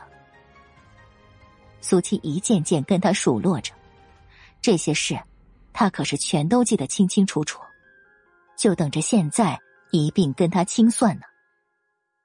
一抹恐惧缓缓从吴香香的眼底浮现，他竟然全都知道，而且还能一直装作若无其事跟他相处了这么久。我一直在想，我到底是什么时候得罪了你，让你一定要置我于死地？苏七的声音依然在继续，而且似乎生怕他听不清楚，缓缓的俯身向他靠近。吴香香大脑一片空白，唯有越发短促的呼吸。后来我知道了，张峰，他也住在这里，就在楼下，而且是他告诉我你在这里的。苏七再一次说出这个让吴香香又爱又恨，甚至疯狂的名字。吴香香喉咙里发出嘎嘎的嘶哑声音，眼睛瞪得像铜铃。苏七突然直起身，咯咯笑起来。呵呵吴香香，你不仅毁了你自己，还有你父亲，而且这辈子，你都注定得不到张峰。原本平缓正常的仪器突然疯狂的跳动闪烁，苏七却不慌不忙的重新戴好口罩，在吴香香已经完全扭曲的目光下放好他的氧气罩，一只手猛然抓住苏七的手腕，不肯让他轻易离去。这个时候，守在门外的两名警察也听到里面的异响，赶忙开门走进来。怎么回事？病人的情况很不稳定，我去叫他的主治医生。苏七说完，一根根掰开吴香香抓住自己的手指，然后有条不紊的迈开脚步。吴向向嘶吼着，整个人痉挛着，却只能眼睁睁的看着苏七彻底消失在视线当中。他好恨。伴随着敲门声一起落下的是开门的声音。病房里，苏七坐在张峰的床前，正在不紧不慢的为他削着苹果。进来的是一个警察，气息有些不稳，显然刚刚经过激烈的奔跑。看到苏七之后，一双眼睛便落在他的身上。警察叔叔，有事吗？开口的是张峰。警察很快稳住自己的呼吸和情绪，开始发问：“苏七同学是什么时候来的？”苏七这才停下手里的动作，抬头看向他。大约半个小时前。他说完，张峰附和的点点头。警察探究了眼神：“那你刚才有出去过吗？”苏七摇摇头：“他一直都在我的病房里。”怎么了吗？张峰疑惑的询问着。警察目光微微的闪烁，顶层到他们所在的二楼下来也是需要几分钟的。可是现在，苏七气息平稳，衣着也很正常，看不出半点异样。刚才有人冒充医生去了吴香香的病房。他一边说一边留意观察着苏七的反应。苏七有些意外。为什么？吴香香不是一直都在昏迷着吗？那她现在怎么样了？她的确是一直在昏迷，可是刚才好像清醒过来了，现在情况十分的不稳定。怎么会有人冒充医生进去呢？那对他做了什么？苏七诧异极了，似乎觉得这种事情实在是很荒唐。警察张张嘴巴，脸色有了细微的变化。没做什么。主治医生过去之后，已经肯定仪器包括吴香香的用药都没有问题，就是他的状态变得更糟糕了。那可真是太奇怪了，警察叔叔，你一定要尽快找到那个人，问问清楚。还有吴香香，也一定要让医生治好他，让他接受法律的制裁。要不然，我和张峰受到的伤害就没有办法弥补了。苏七神色无比郑重，满脸真诚。警察嘴角抽了抽，总觉得这种话从苏七的嘴里说出来，实在有些讽刺。好，我会转达的。那你们继续，我先走了。很快，病房里重新剩下张峰和苏七。张峰看着苏七的眼神复杂到了极点。哎，王警官，有什么事儿吗？听到门外突然传来张母的声音，他才刚刚放松的神经瞬间紧绷。你们刚才有看见什么人过来或者下去吗？果然，警察开始跟他们询问。没有啊，我们一直都在这边，什么人也没看见。张母回答着。哦，那没事了。这次就连外面都安静下来。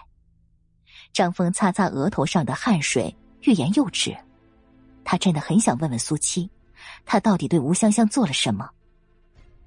可是明明已经到了嘴边的话，却就是没有勇气说出口，因为他觉得那一定不是他想要听到的。给，苏七把刚刚削好的苹果递到他面前，然后起身。你要走了吗？张峰依然不舍得，他就这么走了。嗯你好好休息，学校见。苏七说完，头也不回的离开病房。张峰倚靠在床头，看着手里的苹果，怅然若失。他说：“学校见”，意思是以后都不会再过来看他了。爆点击，快订阅！精第二百六十四集。苏七被绑架的事很快在大院里传得沸沸扬扬，能在几名绑匪的手中毫发无损的活下来，而且对方还有枪，这简直刷新了所有人的认知和三观。各种离奇的说法全都冒了出来，甚至有人说一切都是苏七在自导自演，为的就是想要出名。当然，这只是人们的玩笑话罢了，毕竟那些绑匪的身份。都是清清楚楚的，他们将要面临的可是牢狱之灾。逐渐的，开始有另外的声音暗戳戳的提到了十几年前苏七也是被人绑走的那一次。当时冯秀都快疯了，每个人都觉得这丫头肯定是回不来了，但是结果她也回来了，只不过傻了而已。福大命大，成了大院里所有人对苏七的用词。不管外面人怎么说，经过两天，冯秀的情绪已经完全平复了。毕竟日子还是要过的。妈，我去上学了。一大早，苏七跟冯秀打过招呼，然后离开了家门。大院里的人看到他，也没谁敢过去八卦，一个比一个神色复杂。苏七好像什么都没发生过，跟往常没有任何区别。当他出现在圣德高中的时候，还是瞬间被人围观了。苏七，真的是吴香香绑架了你吗？苏七，你是怎么回来的？哎，苏七，张峰学长是为了救你才受的伤吧？问题一串串的，他却根本就不打算回答。你们这是在干什么？这是苏七的私事，校长都已经明令禁止在学校里面讨论了，还不赶紧都散开！李媛和张雪梅在人群外大喊一声，混乱的场面终于稍微安静了一些。大家也只是好奇。行了，这里是学校，又不是聊八卦的地方，都散了吧。张雪梅严肃着声音提醒着他们每一个人。其他人终于也都不敢再说什么了。谢谢。苏七跟两个人道谢，没想到学校里竟然有这么多人关心他。哎呀，你怎么不在家里多休息几天呢？张雪梅和李媛上上下下打量着他。昨天他们已经去看过张峰了，那个家伙伤的有些严重，没有十天半个月是不能来上学了。我没事，就过来了。苏七一如既往的淡定。在大院儿也比学校清静不了多少。没事就好，我们是第二天才听说的，当时真是担心死了。你也别多想了，吴香香已经落网了，以后也绝对不会再发生这么恶劣的事情了。虽然这件事跟他们没有什么关系，可是说起来也觉得心有余悸。苏七点点头，很快，他到学校的消息。就传到了校长办公室，校长高江马上就叫苏七过去了。家里都安抚好了，谢谢校长关心，我妈没事了。苏七跟他倒也不见外。警察局那边没有再找你吧？现在苏七可是学校最看重的学生，千万不能沾染任何不好的事情。苏七摇摇头，没有。立业找的律师会帮我处理后续的，那就好。再过两天就是省运动会了，你觉得自己的情况怎么样？如果实在不想去，就别勉强了。在这个节骨眼儿发生了这么大的事情，即便是高江很看重这次的运动会，但也不愿意再强迫苏七了。他这么善解人意，苏七反倒不好拒绝了。而且之前他已经答应了，临时反悔对学校应该是有影响的。没关系，我可以去。高江没想到苏七答应的这么爽快，放松了神色。那后天下午启程，大后天比赛，然后就可以回来了。毕竟只是在省城，没有太远的。好。苏七应过之后，从口袋里掏出一张纸。递到他面前，这是什么？高江一边询问一边打开，发现竟然是一个男人的画像，栩栩如生。如果不是早就见识过苏七的画工，现在一定会觉得叹为观止。高校长，您人脉广，能不能帮我找找这个人啊？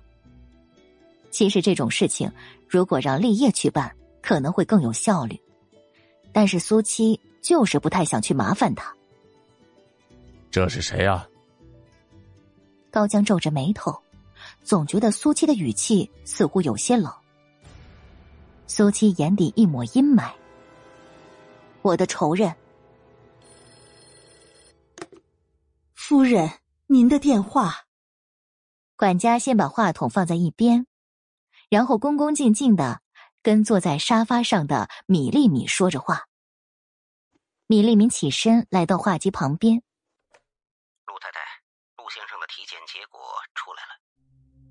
米粒米的神经瞬间紧绷，握着话筒的手不自觉的收紧。怎么样？哦，一切正常，没有任何异样。王医生的话，非但没有让他放下心来，反而神色更是凝重。可是最近我先生总是做噩梦。而且还会说一些莫名其妙的话，我觉得他的记忆似乎有恢复的迹象。因为陆远并不在，所以米利敏也并没有什么顾忌。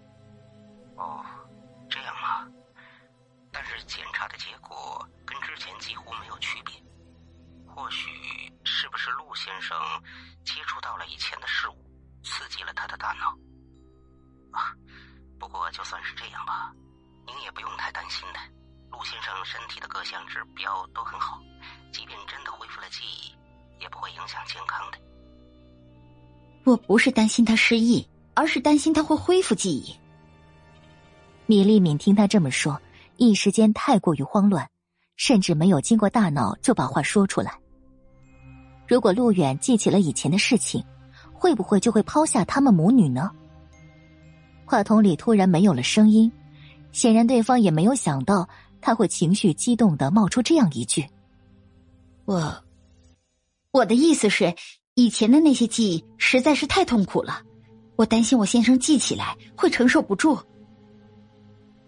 米利明很快便恢复了神，又赶忙解释：“哦，原来是这样。不过即便是这样，我们也是无法阻止，只能顺其自然了。”然后您多留意一下陆先生的状态，随时跟我沟通吧。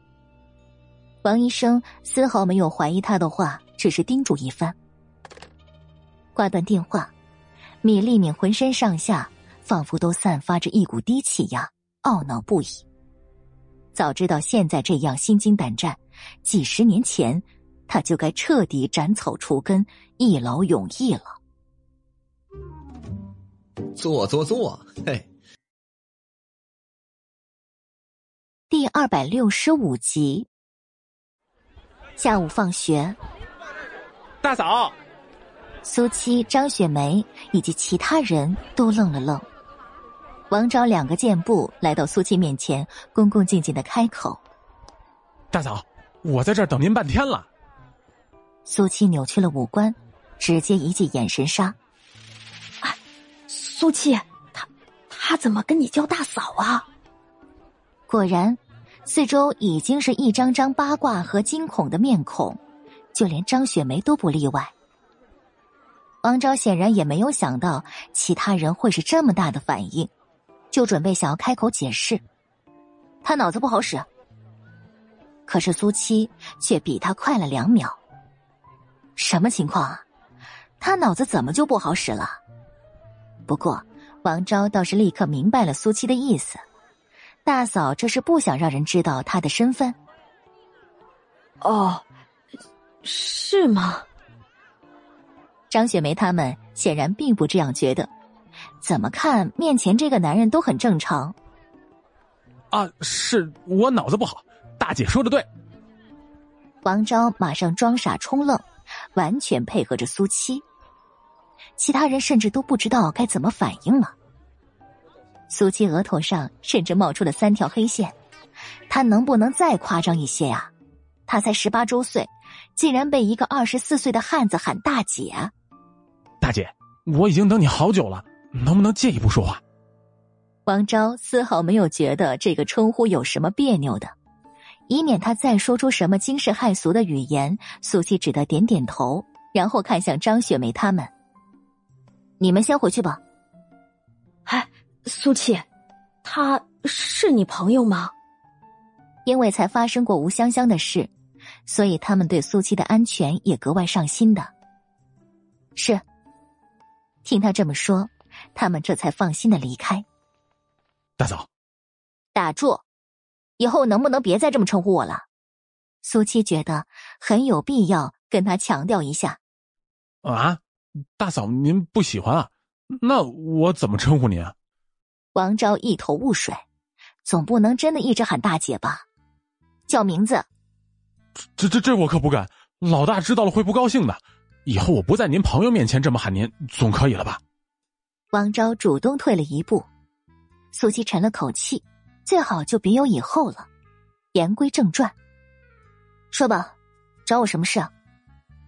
王昭立马严肃了表情，是老大出事了。苏七皱了眉头，他怎么了？算今天，他们也才三天没见而已了。他生病了，而且病得很严重。王昭紧绷着声音，看他现在担忧的神色，就好像立业病入膏肓，活不了几天了。那就去看医生啊，找我做什么？苏七理所当然的说着。他又不会治病。王昭瞪大了眼珠子，根本没有想到他会说出这样无情的话。大嫂，老大可是为了你才生病的，就是你掉进河里那天，老大不顾自身安危，亲自跳进去找你，三个多小时他都没有休息一下。等上岸之后，也只是换了一身干净的衣服，便又开始满世界的找你了。现在他高烧不退，神志不清，可是嘴里依然喊着你的名字。说到最后，他哽咽了声音。老大那一片深情，简直就是日月可见，听者落泪。别的也就算了，但他最后的那句话，简直就是在胡扯。狗男人会叫他的名字？苏七当然是不会相信的。厉家那么多人，怎么会没人照顾他？老大根本就没回老宅，他不想让老人家担心。我又笨手笨脚的，再这么下去，老大就烧傻了。大嫂，你就可怜可怜老大，去看看他吧。王昭就差直接把他拖上车了。苏西实在禁不住他的软磨硬泡，总算是点头答应了。二十分钟后，当他跟着王昭到了立业住的地方，打开房门进去之后，那个他嘴里已经是病得不省人事的人，生命垂危的男人，正端着一杯咖啡，悠闲的站在窗边。打扰了。再见，王昭欲哭无泪啊！老大，你不都已经高烧三天了吗？为什么就不能像正常人一样柔柔弱弱的躺在床上呢？也怪他自己，为什么进来之前没先敲门，而是直接拿着备用钥匙就开门了？你怎么来了？立业实在意外，疑惑的话语脱口而出：“呵呵，我也想知道。”他说：“你病得严重，需要人照顾。”苏七皮笑肉不笑的指着王昭，王昭脑门上瞬间冒出一层汗，哭丧着脸看着立业。立业目光闪烁，然后迈开两条大长腿，走到不远处的沙发前，慢悠悠的坐下。啊，是不舒服。苏七心想：装，接着装啊！王昭眼珠子咕噜噜的转，赶忙打着圆场。大嫂，你不了解老大，他就是这样，自己越是难受，就表现的越若无其事，主要是不想让别人为他担心罢了。立业给他一个赞赏的眼神，苏七却淡淡的瞥了他一眼，仿佛在说：“你看我像是傻瓜吗？” 那个老大，既然大嫂已经来了，我就先回去了。王昭马上丢下一句，然后最快的速度转身离开。我走了。苏西觉得完全没有必要留在这里了。哎，等等，你过来不是来照顾我的吗？我都已经饿了一天了，帮我做点吃的吧。立业当然不会就这么让他离开了，主动提出要求。苏西想说吃个头啊，可是，一转眼。立业却用一种非常可怜而期待的眼神看着他，然后等苏七反应过来的时候，自己就已经站在厨房了。家里只有这些，你随意发挥好了。伴随着立业话音一起落下的，他放在苏七面前的一袋子食材。苏七浑身上下的细胞都是抗拒的，可是双手却根本不听使唤，打开了袋子。西红柿、土豆、鸡蛋、牛肉、带鱼，种类竟然有十几种。你自己怎么不做？我生病了，而且我也不太喜欢做饭。立业理直气壮的说着。苏七两条眉毛拧成麻花一样。那你买这么多？啊，是王昭早上拎过来的，他知道我吃不惯外面的食物。可你不是不做？苏七的话题绕来绕去，所以我今天什么都没有吃，一直在饿着肚子。不过现在好了，你来了。立业说到最后，看着他的一双眼睛泛着光。本集播讲完毕，第二百六十六集。立业坐在沙发上，捧着一本书，聚精会神的看着。厨房里时不时传来乒乒乓乓的声响。几分钟之后，他实在坐不下去了，起身走了过去。当他看到厨房里一片狼藉的时候，头似乎疼得更厉害了。苏七确定是在做饭，而不是要拆了这厨房吗？等等，你这是要干嘛？当看到苏七已经往锅里放了三勺盐的时候，立业已经充分的怀疑，他是想要借机齁死他的。我在熬汤。苏七很认真的说着，然后手里的动作也没闲着。那你这黑黢黢的是什么东西？立业指着放在案板上已经做好的一个菜，他实在看不出。那是土豆丝。还有两个菜，马上就好了。苏七似乎完全没有看到，立业此时此刻惊悚的表情，继续准备炒下一个菜了。你这样不对，得先放油。立业看到苏七竟然一股脑的把菜往锅里扔的时候，终于明白，让他做饭是个多大的错误了。算了，还是我来做吧。他认命了。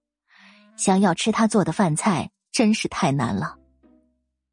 苏七强忍着笑意，不让他看出端倪，二话不说就把锅铲递给了他。那我去客厅了，反正这里应该也不需要他了。等等。可是苏七才转身，立业就叫住了他。苏七有些不耐烦的撇撇嘴巴，回去。立业不等他开口，抢先一步。苏七低头看向自己穿的围裙，狗男人还挺讲究，动作麻利的脱下来递给他。立业却站在原地一动不动，只是示意自己的两只手上都拿着东西，然后把胳膊抬起来，意思很明显，是让苏七帮他系上。苏七只想着赶紧离开这里，然后就把围裙放到了他的腰间。可是这个动作做完之后，他终于意识到不对劲儿了。因为立业是面对着他，而围裙的带子在后面，所以想要为他系好，苏七就必须要两只胳膊到他后面。快点儿，我手都酸了。偏偏在苏七犹豫的时候，立业催促的声音从他头顶响起。苏七摇摇头，他在胡思乱想什么？只是打个结而已嘛，但是很快苏七就知道自己的想法有多天真了。明明他的腰围看起来那么正常，但是却需要他不停的向他贴近，再贴近。终于，苏七的两只手可以动作了，而自己的脸跟他的身子也只剩下一指的距离而已。他甚至都可以清楚的感觉到自己的呼吸。打在立业的衣衫上，然后重新返回到自己的脸上，这种感觉让他头皮发麻，心跳失速。只是一个简单的结绳，却比让他拿刀杀人都要难的。立业也并不好过，低垂的眼帘里是苏七的小脑袋，不停的在他胸口磨蹭，而现在苏七的姿势实在是太像抱着他了。本来就已经发热的身体，现在的温度更是节节升高。好了，终于，苏七闷闷的声音响起，下一秒瞬间后退，彻底拉开跟立业的距离，甚至都没有再多看他一眼，便退出了厨房。立业低头看着身上歪歪扭扭的围裙，哭笑不得。苏七出来之后，长长出了口气。拍了拍脸，让自己清醒一些，以后绝对要离狗男人远远的。半个小时之后，坐在餐桌前的苏七瞪大了眼睛。如果不是知道厨房里有什么，他是真的不能相信，面前看起来卖相还不错的菜肴是立业做的。尝尝看，这味道怎么样？立业主动把筷子递到苏七的面前。苏七谨慎的选择了离自己最近的一盘青菜，然后眼前一亮，味道竟然还可以。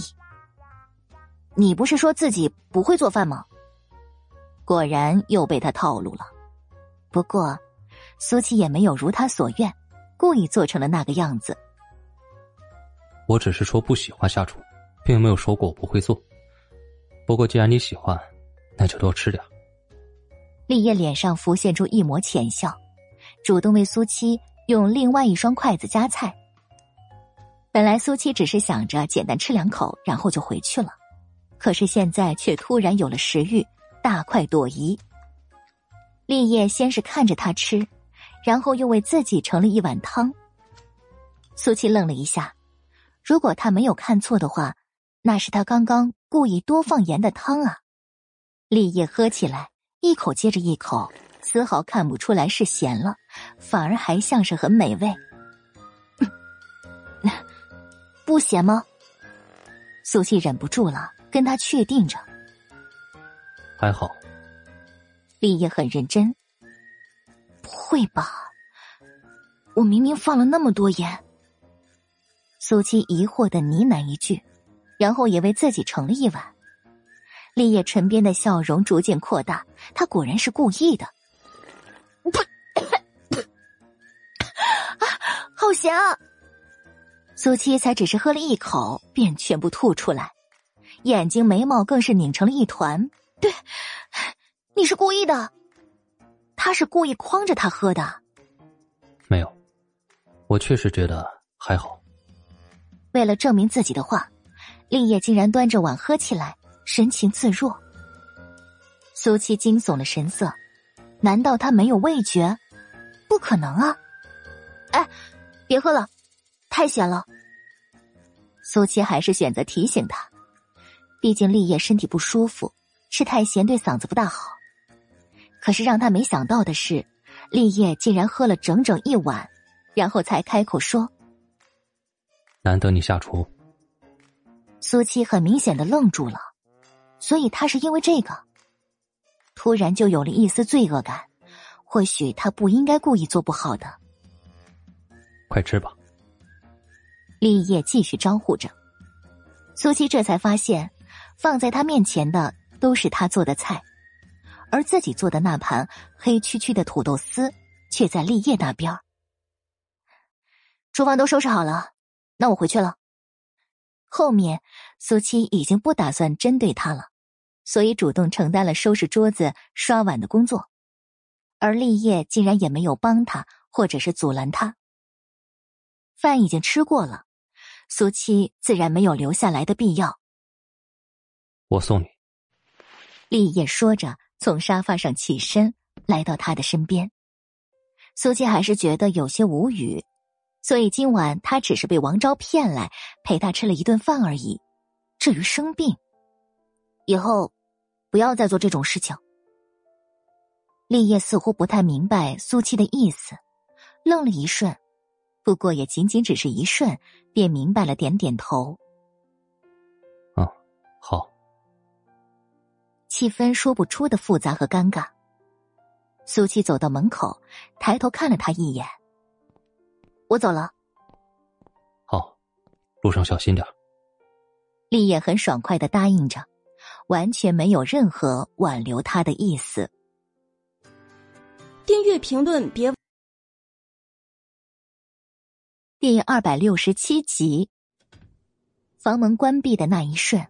立业整个人无力的倚靠在墙边，身体的温度仿佛更高了些，脑袋昏昏的不舒服，特别是嗓子火烧火燎的疼着。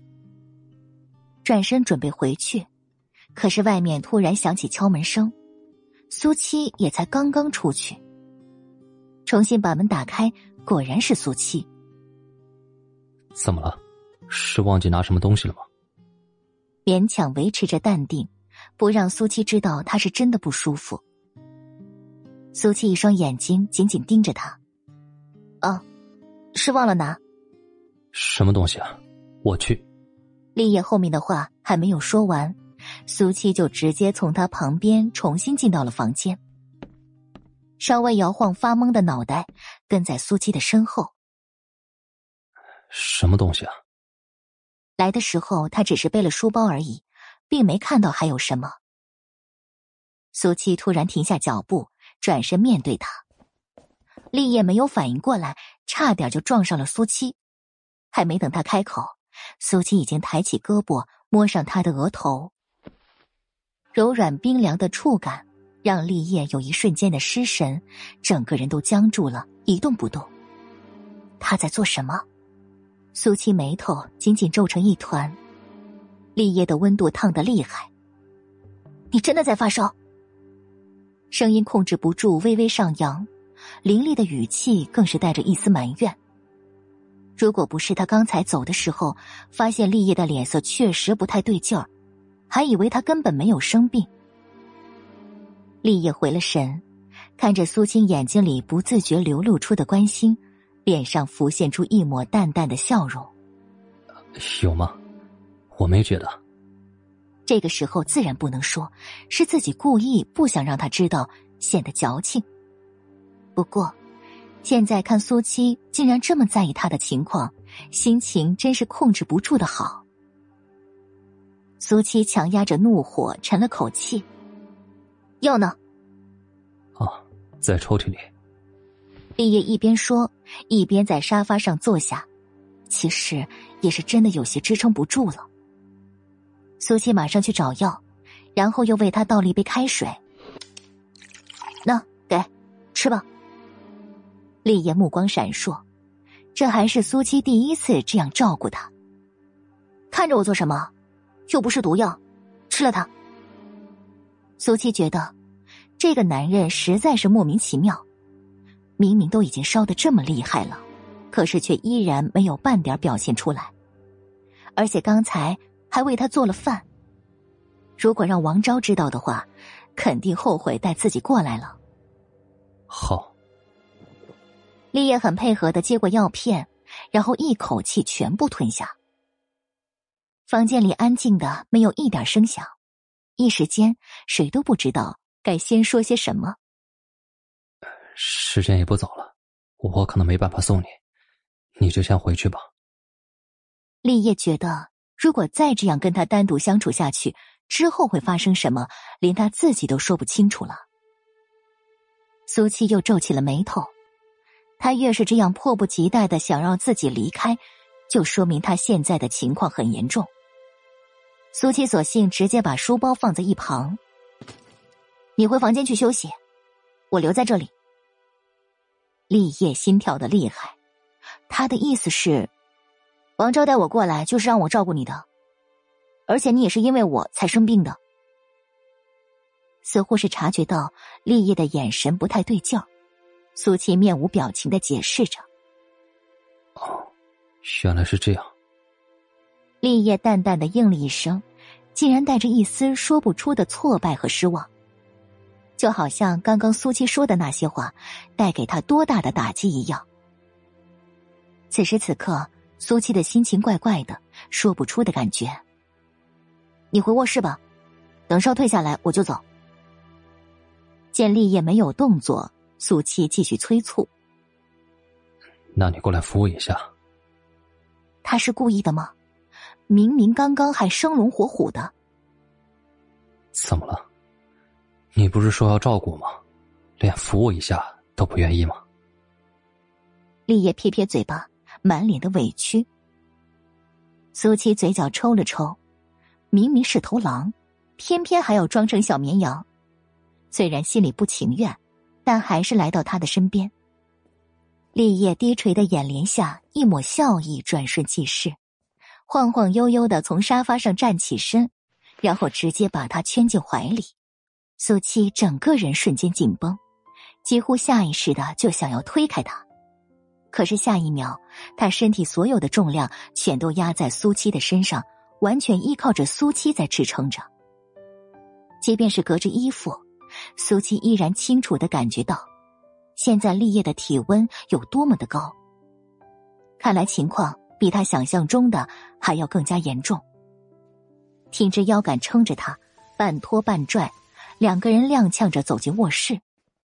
因为立业实在是有些重，所以倒在床上的时候，连带着苏七一并被立业带着倒了下去。软绵绵的床铺让苏七有些失神。第一个反应就是赶紧起来，可是没想到，立业却伸出手从后面抱住了他。七七，我好难受，就让我抱一会儿好吗？就一会儿。男人的声音已经开始沙哑，小心翼翼，近乎于哀求。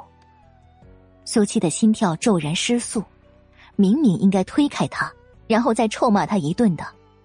但是等苏七反应过来之后，却发现自己根本没有任何动作。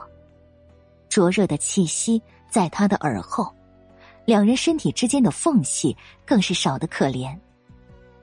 他的双手握成拳头，觉得自己似乎也开始发烧了。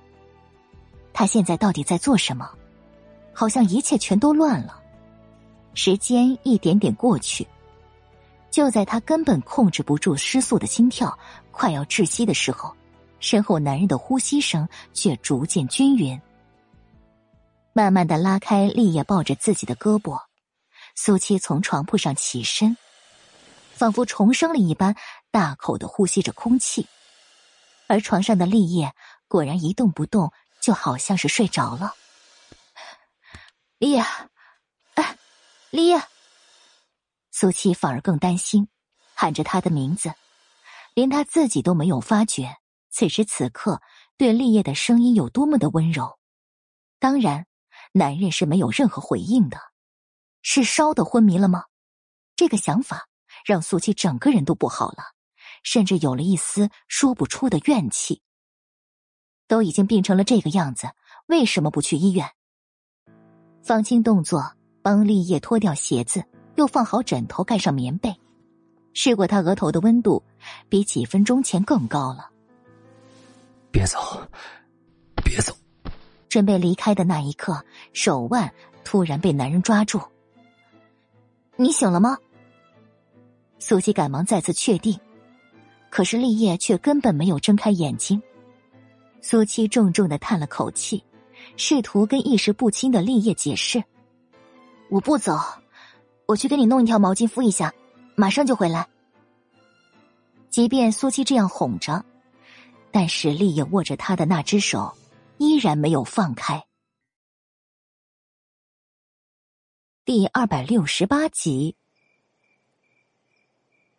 苏七迷迷糊糊的，突然惊醒，第一个反应就是去看床上的立叶。温度终于降了一些，而他也可以肯定，现在立叶确实是在睡着了。昏黄的灯光下，看了一眼时间。竟然已经是凌晨四点多了。他整整照顾了这个男人一个晚上。清醒过来的这一刻，就连苏七自己都觉得难以置信。看着立叶那张即便憔悴苍白，也依旧英俊帅气的脸庞，他的心情就从来没有过像现在这样复杂。明明他对这张脸应该是痛恨的、厌恶的。甚至想要杀之而后快的，但是为什么这些感觉全都不存在了？是因为知道他们不是同样的灵魂吗？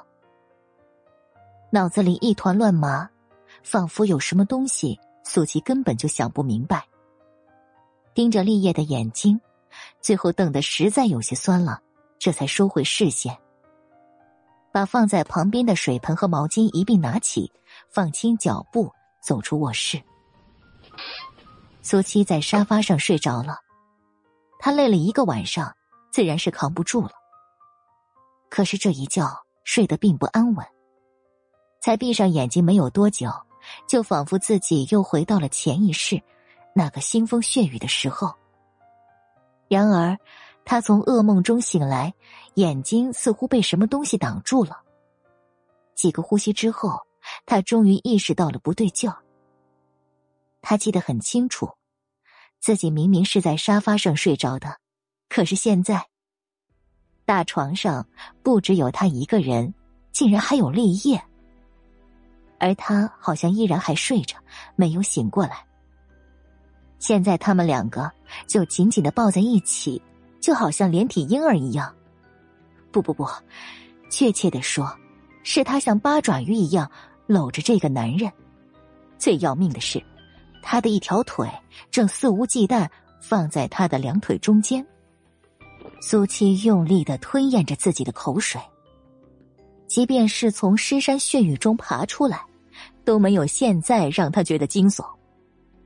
如果不是确定他和立业身上的衣服都还算是完好的，他绝对会失控的一声尖叫。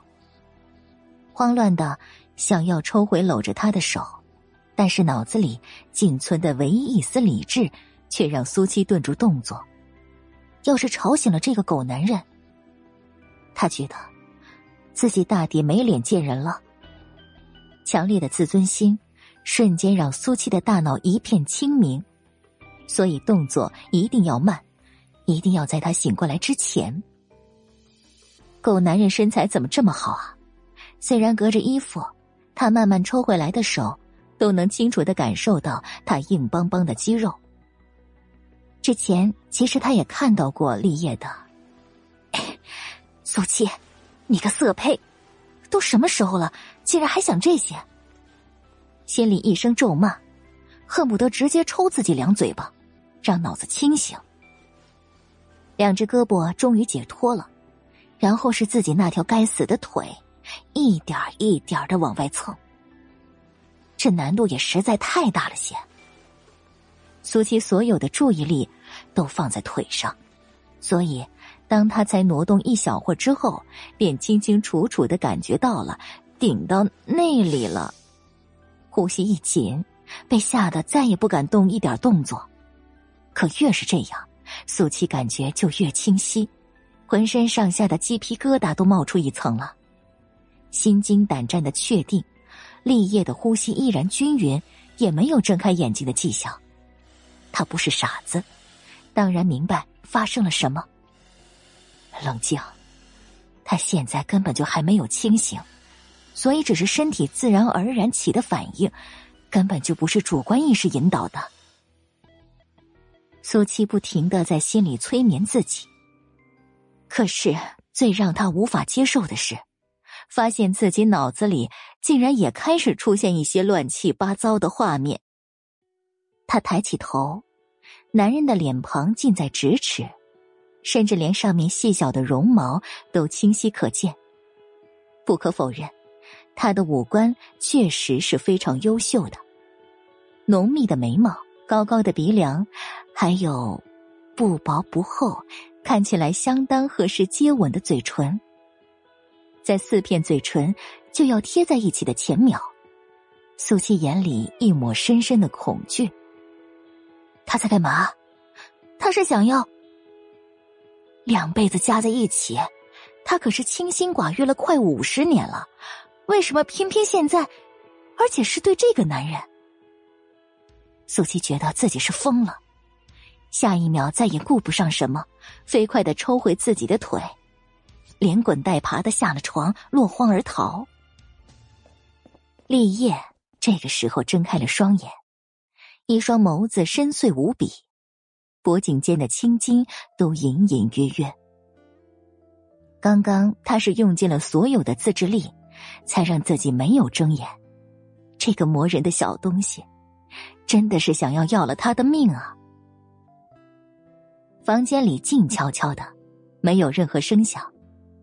立业看着空荡荡的客厅，却心笑了起来。果然，苏七已经离开了。他似乎受到了惊吓，恐怕一时半会儿没办法跟他正常见面了吧？可是怎么办呢？他现在已经开始忍不住的想他了。苏七，啊，怎么了？苏七终于回了神了，而张雪梅、李媛正在兴冲冲的看着他，两人对看一眼。你在想什么呢？突然就走神了，而且还是在他们正在对话的时候。苏七干咳一声，自然不能告诉他们他在想早上的事情。从狗男人那里出来之后，他先回了家，跟他妈解释了一下。虽然昨天去了之前就已经给家里打了电话，但也只是告诉他立业生病了，他要过去照顾一下。冯秀对于立业的情况可是比苏七还要担心呢，甚至还让苏七今天请假继续过去。嗯，你们接着说，李猛怎么了？李猛要订婚了。李元重复一遍刚刚说过的话，神色兴奋又八卦。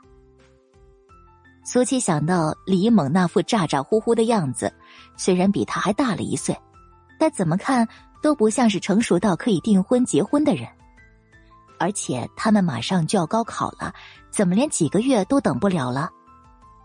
你也被吓到了吧？其实我们也一样。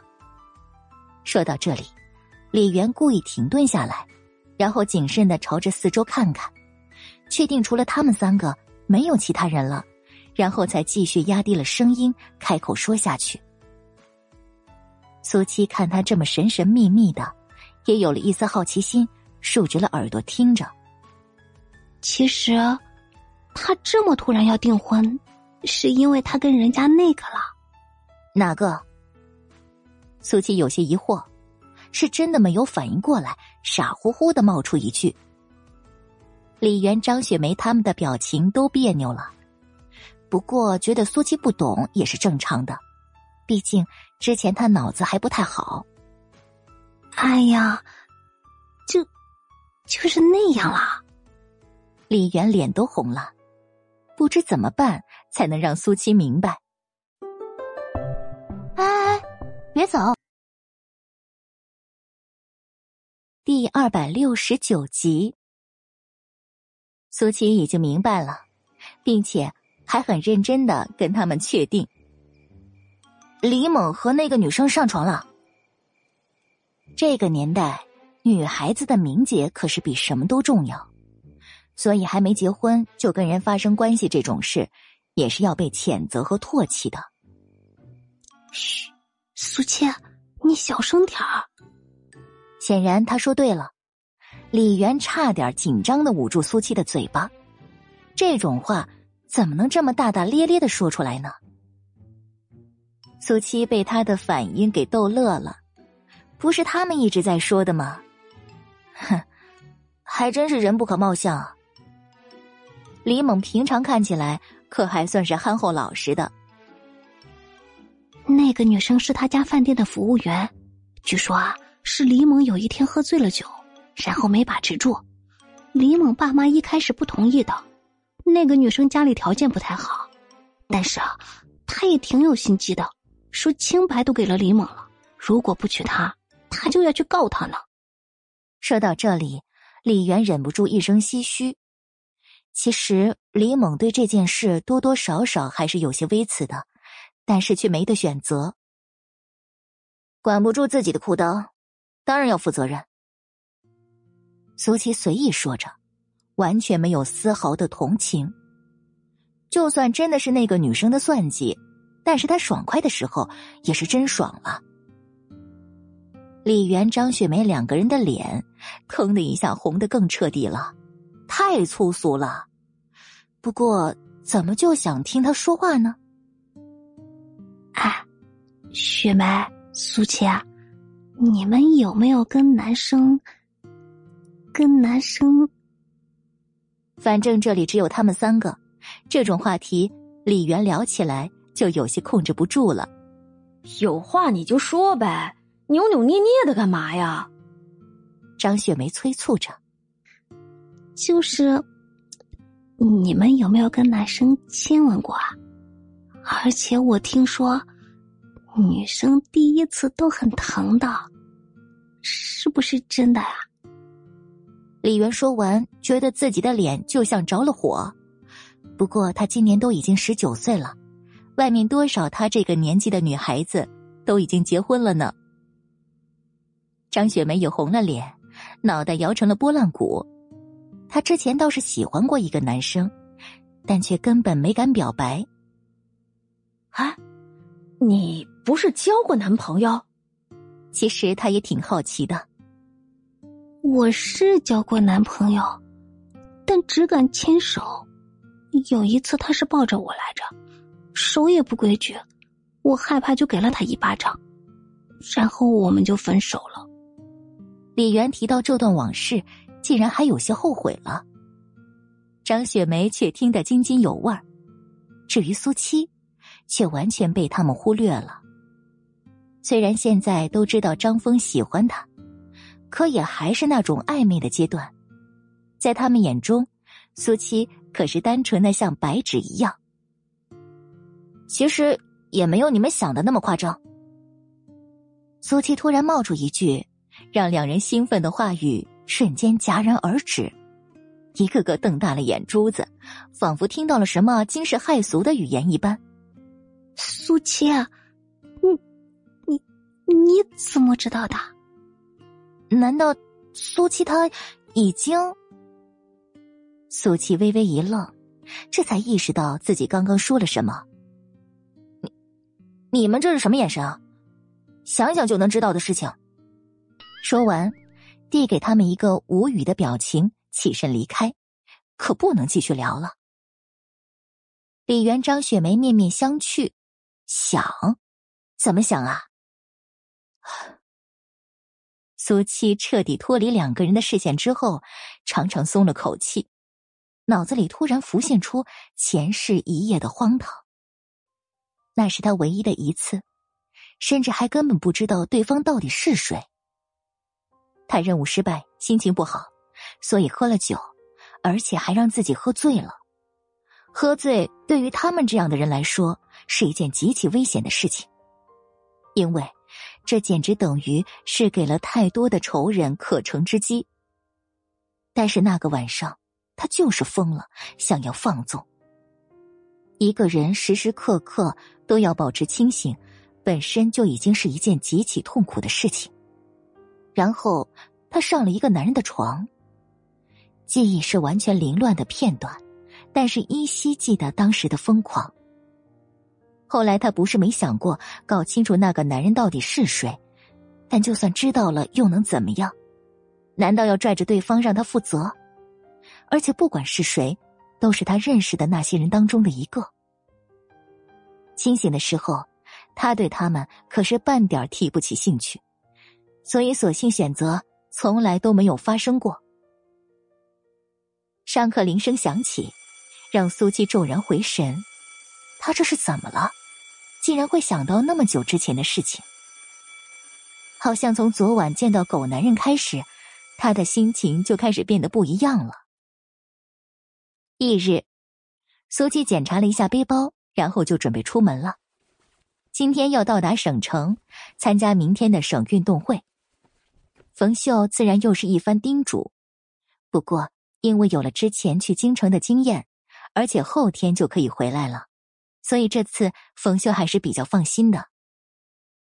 好好比赛，争取继续为学校争光。现在冯秀真的是特别自豪，没想到自己的闺女能这么受到器重。知道了，我不在家这两天，要是有事，你打电话找。立业两个字都已经到了嘴边了，可是苏七却顿住了。从什么时候开始，他竟然这么信任狗男人了呢？你就放心的去吧，有事我会找厉先生的。他没说出口的话，还是被冯秀说出来了。苏七呵呵两声，眼中多了一抹无奈。走到大院门口，后面有人喊了他的名字。苏七啊，等等！潘桂香快走几步，来到他身边，一脸的热络。苏七，去上学呀？啊！你妈跟你说了吗？我想让你给我家强强补补课，时间你定，按每个小时给你工资，行不行？难得一大早就遇到他，潘桂香自然不会放过机会。上次跟冯秀说完之后。苏七就出了被绑架那档子事儿，这两天也才刚消停了。婶子，我是没有那个耐心的。苏七看到他，就知道他想要说什么了。潘桂香瞬间失望，虽然之前冯秀也是这么说的。苏七，你就在……呃，不过如果您相信我的话，我可以介绍同学过来。苏七不等他说完，便继续说着。潘桂香微微一愣：“你同学？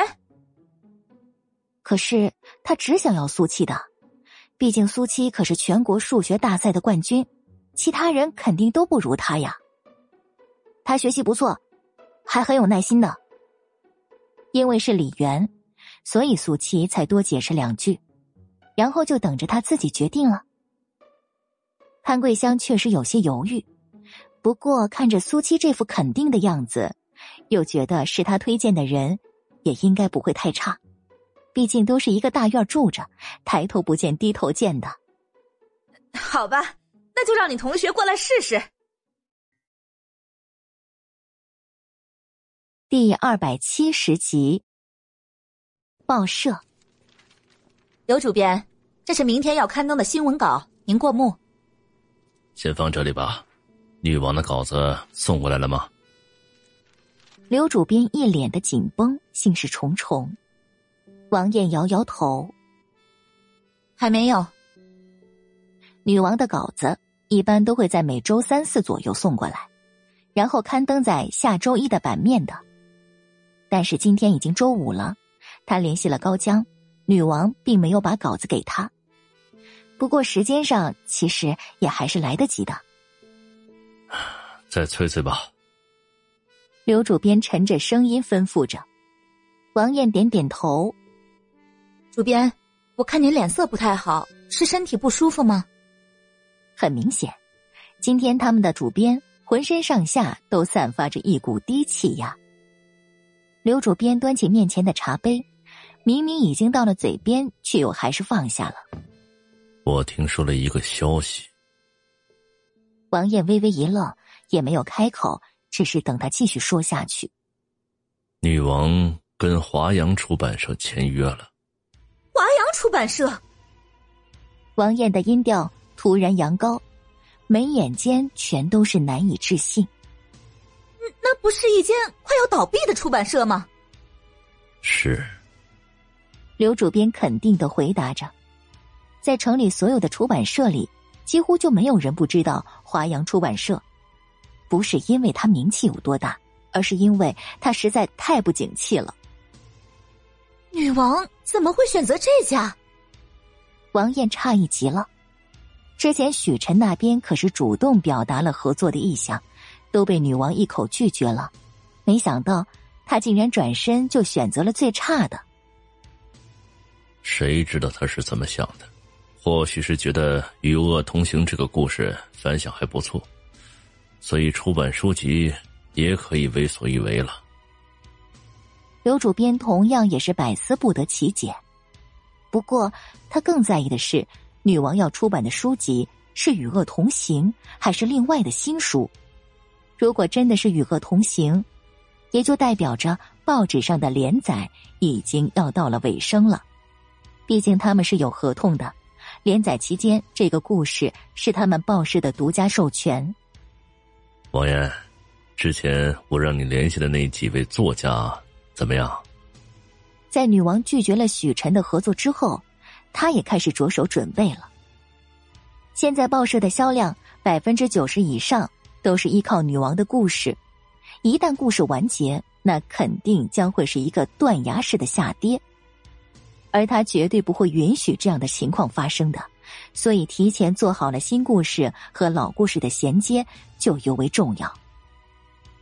嗯，刘红和杨顺两位作家都有兴趣想要尝试。他们两位啊，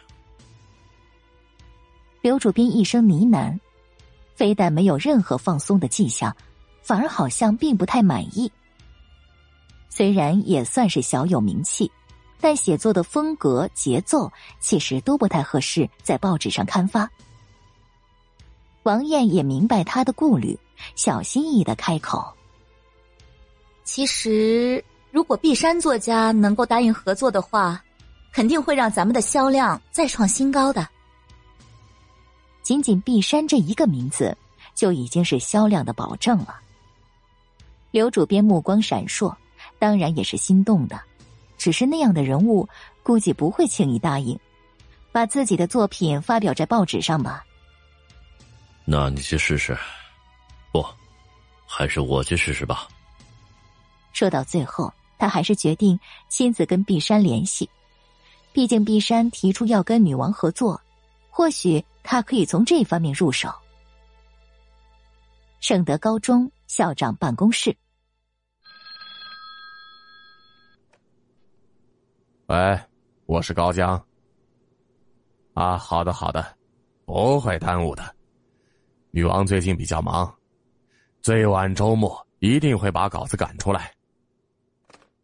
高江挂断电话，然后看向坐在面前的陈秋，简直是对他嫌弃的要命。怪不得人家苏七会觉得他们两个是同龄人，就陈秋这一脸的络腮胡子，有哪个女孩子会喜欢？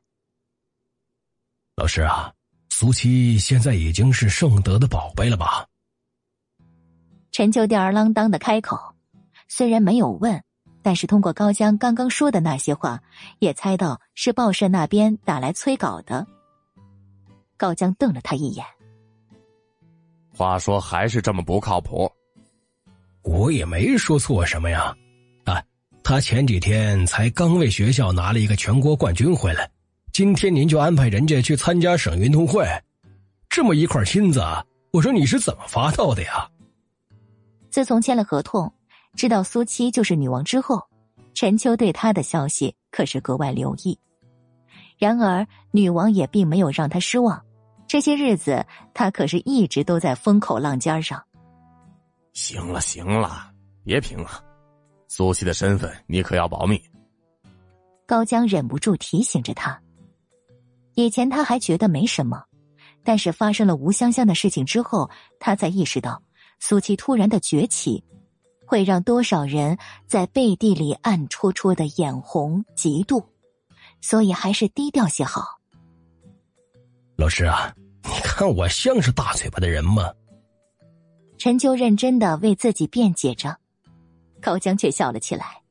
当然知道他是靠谱的，不然也不会把苏七介绍过去。说吧，你今天过来什么事儿啊？言归正传，他可不信陈秋是特意来看自己的。还是老师您了解我，呃，其实也没什么大事儿，就是想看看苏七这边准备的怎么样了。